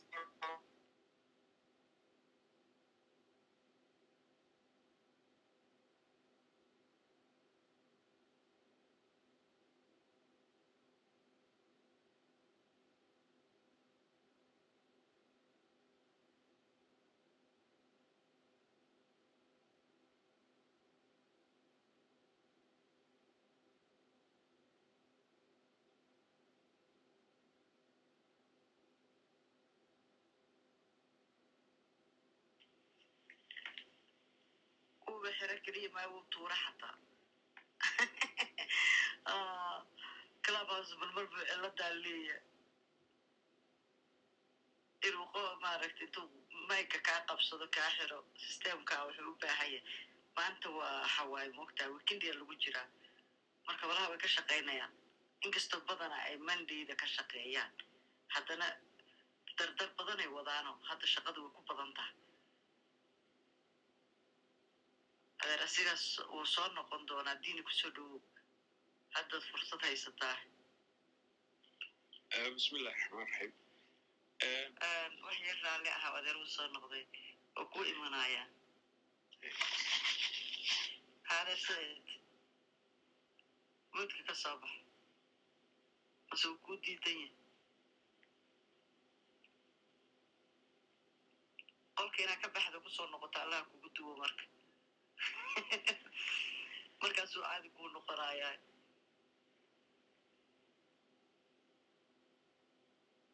Diini ku sii soco insha allah waktiga ka faa'iidaysanaynaa. Way gabagabuyaa toba sagaalka daqiiqo harsanan ku gabagabaynaynaa. Okay erey waxaan aan aan tix raacayaa adeer siciid uu sheegay oo markuu sharaxayay yani tiraabtu ma leedahay wax shuruuc ah oo inta la barto lagu ilaaliyo marka erey kalou sii raaciyo wuxuu yiri yani waa in luqadaadu ay aqoontaadu leedahay soomaaliga ay sarkayso marka waxaan rabaa tajribo yaroo aniga isoo martay oo aan markii hore de aan waxaan xirfadeydu ahaa wargeyskii hore xidigta october aan ka shaqayn jiray oo ka mid ahaa tifirayaasha marka maalin kastaan wax qornaa marka qoraalka qof kastaa wuxuu ka soo jeedaa deegaan iyo lahjad markaas aniga de sida hooyaday waalidkii ugu barbaariyey luqadii aan xaafadda ka soo bartaan ku hadli jiray sidaasaan shaqadii ku bilaabay shaqadii markaan bilaabay waxaan la falgalay ummado kala duwan oo deegaano kala duwan iyo lahjado kala duwan leh maalin maalinta ka dambaysa waxaan heli jiray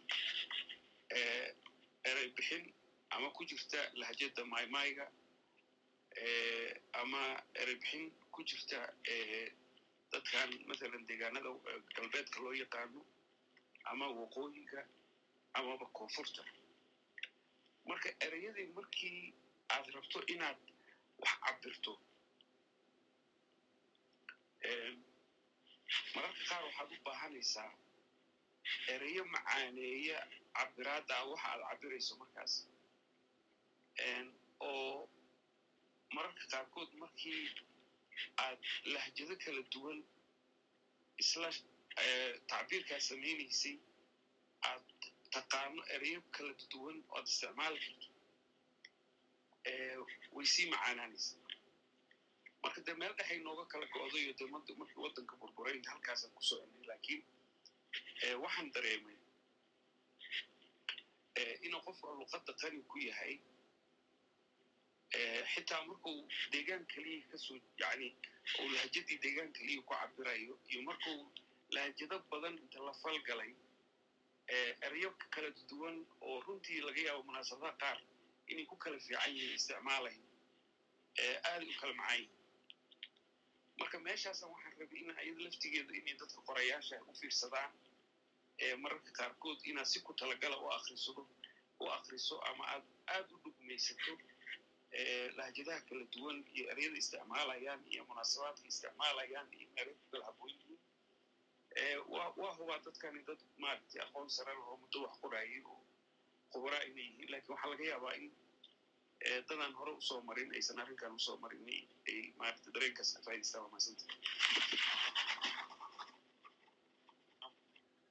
been ma aha horta horeeto haddii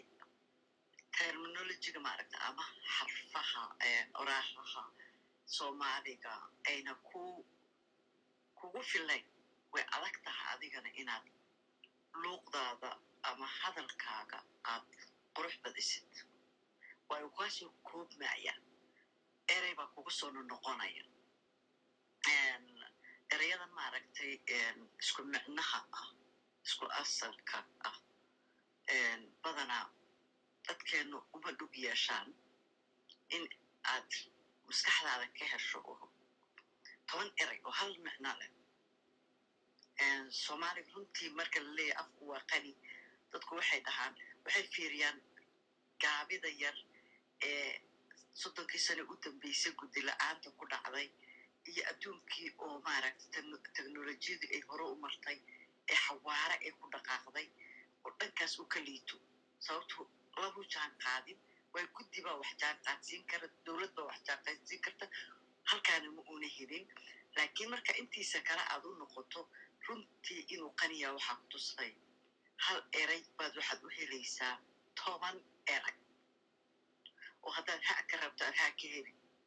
ayadoo isla micnihii ah oo haddaad ba rabta aad ba ka helin oo haddaad ba rabta aad ba ka helin waa isla micnihii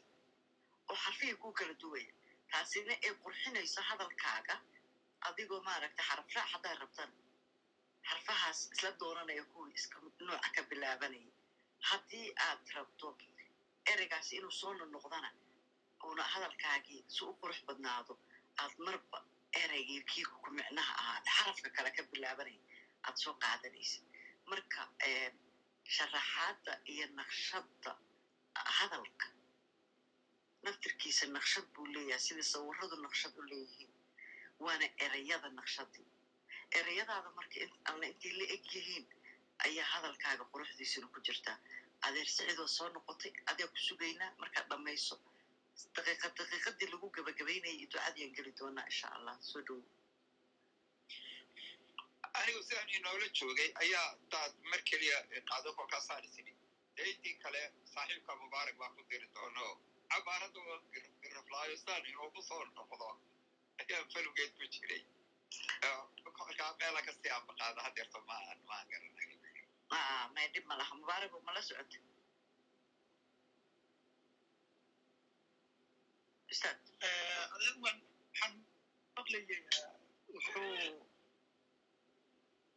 tusaalo wuxuu marayay su'aashii hore ugu horreysay ee ahayd tan hodantinimada sidee qofku isku hodantimeyn karayaa taa waxuu ka qodobo fiican buu ka taabtay bal tan dareenka gudeed siduu qofku u cabiri karo dareenka dareenka gudeed waxaan ka soo qaaday dareenka gudeedna waxaan ka soo qaaday waxaan ina ka soo qaaday meeshii miyiga waxaan ina keenay magaaladii. Magaaladii intaan ina keenay ayaan sheegay habka loo nool yahay iyo meesha lagu nool yahay. Dhan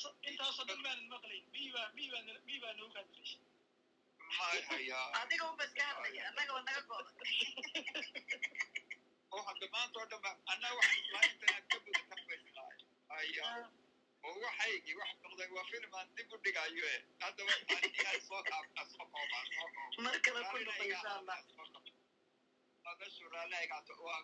soo koobayaa ta dambe aad baanu garanaya oo waxaan ka soo qaadaya waxay ahayd. Waynu garanay oo ti istifaha guud baynu garanay oo fahamnay oo shanta dareen markiiba ay soo arkayeen soo taabanayeen soo dhadhaminayeen soo maartay oo kolkaa iyada si fudud baa markiiba loo garan karaa ee tan kale ee ku saabsan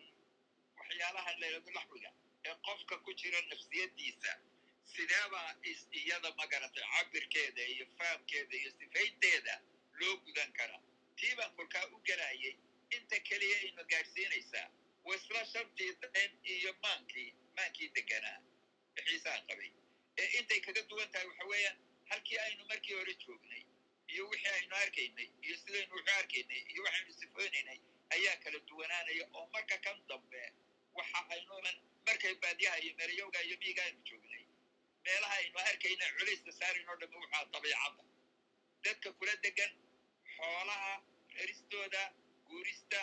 cirka dhulka badda biyaha baadka buuraha dhagax iyo hadba dadkaas duruufta ay ku jiraan iyo xaaladda ay ku noolyihiin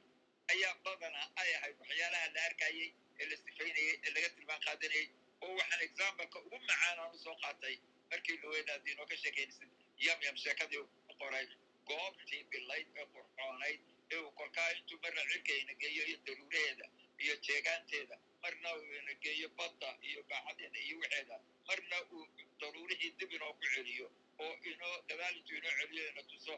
fadadka iyo waxeeda iyo siday kale iyo iyo dabaysha dhacaysa iyo naacawdeeda iyo shibiraheeda iyo kolka waad wada arkaysa intaasoo dhan waxa weeyaan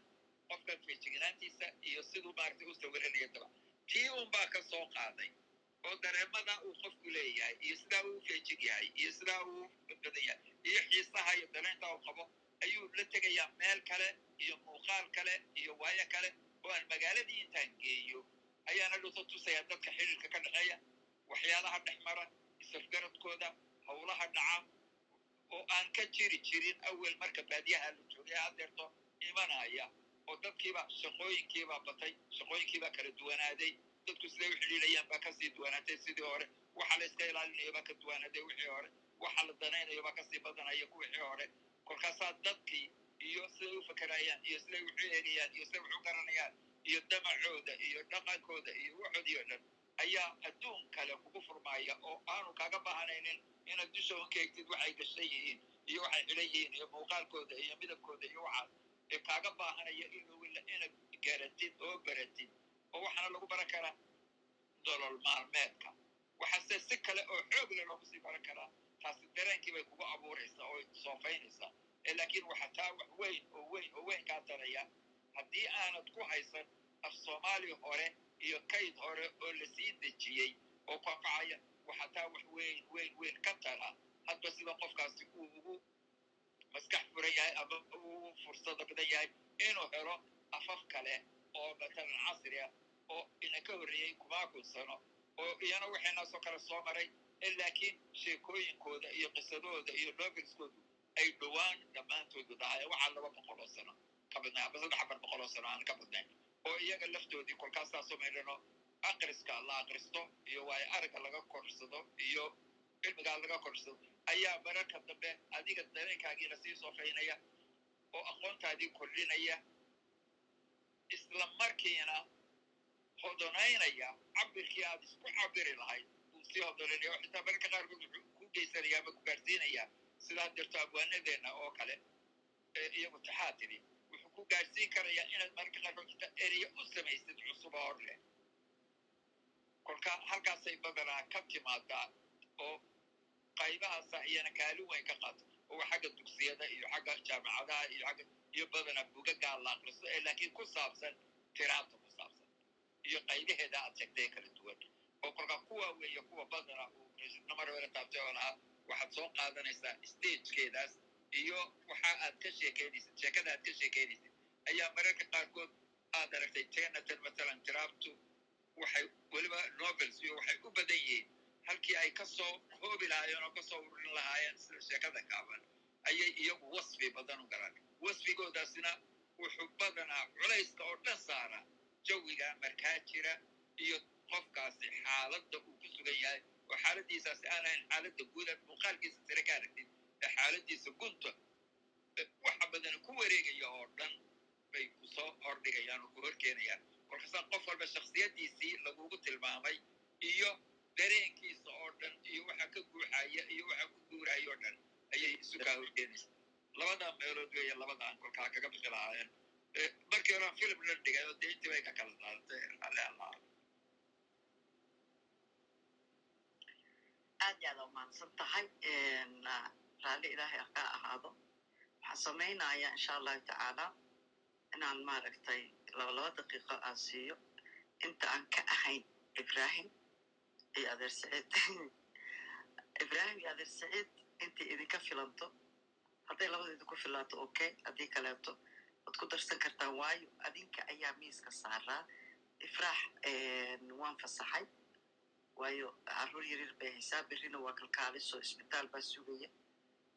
Buuggeediina waad ka dherigsan tihiin. Ifraax weli caataba su'aalihii maadaama ayna gadaal ayna hadeertaan aan wax su'aala ayada la weydiin ka tagtay waxaa jirta ayada publisher kaleeto alashaan daabacaadda qolo kaleba lamay aadin ayadaa lacag baxsatay ayadaa samaysatay ayadaa publish garaysa buwaagteeda saasay taana dadki way gaarsiisa so buuggii way qortay ayadaana buwaagtii ayadoo qortay haddana ah daabicihii oo dad kale buwaag uma daabacdo laakiin kuweeda ayadaa daabacda oo qof kale lama aado runtiina buuggaas gurigu ii yaallaa kala barbu ii maraya hadda laakiin waxay ii gelisay xiise aan caadi ahayn waxaan is leeyahay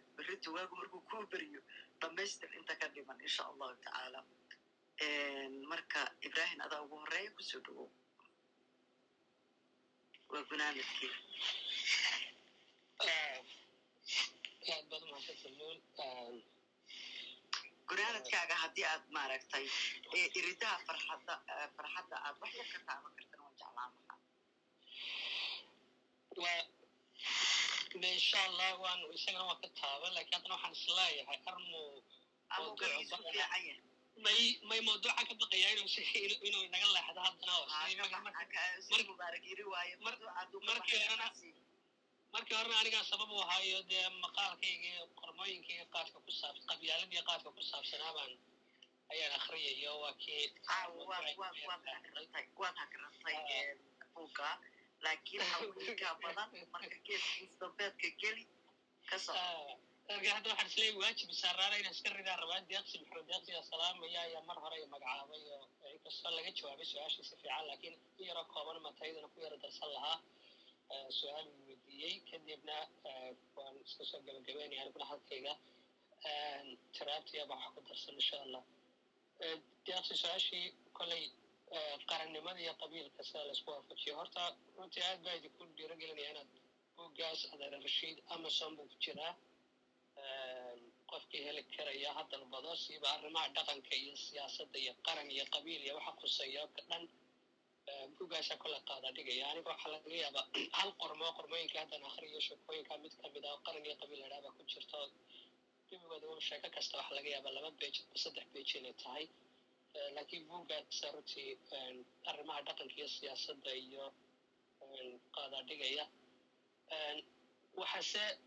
arrinta ah laakiin sidee laysku waafajin karaa? Horta wuxun baan odhan lahaa. Waa test waa imtixaan u yaalla hogaamiyayaasha waa imtixaan u yaalla hogaamiyayaasha iyo siyaasiyiinta unbay hogaamiyayaashu ka soo baxaan oo amba siyaasiyiin keliya noqda amba hogaamiyayaashii la rabe noqda marka sidii ummaddii carabta jaahiliga xilligii nebiga u soo baxay sal allahu alay wasalam qabyaalad ka darantan oo ku jirtay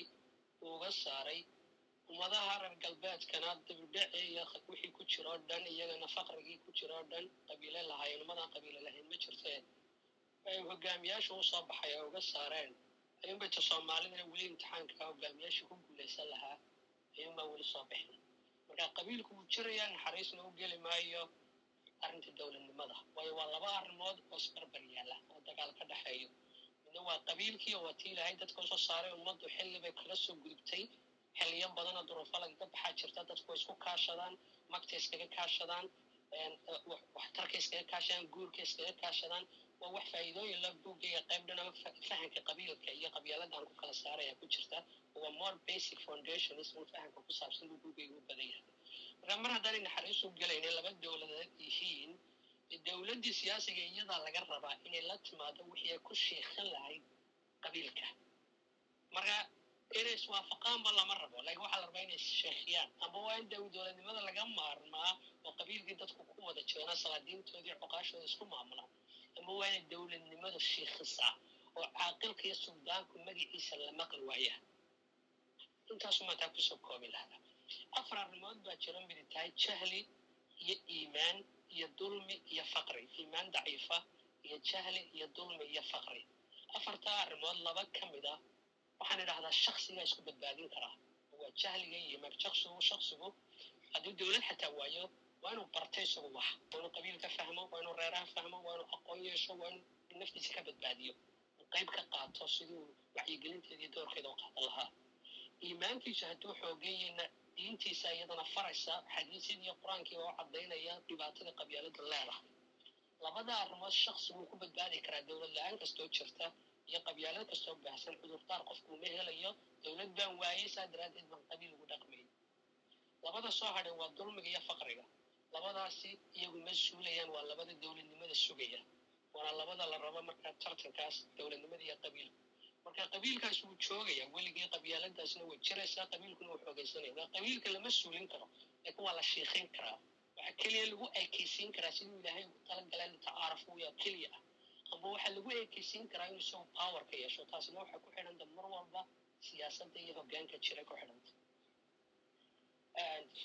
intaas waxa weeye su'aashii deeqsi wey magacaabaan ayaa kaga baxaya. Waxaan u soo noqonayaa maadaama soo daqiiqadii labadii daqiiqa aan inaan ka dheeraa ka dheeraysto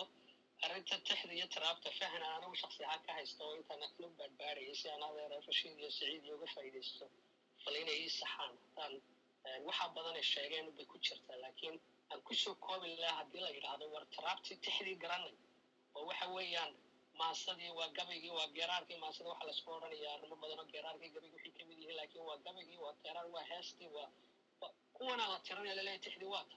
tiraan marka laydhaa maxaan tirayaa? Mar hore su'aal baa jirtay deeqsi laftiisu una weydiyo ahayd. Maxaa shuruudaha lix qodob buu inoo sheegaa darasiin laakiin haddana waxaa imanaysa lixdaa shuruudood lafteedu tixdana way khusaysaa tiraabtana way khusaysaa oo tixdii af soomaaliga u baahan tahay hodanimona waa u baahan hab qomanna waa u baahan tiraabtiina shuruudaha way saamaysaa waa shuruudahaas marka waxaan filayaa in labadaba ay ay waafaqayaan laakiin maxaan ku kala garanayaa oon leeyahay waxaas waa tiraab waxaas waa tixba ayaan isweydiiyey waxaan isiri afar meelood baan ka eegay afar arrimood mid koowaad waxa weeya mahmahaha iyo murtida iyo xalxidhaalaha iyo odhaahaha iyo dhammaan intaas dhan waan isku qaada mid baan isku idhi oo kuwaas tixdana way galaan sidaan filayo tixdana way galaan mahmahadooda labadiba ka tirsantay laakiin tiraabtii baan imanka ka hadlayaa waa hal tiir oo ka mid ah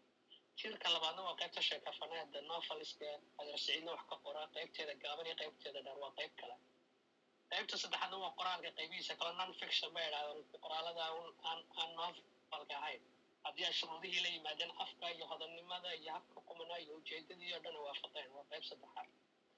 qayb afraad baa jirto iyaduna hadalka laftiisa fagaaraka hadalka oo dee maansada iyo tixda lafteedaba qayb qoran iyo qayb hadala weeya weliba hadalka xoogga la saaraa tirinta ayo qoraalka xoog lama saaro tiraabti laakiin waxaa xooggan moodaa in la saarayo qoraalkii marka hadalkii baad moodaa in inaan xoogga aan inta badan la saarin marka fagaaraka hadalka laftiisii dee waxay u baahan tahay af soomaali ba u baahan tahay ama af afku doona ha noqde hodanima u baahan tahay habquma ba u baahan tahay qawaaniintuu saciid inoo sheegay adeer saciid oo dhan ba u baahanaysa marka qofku hadlayo taa maxaan ku saleeyay marka laba arrimood baan ku saleeyay midka formal midna non formal. inuu wixii rasmi yahay inaan wixii rasmi ahayn oo markan maanta fadhi ku dir la iskaga sheekeysanayo war iska warrama sidee la yimi maxaa siyaasaddii ka warrama dema tiraab baan ku sheegay ila waa hadale tiraabti waa hadal baa layidhi marka waxaa leeyahay waa tiraab waa run oo waa hadal laakiin waa rasmi maaha waa informal laakiin marka wixii habeysaya shuruudihii adeer saciid inoo taxay uu leeyahay markaasuu noqonayaa tiraab marka formal marka labadiiba waa tiraab waa hadal laakiin midna waa formal waa rasmi midna rasmi maaha marka intaasaa bal waa fahna anigu aan istusay uun kala soo dhex baxay u sharaxay adii adeer saciid intaasa ku soo koobay aad mahadsantiin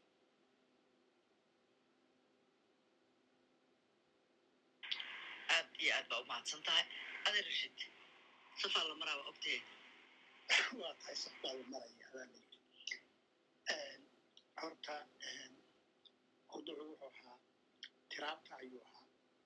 daban haddii tiraab la yidhi tixina hadalka way soo gelaysaa way naga taraaraxayo waa inagii muxuu ahaye qabiil iyo qabyaalad waxoogaa ku yaraa muxuu ahaa eexanay ka soo noqonay mawduucana maraba waxa weeye waa tiraabta anigu waxba kale ka odhan maayo waxa weeye horta marka ugu horeysa waxa oo dhan waa wada afka afkan laga hadlayo. Ayuu gidi wada hoos imanaya haddaad u fiirsato ereyga ah tix wuxuu tilmaamayaa maanso waa hadal soohan dhisan jaandhac buu leeyahay. Wuxuu leeyahay xanfaac buu leeyahay. Wuxuu leeyahay oo ku jira gudihiisa ku jira oo dhegtu had iyo jeeraale ay haleeshaa music. Waxa weye waa hadal isu dhigma miisaan buu isugu dhigmaa waa shakligiisa guud weeye gudihiisa bulucda markaad u tagtana waxa weeye waa murti iyo af soomaali culus iyo humaadiyo iyo sarbeebo iyo akeeyayaal ku tusinaya muxuu ahaaye hadalka in si dadban macnaha in si dadban loo yidhaahdo in hadalka ujeedada in meel looga soo wareego oo si duurxula qofka loo soo gaadhsiiyo markaad haddaba miisaanka ka saarto iyo intan aan kuu sheegay shuruudan miisaanka iyo tandhac iyo ku hordha markaad ka saarto tiraabtu markeed hore ereyga tiraab laftiisu wax uu ka soo jeedaa adoontiisu af soomaaliga asalkiisa markaad ugu noqoto. Waxa uu u dhigmaa dhawaaqid erey micnadahooda macnadahooda ilaa haddaan idhahdo baa aan idhahdo hadal maaha. Laakiin waa hadal. Ku dhawaaqidda hadalka ayaa tiraabay odhan jiray. Reerku markuu guurayo reermihii soomaalidu marka uu reerku yidhahdo caawa aynu guurno. Waa la seexanayaa soo maaha goorta la kacayo ee la rarayo awrta waa inay cidi ku dhawaaqdaa qortoosay odhan waxay odhan jireen hebelow reerku ku tirow ku tirow ku tirow waxay ka wadan ugu dhawaaq in la kaco oo awrta la raro ereyga tiraabta halku ka yimi asalkiisa hore waa halkaa waxa weeye ana carabu carabtu tirahda laf dhawaaqida ku dhawaaqida ereyga so micnaha hadal iyo tiraab waa is yeelanaya waa hadalka micnihiisu wuxuu ahaa waxaad maqashay ood fahantay. Waxa weeye markan ay ereygan tiraabeen markana uu erey bixin gaara noqonaya waxa weeye waa markii ay suugaan soo gashay. Halkan markaa uu kaalay suugaantu iyaguna waxay waa jinsi guud waxaa ku jira suugaanta dixdii baa ku jirta amaadii baa ku jirta. Hadal kasta oo inkastoonu miisaan iyo muusig lahayn dhisan oo isaga laftiisu humaagyari laftiisu sarbeeba leh ayaa noqonaya muxuahay sugaan buu noqonaya marka horta tiraabtu waa waxweye waa qayb sugaanta ka mid a insaalqaada sugaanta ayay ka mid tahay tiraabtu maxay hadalkan kale aynu maalin walba ku hadlayno ee hadda uu ibraahim xusayey maxay kaga duwan tahay marka ay sugaan noqoto bay ka duwan tahay marka kale kama duwana hadda waan hadlayaa. Hadalkaan ku hadlaya waa tiraab weeye anigaygana markaan idinla hadlayo hadalkaan waa tiraabaysaa? Waa tira waan tiraabaya waan hadlaya laakiin waxay sugaan noqonaysaa marka ay dhisme ah artistic aan idhaahdo fan dhismo qurxoon hu buu leeyahay? Wuxuu huwan yahay qurux buu huwan yahay. Waxa uu leeyahay luqad culus iyo ereyo iyo sarbeebo iyo duurxul buu leeyahay. Markaas ayuu noqonayaa sugaan meel kaluu haddana tiraabtu gelaysaa oo iyadana werigii ku darsada xisaabta. Tiraabtu daraasada cilmiga ah ee iyadu aan waxaanaynu sheegayna iyo humaagidan iyo waxaan oo dhan aan lahayn ee iyadu xaqiiqada toosa si toosa ugu tegaysa ee ereyada isticmaalaysaana ereyadii oo xadidan oo weliba xisaabaad ku jiraan ha waa tira markaan maqaal qorayo masalan buug baan qoray soo qaadba muxuu ahay buuggan muxuu ahay aan hadda la soo qaad qaaday dhowr jeere qaran iyo qabiil iyo laba aan isqaban luqadaan isticmaalayaa maha luqa sugaaneed maha af sugaaneed isticmaali maayo. Waxaan isticmaalayaa afka uu ku hadli lahaa nin cilmi baadi sameeyey oo manhaj ama majare majare sociologicala isticmaalaya kaa adeegsanaya oo xaqiiqada inta halkeeda ugu tago iyadoo sideedii ereygii sidiisi isaga oo aanu wax alla waxuwa uu hubiyey iyo wax walba hawa uu saaray aanu jirin ayaa halkan ku soo qoraya stil waa tiraab laakiin sugaan maha marka had iyo jeer markaynu ka hadlayno sheekooyinka iyo masraxa iyo maxaanku dhahay naqdiga iyo maqaaladaha kane qoraalada tan sugaanaysan ee qaabka tiraabta leh markaas waxa weye waa inaynu ereyga sugaan raacinaa haddaynu tiraab si guud iska nidhaahno waxay naga noqonaysaa dee wax waliba way soo hoosgelayaan hadalkaa muxuu ahay sidii hadda sheegayey raisuu sheegayey ee uu lahaa suuqa. Marka lagu sheekaysanayo fadhiga dumarka. Isaguba waa tiraab wey wa isagoo tiraabtuu soo gelaya laakiin maha tiraab sugaaneed maha wuxuu ka baxsan yahay xeradii sugaanta ayuu dabadda ka yahay maxay marka sumadan leedahay maxay marka sumadan leedahay lagu garan karayo tiraabta sugaanaysa haba ku haba ku in alla intii uu sidii sheegay uu tixda ku tilmaamayay hadda sidii hadda madu kuma qofkii markii dhaweyta ka hadlaye lixdii qodob sheegay badankooda tiraabtu way leedahay. Way leedahay. Waxa quru aanay lahayn waxa weye waa miisaanka. Iyo habdhaca ama jaandhaca iyo xaraf raaca kuwan ma laha. Laakiin inta kale oo dhan way yeelan kartaa way yeelan kartaa. Waayo mar hadday mar hadduu fan meesha soo galo qofkan qoraagihi gudihiisa mashaacirtiisa dareemadiisa waxa gudihiisa gudihiisa ka hugmaya ayuu doonaya inuu dabadda kugu soo saaro oo ku siiyo waxa uu dareemay buu kuu sheegaya waxa uu dareemaya uu kuu sheegay siduu kugu sheegi karaa. Wuxuu kugu sheegi karaa markaa inuu ereyo xoog leh oo mug weyn oo macnayaal fara badan xambaarsan inuu kugu siiyo. Masalan waxaa laga mar dhowta la isweydiinayay dareenka gudeed. Qofka gudihiisa waxaa ku jira. Luqada soomaalidu eryo fara badan bay u leedahay runtii markaad eegto xaggeeda iyo xaggeeda xaggeeda dhibta iyo xaggeeda wanaagsan hadday tahay farxad iyo rayrayn iyo ereyo dhinacaa u jejeera baa jira qofka magaranaysa wuxuu dareemayo gudihiisa ku jira xagga kale hadday tahay werwer iyo walbahaan iyo calooliyo iyo ereyo fara badan oo noocaasa baa jira iyaguna oo tilmaamayo murugada iyo qofka kale waxa uu dareemayo haddaad xagga jaceelka iyo boholyooga iyo maaragtay badan yihiin erya fara badan oo halkaa ku jiro qofka gudihiisa laga hadlo ayaa jira laakiin waxa suuragal ah qoraal la'aanta afku wax badan bay lumisaa runtii muddo dheer buu afku qoraal la'aa ereyo fara badan baa way suulaan oo ilowshiyaa ku dhaco waa la ilaaba marka aad loo isticmaali waayo dana ayay ka baxaan luqada ka baxaan laakiin marka hadalku qoraal noq galo ayay adeeyadu kayd ay kaydsamaan oo kayd jira ay noqdaan qofku marka uu taariikh dheer oo qoraala masala luqadan carabiga markaad u fiirsato markaad u fiirsato ilaa kitaabka qur'aanka ah iyo axaadiista nebiga iyo iyo casuurtii amawiyiinta iyo casuurtii casriyadii khulafaadii cabaasiyiinta iyo qoraaladii iyo cilmibaaristii la sameeyey iyo luqadii la keydiyey iyo wixii lagu qoray iyo aqoontii kala duwaneyda la qoray ee kutubta gashay ayaa afka badbaadisay oo maanta halku jooga soo gaadhsiisay lakiin haddii inay taasi jiri lahayn intaasoo dham haddii aanay jiri lahayn afsomali wuu suuli lahaa waajadaha iminka dowladaha carabta ku hadlaan ay suuqa kaga hadlaan baa luqad ayaa noqon lahaa luqado kala duwan oo ay dowladiyo umada kala leeyihiin bay noqon lahayn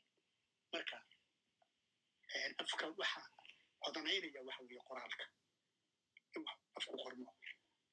arrinka iminka anigu masalan aan aad u tegayo aan dhallinyaradana ku baraarujinaya waxa weeye gabayadii dadkii raggii hore gabayadoodii raggii hore raaga ogaas iyo cali nuux iyo dadkii aynigaa ahaa iyo salaan arabe iyo cabdigahayr iyo saahir kamaam iyo iyo xagga kan koonfurtana muxuu ahaye gabi ninka la oran jiray baa lai sheegay in suugaan fara badan halkaa inay ku jirto way jiraan suugaan fara badan ba xaggan xaggan taala weliba muxuu ahaye gobolka banaadir ilaa dhinac bay dhaba tag sugaantii jiri jirtay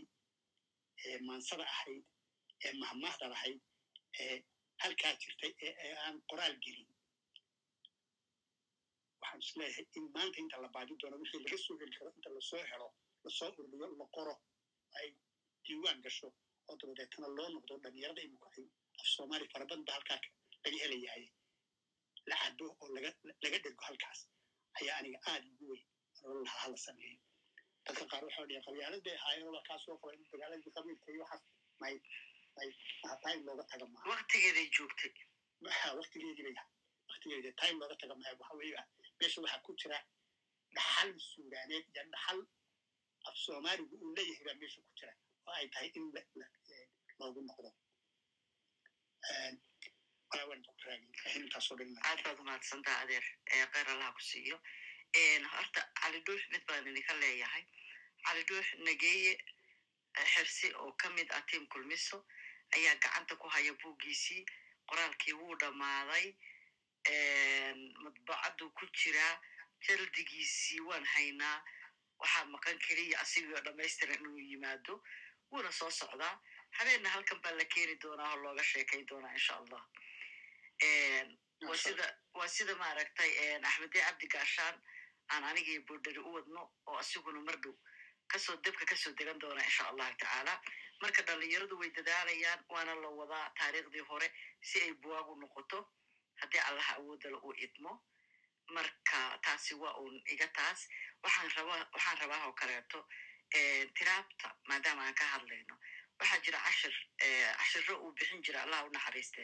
Maxamed xaashi damac gaariye oo tiraabta su u sharaxo dadka bini aadamku siday wax u fahmaan ama ay wax u dareemaan. Dareemaha markuu ka hadlayo uu shanta dareemo asigoo duul istaagaya asoo tiraabtii ku hadlaya buu tixdii kaga tusayey dareemahaas halkay u gelayso. Gabay walba ama maanso walba halka ay soo marayso. Shantaa dareemana cuskankooda uu yahay maqalka aragga urta dhedhanka iyo taabashada. Gabayada haddaad dhegaysataan maansooyinka mid walbo ama urtay kuu soo mari ama taabashaday kuu soo mari ama dhedhankay kuu soo mari ama wixii oo dhan bay kuu soo mari. Adigiiba marka mid qayb waad dhedhansanaysaa qayb waad maqalaysaa qayb waad arkaysaa sawirkii baa kaa hor muuqanaya. Sidii roobkii markii la tilmaamayo maaragtay roob saxan saxadiis ay ka hadlayso oo adigoo roobna una da'aynin sawirkii ku hor imaanaya maaragta marka farshaxan weyn baa ku jira haddii afka aad barato runtii. Waan ka sii soconaynaa soo dhawow diini insha allah waa soo gagaabsanaynaa bismillahi ma dheeraynayo. Anigu horta tixii tiraab sida gaarkaan u danaynayo waxay ahayd muddo hore ayaa hawshan igu dambaysay oo a iga kala go'day taqriiban shan iyo labaatan sano ka hore ay igu dambaysay aadan u xiisiinayay koox kaloon hadda ka tirsanahana ma jirto dadka ardada wax baranayo maaragtay wixii horeo iga lumay inaan soo ceshto wax cusubna bartaan ka mid ahay si gaara inaad maaragtay tiimka igu soo dartana waan kaaga mahadcelinaya alul odayaasha qaaliga ah ee meesha ku jira iyo asxaabta kale iyo waa u mahadcelinaya intaasaan aan caawa ku dhaafaya aada umahadsantaa dini waana kugu soo dhaweynaya welcome team kulmiso team kulmiso saan un buu ku dhismay midba maaragta annaga intii istaqiinay way istaqiinay inta kalena saas un bay ku dhisantay marka kheyr allaha ku siiyo tobigyana waxaa iman doona inna arday baa tahay inna adaa macalinkii ah tobig marba meel buu gelayaa moogta mawduucyadu way badan yihiin marka insha allah waan isla wadi. Deeq soo dhawow deeqsi maahaya deeqaan dhahay. Okay. Thank you so much. Lul aad baan kaaga mahad celinaya fursadda ay siisay anigu weli arday baan iska hayo de meel ay reer saciid iyo rashiid iyo ibrahim iyo mubaarak iyo adiga aad fadhiisiin de maxaa ii sheegday waxaan ka irahda ma garanayo. Waxaan rabay hal mar keliya maadaama dee aad rashiid iyo ayr saciid joogeen ardayna waxaa lagu yaqaanaa waa waa su'aal wuxuu dhegeysto wax ka soo celiyaa. Anugu qaybaha su'aalaha aad ugu badanahay haddaad fursad su'aashaas adeer weydiinaysaa asigaa safka gadaashaada jira. Gadaal loo noqon maayo. Waa gabagabadii baa joognaa okay aniga inta badan su'aal waaye marka waxaan rabay inaan weydiiyo adeer saciid maadaama uu yahay qoraal rug caddaa ah wax badan u soo joogay. Sugaantayna aad u yaqaana iyo tiraabna caawa iyo beryi hor dhan laga soo hadlay. Maantana waaqica iyo waktiga la jooga aad moodid in tiraabtu ay u baahan tahay in la hormariyo. Aad iyo aad loo hormariyo. Tiraabtu meelo badan ay taabato. Adduunku maanta isbeddel digital isku bedelay anigu nin walba xelan caafimaadkiisa ka hadlaa iyo iyo meeshuu isagu ka boko horbugtay anigu marka dhinaca u badanahay dhinaca ayaan ka hadlayaa waa dhinaca tiraabti in la hormariyo oo aflaan loo bedelo oo maxaa la ii sheeg. Dhinacaas baan ka soo gelaya marka. Marka bal adiga ku wata ee waxaa jiro maadaama barnaamijka hore u soo socdo dad kaloo fikirkaas qabay oo soo jeediyey riwaayadihii tiyaatarka lagu dhigi jiray. Say u dhan yihiin taariikhdii dad hayaa weli nool eh. Haddeertaan ha laga dhigo masraxiyad oo filimaha laga sameeyo. Dhalinta cusubna ha loo dhiibo. Marka ku soco su'aashaada masha allah thank so much. Adeerticido marka su'aasha raba inaan ku weydiyo waxa waaye adduunkan agtiya heerka uu gaarayo heerka uu marayo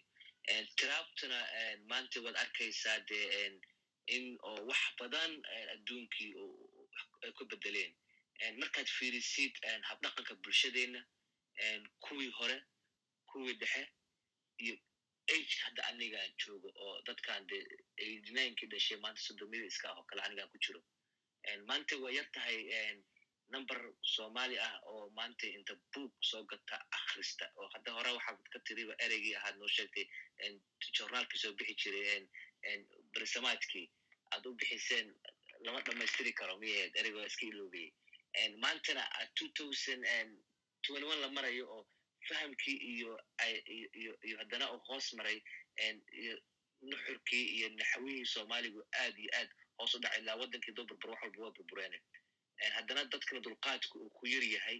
in maanta inta buug la soo gato ama ruux soomaaliya laba safxo oo akriyo oo dhammaystira inta meel u fariisto ay yar tahay. Maanta technologygan telefonadan iyo boqol iyo konton program iyo instagram iyo wax ay soo baxeen. Ma isleedahay maantay tiraabtu waxay u baahan tahay waktigeedii in maantay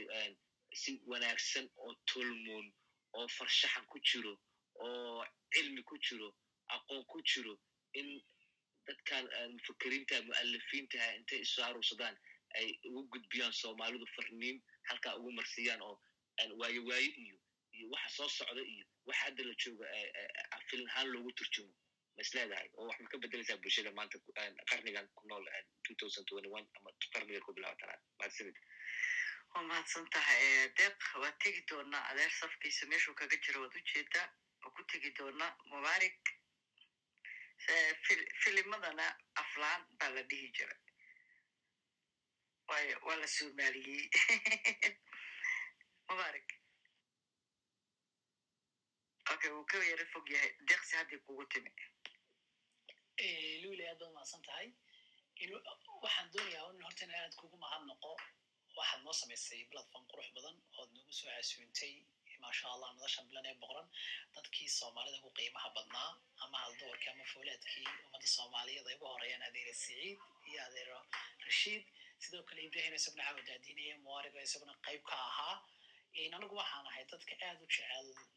inay wax bartaan ay biirsadaan mar walba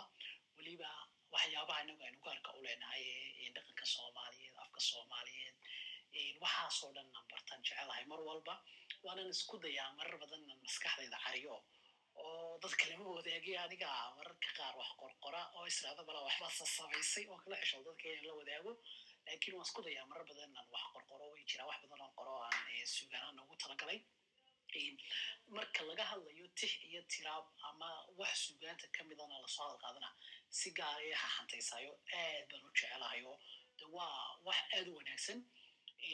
waxaa maragma doonta ah in ummadda kasta jiritaankeeda uu ku xidhanya maaragtay siday u xanaanayso una koriso ama u horumarisa dhaqankeeda iyo afkeeda. Taasna waa muhiim inaan mar walba horumarna dhaqankeena iyo afkeena aynan aad u xoojino maaragtay waxyaabaha sii xoojinaya ee dhaqankeena iyo afkeena nagu sii dhaweynaya ama na sii jeclaysiinaya. Marar badan waxaad moodaa in aad looga cabanayo oo la dhahdo afka soomaalida ama uu sii dabargo-aya ama afkii wanaagsanaya hore laguma hadlayo. Taasna waxaa keenaysa dadkii aad uga jeedsaday afkii iyo barashadiisii iyo dhaqankiisii oo afafka qalaadi kale. Inkastoo ay fiican tahay in afafka qalaadna dala barto afkeenna uu soo geliya af qalaadi. Haddana waa muhiim inaan afkeenna ku sii dheganaano. Su'aalo badan nayo maadaama tixi tiraabka lahayd habeenka tixdan insha allah dhigan doonaa. Laakiin waxaan doonaya inaan ku mahadnaqo insha allahu tacaala ilaahayna dhammaanteen maaragtay cilmiga caqliga cibaadada inoo barakeeyo iyo caafimaadkaba. Sidoo kale balaayada iyo baaska iyo balamalka iyo behoofkana baasheena mariyo insha allahu tacaala bogeena burcadis ku mariyo. Hamiga iyo hiigsa iyo horumarka ilaahay hareerteena dhigo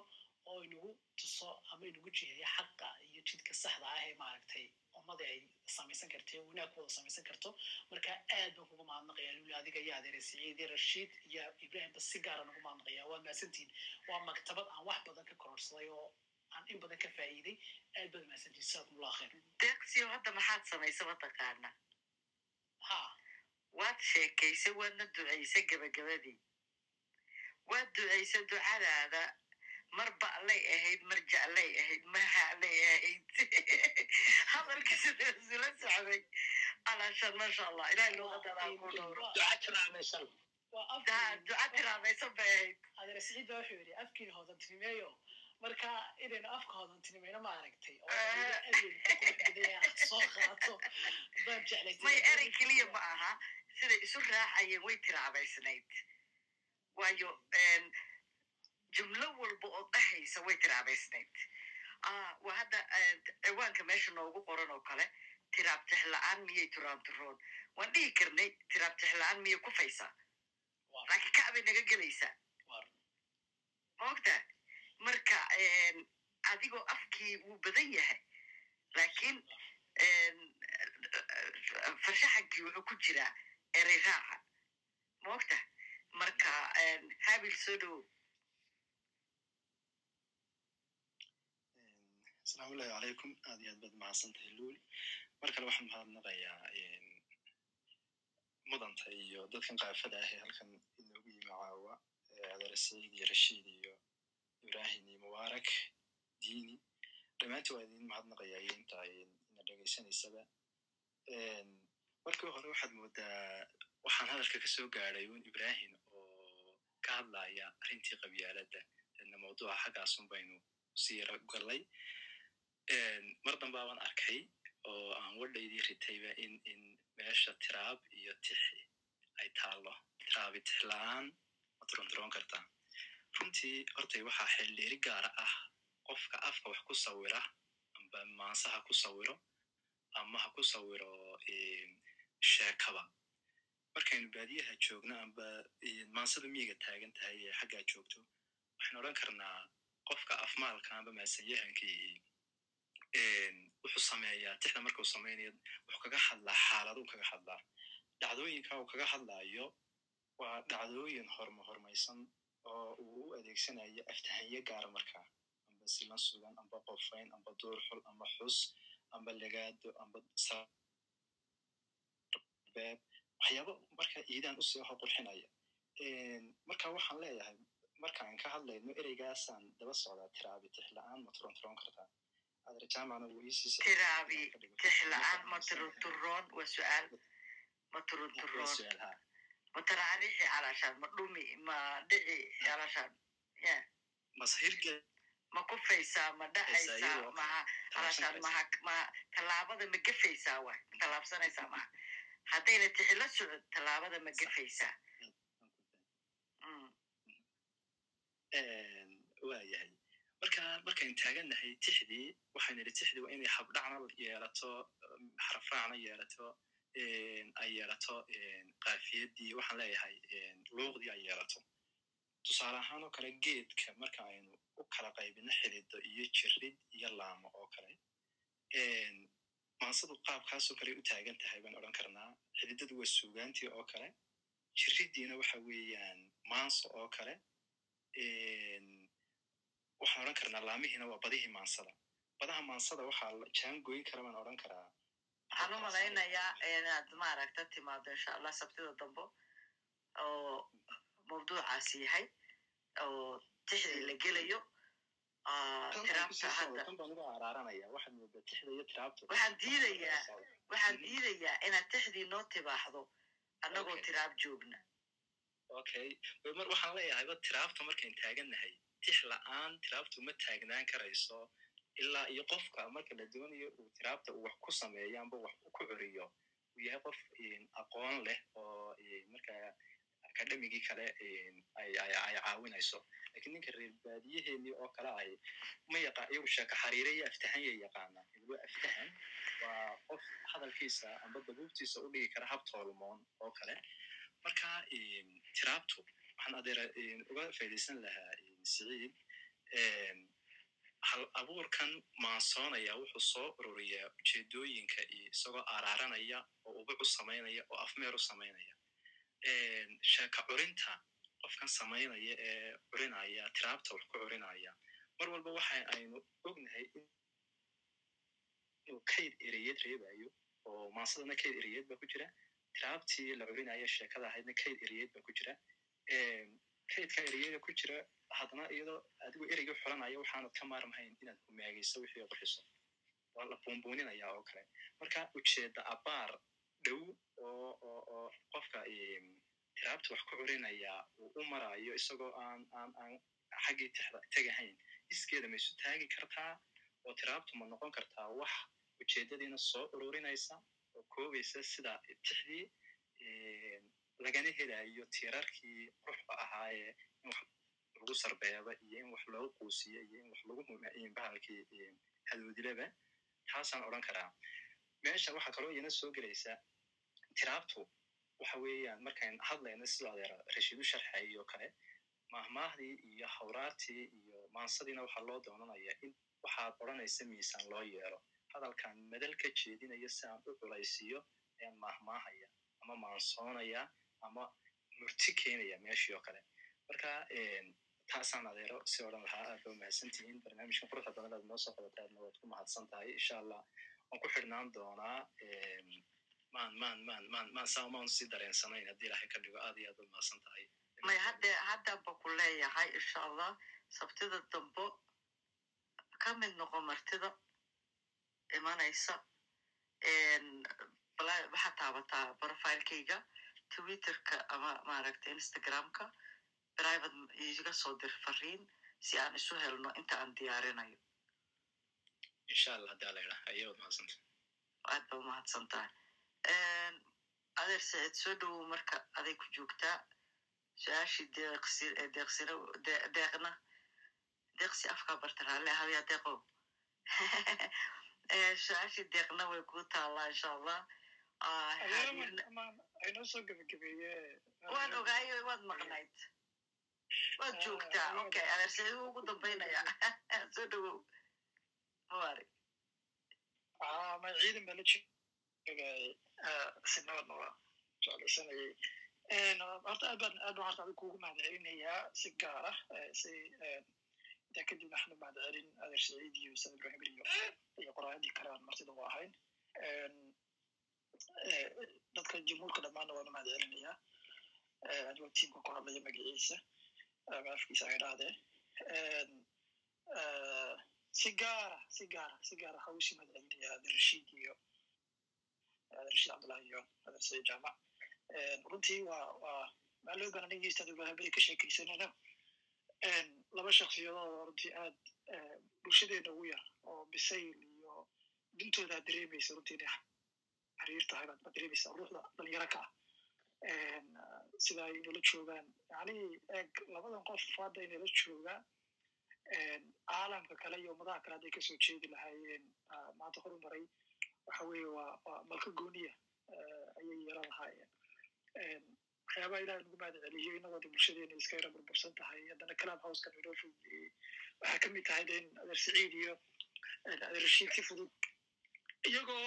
ka fekeraya bulshadoodii bulshadan kala daadsanaya rafaadsanaya u baahan maaragtay dhan walba ka burburay bal afkoodii iyo dhaqankoodii iyo bal haloo ilaaliyo iyo aashahoodii waxay baadi socda u ahayd inay adinala joogaan marka crab houseka waxyaabuu dee ilahay nagu fudeeya ka mid tahay in si fudud aan ku heli karayno adeer saciid iyo iyo rashiid laakiin runtii waa waa waa dadaan la heli karayn haddaan la heli karayn waa hanti qaran ilaah subxana watacaala cimriga u barakeeyo caafimaad ha siiyo in laga faa'iidaysana runtii aad baan ugu dhiiragelin lahaa buwaagtooda weliba la akristo adna si gaaran kugu mahadcelin aadna waa ugu mahadcelin dhamaan ahdan dhegeysanaysa adig adig adinkaa mudan dhammaantiin sababtoo ah far kaligeed fool ma dhaqdaa la yiri waa kulmise mashiinkeeda wuxuu ku wareegayaa wada tihiin ilaa haddeertan waxaan ku dhownahay sodomeeyo marka kheyr allaha idin siiyo adeer saciid waxaan rabaa inaan idiin sheego. Adeer saciid buuggiisa ma inagii unba buugga la yiraahdo. Wuu hibeeyey wuu ii dhiibay asigoo b d f ah. Wuxuanan gelin doonaa kulmiso. Si qof walba u baahata ay kulmiso u tagto ugana akrisan karto insha allahu tacaala. Beryahana soo hayo ayaan gelinayaa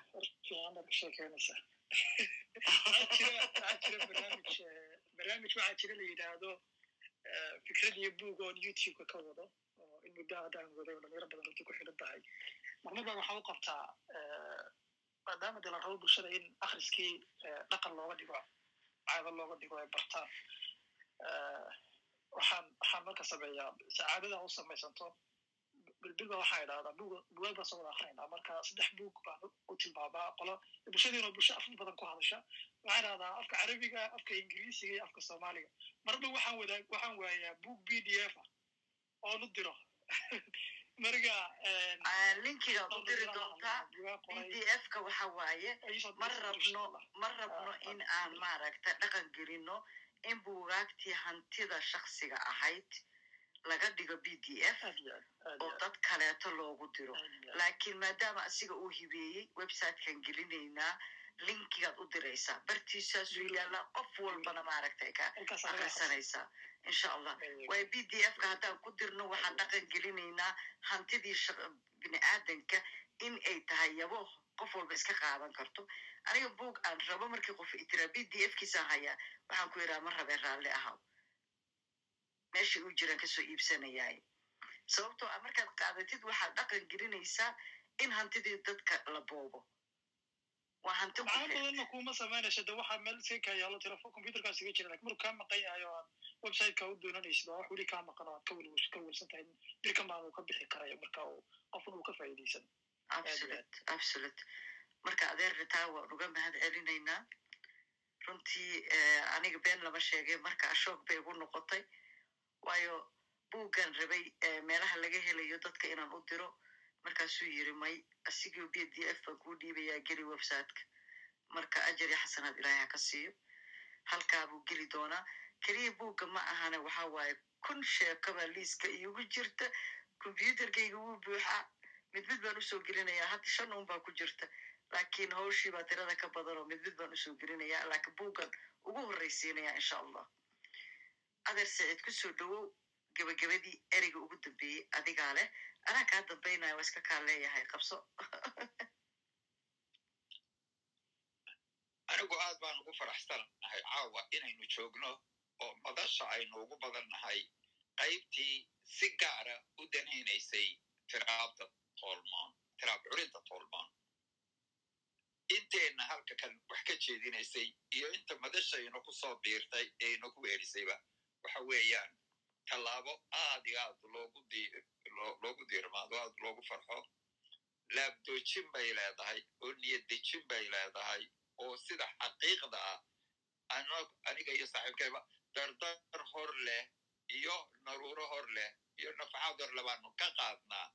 oo da'da aa sheegaysaan iyo culayskaan haysto oo dhan ka qayb qaadashada iyo ku dhex jirka iyo wax ka geysadka aanu idinka idinla noolahay ayaa lafteeda annaka annaka nolol cusub oo hor le nagu beera waad ka garan kartaan kolkaa dardarta aanu la nimaadno iyo mar walba inaynu isu aragno inaanu dad noloshii ifka iyo xilliga la jooga la jaan qaadayna nahay kolkaa aad iyo aad baan ugu faraxsanahay munaasabadeena tan wanaagsan iyo caawadeenna tan gaarka ah deeq intiisii haddaan ku yaro horreeyo oo aanan kolkaa ku dheeraanaynin waxaanuun u sheegayaa maalintii afka la qoray ee xuruufta loo sameeyey ilaa maanta tan aynu ka joogno oo da'deedu aanay dhowr iyo afartan aanay kontonkii sano weli gaadhin oo waktigaasina uu waktiga ummadaha yahay wakti gaaban gaaban gaaban oo yar marka aad berber dhigtid ama marka aynu berber dhigno inta inoo qabsoontay iyo xaaladaha aynu soo marray qallafsanaantooda adeegooda dhibaatadooda turxaamahooda caqabadahooda ina wada hakinayay iyo ina curyaaminayay misna marka aad u eegtid inaha inoo qabsoomay iyo heerka maanta aynu marayno intaynan fiidkan wada joogta iyo intayna ka maqan qoraalada la sameeye maqaalaadka lagu qoray qoraalada la sameeye sheekooyinka lagu qoray qoraalada la sameeye bugaga laga dejiyey ee intan joogta iyo inta dibadda joogta iyo inta gudaha joogtaba marka laysu geeyo innaka keliya maaha ee adduunka waxgaradkaahi wuxuu isaga mara kacaa inanay weli jirin ummad sideenaas oo kale tabaalahaas iyo dhibaatooyinkaas ugu soo ku soo dhex maray oo isla markiina awooday inay adkaystaan inay ka liglignaadaan inanay ka hadhin ee mar walba afkoodii waxtarkiisii iyo kordhintiisii iyo kobcintiisii wax badan wayna ka maqan yihiin wax badan wayna ka lunsan yihiin oo aynu weli oyna ka dayacsan yihiin aynu xaggeena ka soo qabsanayno wax badan aynu kororsan karaynana waa jiraa kolkaa ereygaan kaga baxaya ee teenaa su'aasha kaga jawaabaya waxa weeyaan waa la doogaya aan la dacaroon taas waxay iga tahay su'aashaadaas su'aasha deeq waan filaya in dad badan oo kalena ay la qabeen unbaan intaas fudud kaga baxaya. Ta aan u gudbaya waxa weeyaan aad baan ugu mahadinayaa rashiid iyo ibrahim mid ay sameeyaan oo ahayd halkaynu ugu noqon noqon lahaynen tiraabta iyo tixdu maxay kala yihiin siday kala yihiin maxay u kala baxaan maxay wadaaga ayaa la isugu tegay oo maa maaragtay mubaaragna uu kaga qayb qaatay. Sheegista ma garatay. Siday u kala siday waxay ku kala duwan yihiin iyo waxay wadaagaan kolkaa taa halkaasaan kaga hadhaya waxa iigu dambeeya waxa weeyaan anigu maadaama aan isu haysto inaan ahaa dadkii ugu horreeyey ee soo jeediyey in lagu tahambaabo in tiraab curinta toolmoon lagu jeedin karo qurxoon af suuban af dhilan af la xiisayn karo la dhadhansan karo la macaansan karo soo jiidasha yeelan kara oo tiraab curin lagu leeyey waa xagga weeyaan waa qaabka iyo habka iyo weeyaan markaa sidaa u dhigayo marka kalena waxa weeyaan oo maxay sameeya oo guta xilka laga rabo xilka laga rabo waa maxay barbaarinta carruurta iyo barbaarinta ubadka waa maxay xilka laga rabaa? Wacyigelinta bulshada. Oo maxay ku fadhiya oo maxay looga danleeyahay maxay looga golleeyahay oo looga golleeyahay dhibaatooyinka bulshada la kulanta. Ummadda sidii loogu bandhigi lahaa oo cid waliba maadaama ay u adeegsanayso qalabkeeda iyo salabkeeda tiraab curinta toolmoonina ay adeegsato aaladeeda ay haysato iyadoo dhibaatooyinka iyo cidda keenaysa iyo cawaaqib xumida magaratay laga dheefayoba soo bandhigayso soo qaawinayso qaadan sida adduunka kaleba u yeelo iyadoo islamarkaana himilada dadkeena ku jirta iyo yuhuuntiisa iyo rabitaanka iyo yoolkay doonayaan iyo rajadooda iyo iftiiminteeda iyo qurxinteeda iyo ifinteeda iyo saadaasha xitaa mustaqbalka siduu yahay. Iyadoo loo adeegsanayo mala awaanka waa sheekadaa gaaban waa riwaayadda iyo novelska iyadoo ay taasi ku qalab tahay.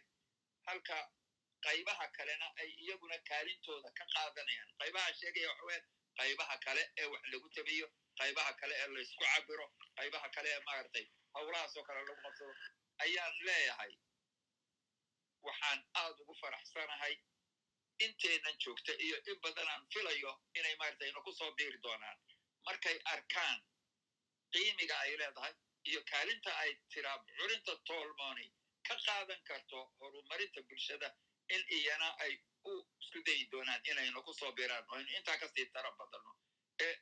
mid qofkeen walibana ha isku dayo intuu wax gaadhsiin karo inuu gaadhsiiyo si tiradeenna iyo tayigeennuba uu intii uga bato xilkeennii aynu gudanaynana intii uu ka midha bato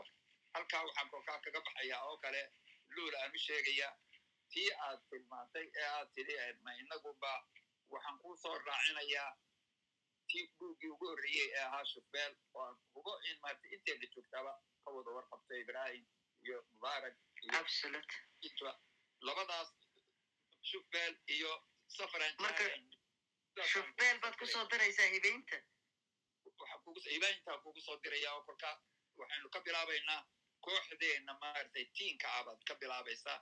Iyagaa kolka u xil saaran iyana ciddii kale ay u arkaan inay ehel u yihiin inay gudbiyaan si mar walba websitekan gelinaya laakiin mas'uuliyadda qaybintay qaadanayaan anigu waxaan ku kalsoonahay tiinkeenna waan ku kalsoonahay dad waxay tahay intii ugu habboon oo dhan aynu gaadhsiin karno inaynu gaadhsiino insha allah waxa waxaanu aaminsannahay annagu markaanu qorayna iyo markii la daabacayo iyo waxeediiba qorista iyo waxeedaa mooyaane kharash aanu gelinana ma jirto waxaanu ka daba joognaa aanu doonaynaa inay nooga soo noqdaanna ma jirto wax naga soo gaadha iminkana ma jirto kolka intaa aan hayo iyo sida aan u hayo iyo kuwii kale anu heli karo oo dhanba waxaan la kaas waxaan waxaan la qaybsanayaa oo la wadaagayaa tiimkeenaan la wadaagayaa si aynu u gaadhsiino intaynu gaadhsiin karno oo dhan waxaan kolkaa leeyahay midkeenba kaalintiisaas kolkaa hayna ka tiiriyo. Aad baana u mahadsan tihiin allah ibaarik fikum aad iyo aad baa umahadsantahay jasaakum allahu khayr. Adeer anigana iga dabagey makaagana walow aanan hubin publisherka buugga qarniyo qabiil muxuu ka yeeli doono laakiin kolley imika waxaan ku sii qadamaya haddaad soo helayso buugga la yidhaahdo adduuniya taladi waxibaysan yahay ku dar masha allahu tacaala okay yaboh yaboh caawa hurdada rabtiinna iga qaataan masha allahu tacaala insha allah ilaahay ha ku barakeeyo saciido hadalkaa iga dhumay raalli ahaada adeer saciido waxaan rabaa xasuus yar inaan kuga celiyo laba kun iyo sideed iyo tobankii markii aan joogno hotelkii london. Ma xasuusataa magac magac adigu aad isu bixisay midaad ii bixisay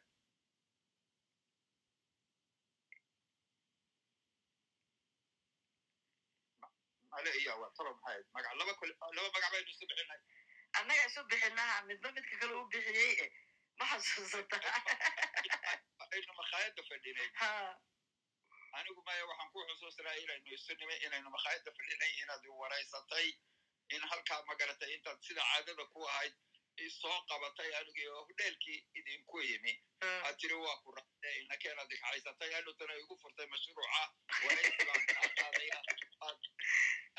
taytalo aanan lahayn iyo derajooyin aanan ahayn aad igu sheegtay oo dadkii ku tiri waraysanaya boqorka sheekooyinka gaaban aan ku yidhi boqorkaaba ha badhaadhe bal horta dadkaan si roon isu barano intaan boqortooyoba la gaadhin horta waraysigaasi wuu duuban yahay kulmisuu ku jiraa berigaa buu galay haddana waad ka helaysaan markii uu bilaabay qoraaladiisa inay kulmiso ku soo biiraan ayaan ka bixiya qaybtii kale oo geeya qaybtiisa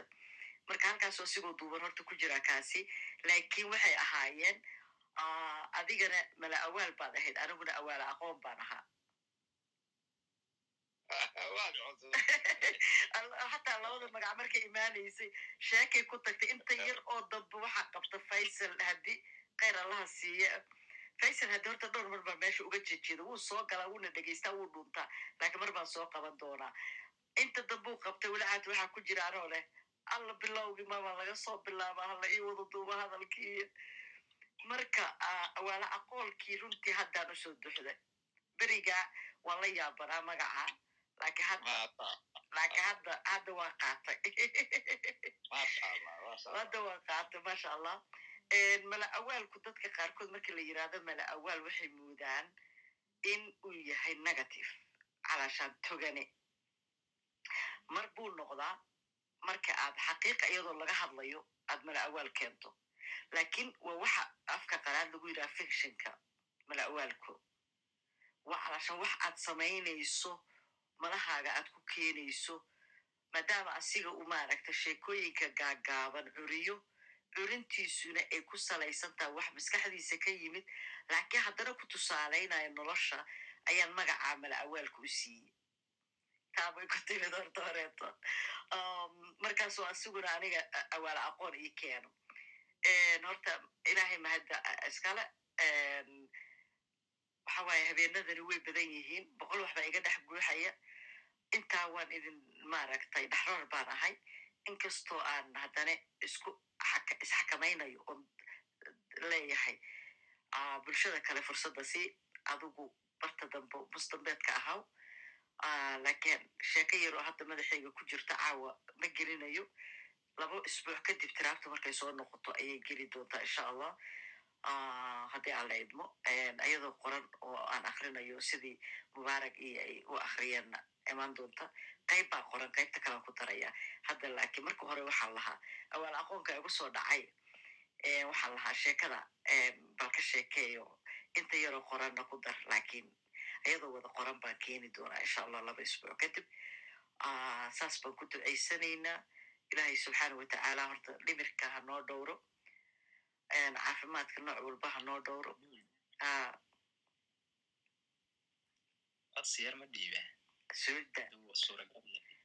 ha waxaan rajayn lahaa labada adeerba aad bay mahadsan yihiin oo waxaa xiiso kale oo mudan isna ah maadaamay u soo taagnaayeen hal abuur ay saaxiibaba ahaayeen yamba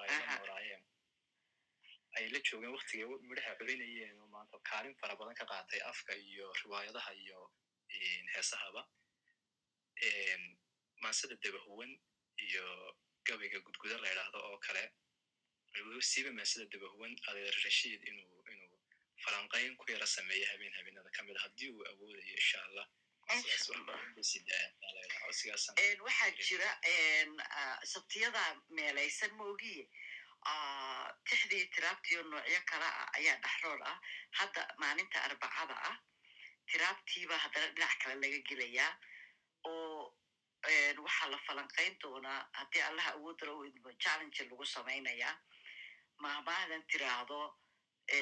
keligeed ma aha laakiin waxaa la soo bandhigayaa inta mahmah oo beeninaysa mahmahdan mahmahda tiraahda soomaali been ma way sheegtaa ee been kuma mahmahdo ba waxaan rabnaa inaan keenno inta mahmah ee tiraabta ku jirta ee haddana been ah. Si dadku u arkaan inay beentana mahmahaan waa maran hamaamintay ka mid tahay. Annagoo soo barbar dhigayna inta wanaagsan ee tiraabta ah ee halhayska ah ee mahmahda ah ee u baahan in kaydka muska dambe ay galaan ee weligood ayna dhumin. Laakiin kuwa loo baahaya qashinka in lagu darana laga dhex saaro. Haddii alla idmo waa arbacada habeenkeeda iyo isla saac ahdoo kale markaan bilownay ah afar saac markay aniga ii tahay adi soomaaliya shan saacay u tahay habeennimo ama kow iyo tobanka habeennimo qofba se u taqaano.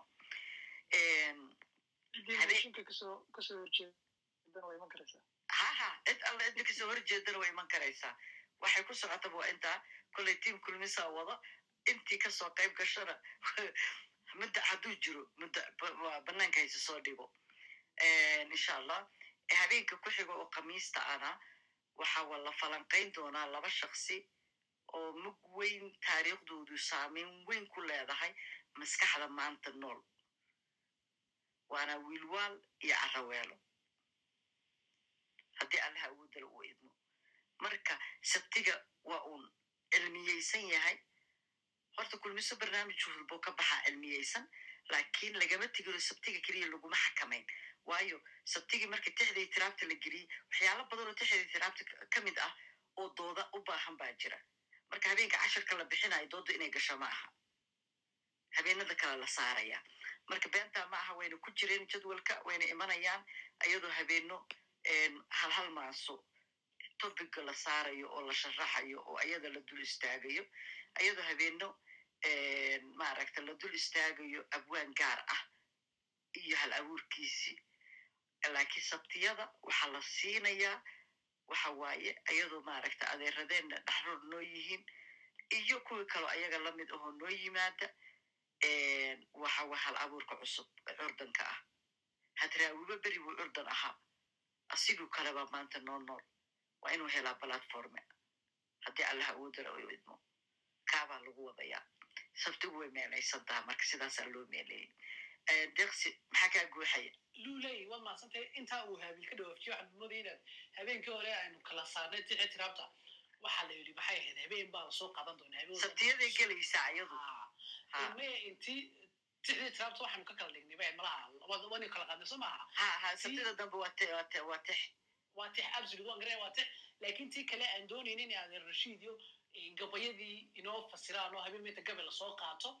la falanqeeyo gabiga maaragtay la gorfeeyo su'aal layska weydiyo eryo badan oo ku jirana lanoo sharaxo ban ayaan doonaya idina til u samaysa habeen de haddii waxa mataqaanaa dhaxroor uun bay ahanayaan haddii aan habeen walbo hal wax saarno waxa meesha ka baxaya wixii kaloo nolosha ahaayo dhan marka barnaamijyada kuwa meelaysan iyo kuwa dhaxroor ay ahaanayaan. Tix iyo tiraab waa meelaysan yihiin barnaamijka qoyska waa meelaysan yaha waa isniinta. Haddeertaa isniinta wax kalaan u isticmaalaynaa laakiin ramadaankaa sida ka dhiga moogta waxaa dhaxroor ah oo barnaamijyo waaweyn ah ayaga naftirkooda hagardaamada haybsooca oo iyada naftirkeeda hadda isniinta insha allahu tacaala sumu buu noqon doonaa isniintan waxaa iman doona boqor axmed ugaas imaan oo maaragtay waxaana wehlin doona adeer rashiid garweyne. Adeer rashiid dad badan asiga ma garanayaan lakiin haddana way garanayaanoo hadraawi gabay maansooyinkiisi intii taqaana. Rashiid way yaqaanaan garweyne laakiin inuu kan yahay hadda caawa halka jooga ma garanayaan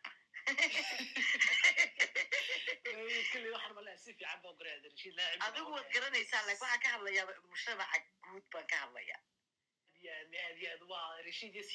ninoo marka hadraawi la xasuustaba ama la soo hadqadaniyo maanka ay ku soo dhacaan markan hadraawi siciid tii cadan iyo xabad keentaydii heestii suluekhay waxaasa maanka ay ku soo dhacda. Rashiidna waxaa ku soo dhacda maankayga sifadii rashiid ilaahay ha u dheereeye. Marka waa laba saara kula hadlaya ha waa laba qof oo qaali ilaahay barakee insha allah tacaala. Masha allah ibrahim markaad mayga arko anuu gabagabayra waxaas leeyahay qofka waxbaa ka guuxaya. Haye ibrahim. Wax cusubigama guuxayaan wuxunbaa raboon inaan qodobkan unbaa raboon inaan sii adkeeya maadaamaad sheegtay inay dhexraab noqonayaan. Sooyinkaada dul istaagaya.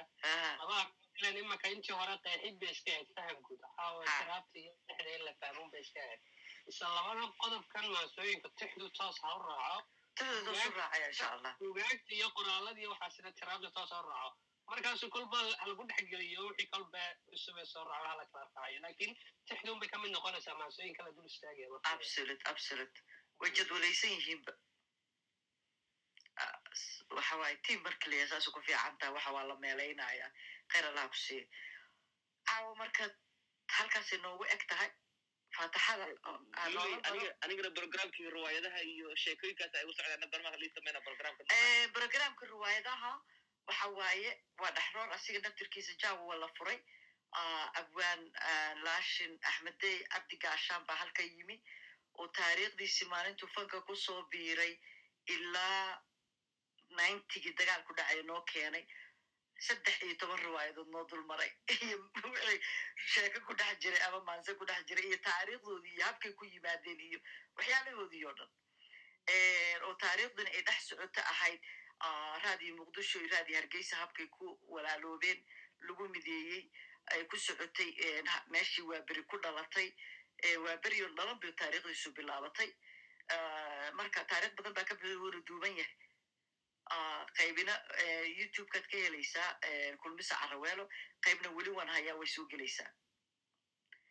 Saas oo kaleeta ayay maaragtay inta nooli intii laga heli karo midba habeen la keeni doonaa insha allah iyagana laakiin waa dhexroor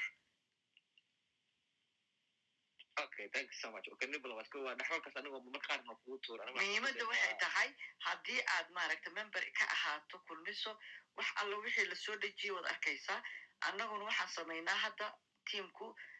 waa la qoraa. Hadda haddaad gasho markaad aad haddaad ka mid tahay waad arkaysaa inta barnaamij qora. Ilaa shan iyo tobanka may barnaamijyaa qoran waa la socdaa instagramkaada iyo websitekaada. Labada waan galaa waan la socdaa. Masha allah. Waxba ku dhaafi maayan marka haddaad labadaa ku xiran tahay insha allah yaa noo duceynaya caawa hadda kulmis ayadoon la duceysan lagama tage inkastoo caawa dhanba la duceynaya subax inaan ku jirnay oo kale rashiid rashiid rashiid okay rashiid lagu calmay noo soo daa waxaan diriday waxaan ka baqanayaa intaan duceeyo haddana in ma garanaysaa su'aalada ma soo baxaan oo ma soo baxayaan waa dabeecad lagu yaqaana qolkanoo marki mar alla markii ducada la dhiibo waado waxaan mayga qofku markay ku dhegto aan u leeyahay waxmaa kaa dhex guuxaya? Ducada lagama daba mara albaabkaa la xiraa. Waxa quran leh waxa weeye alxamdulilahi rabbi alcaalamiin wasala allahu calaa sayidina maxamed ilaahay haynagu guuleeyo. Ilaahay ha ku barakeeyo dhuu ilaahay hawshanaynu ku jirana haynagu guuleeyo. Ilaahay soomaali dhaqankeeda iyo dadnimadeeda iyo diinteedaba ha u ilaaliyo. Ilaahu nabad ilaahu nabad nabad nabad nabad soomaali dhexdeeda iyo horumar. Ayaanu ku weydiisanaynaa. Yani intaasaan inoogu soo koobay ilaahay haynaga aqbalo. Wayna ka assalaamu calaykum waraxmatullaahi wabarakaatu wayno meel kale iyo madal kale meelaad joogtaanba ku nabad gala. Wacalaykum assalam waraxmatullahi wabarakatu allah ku nabadgeliyo adigana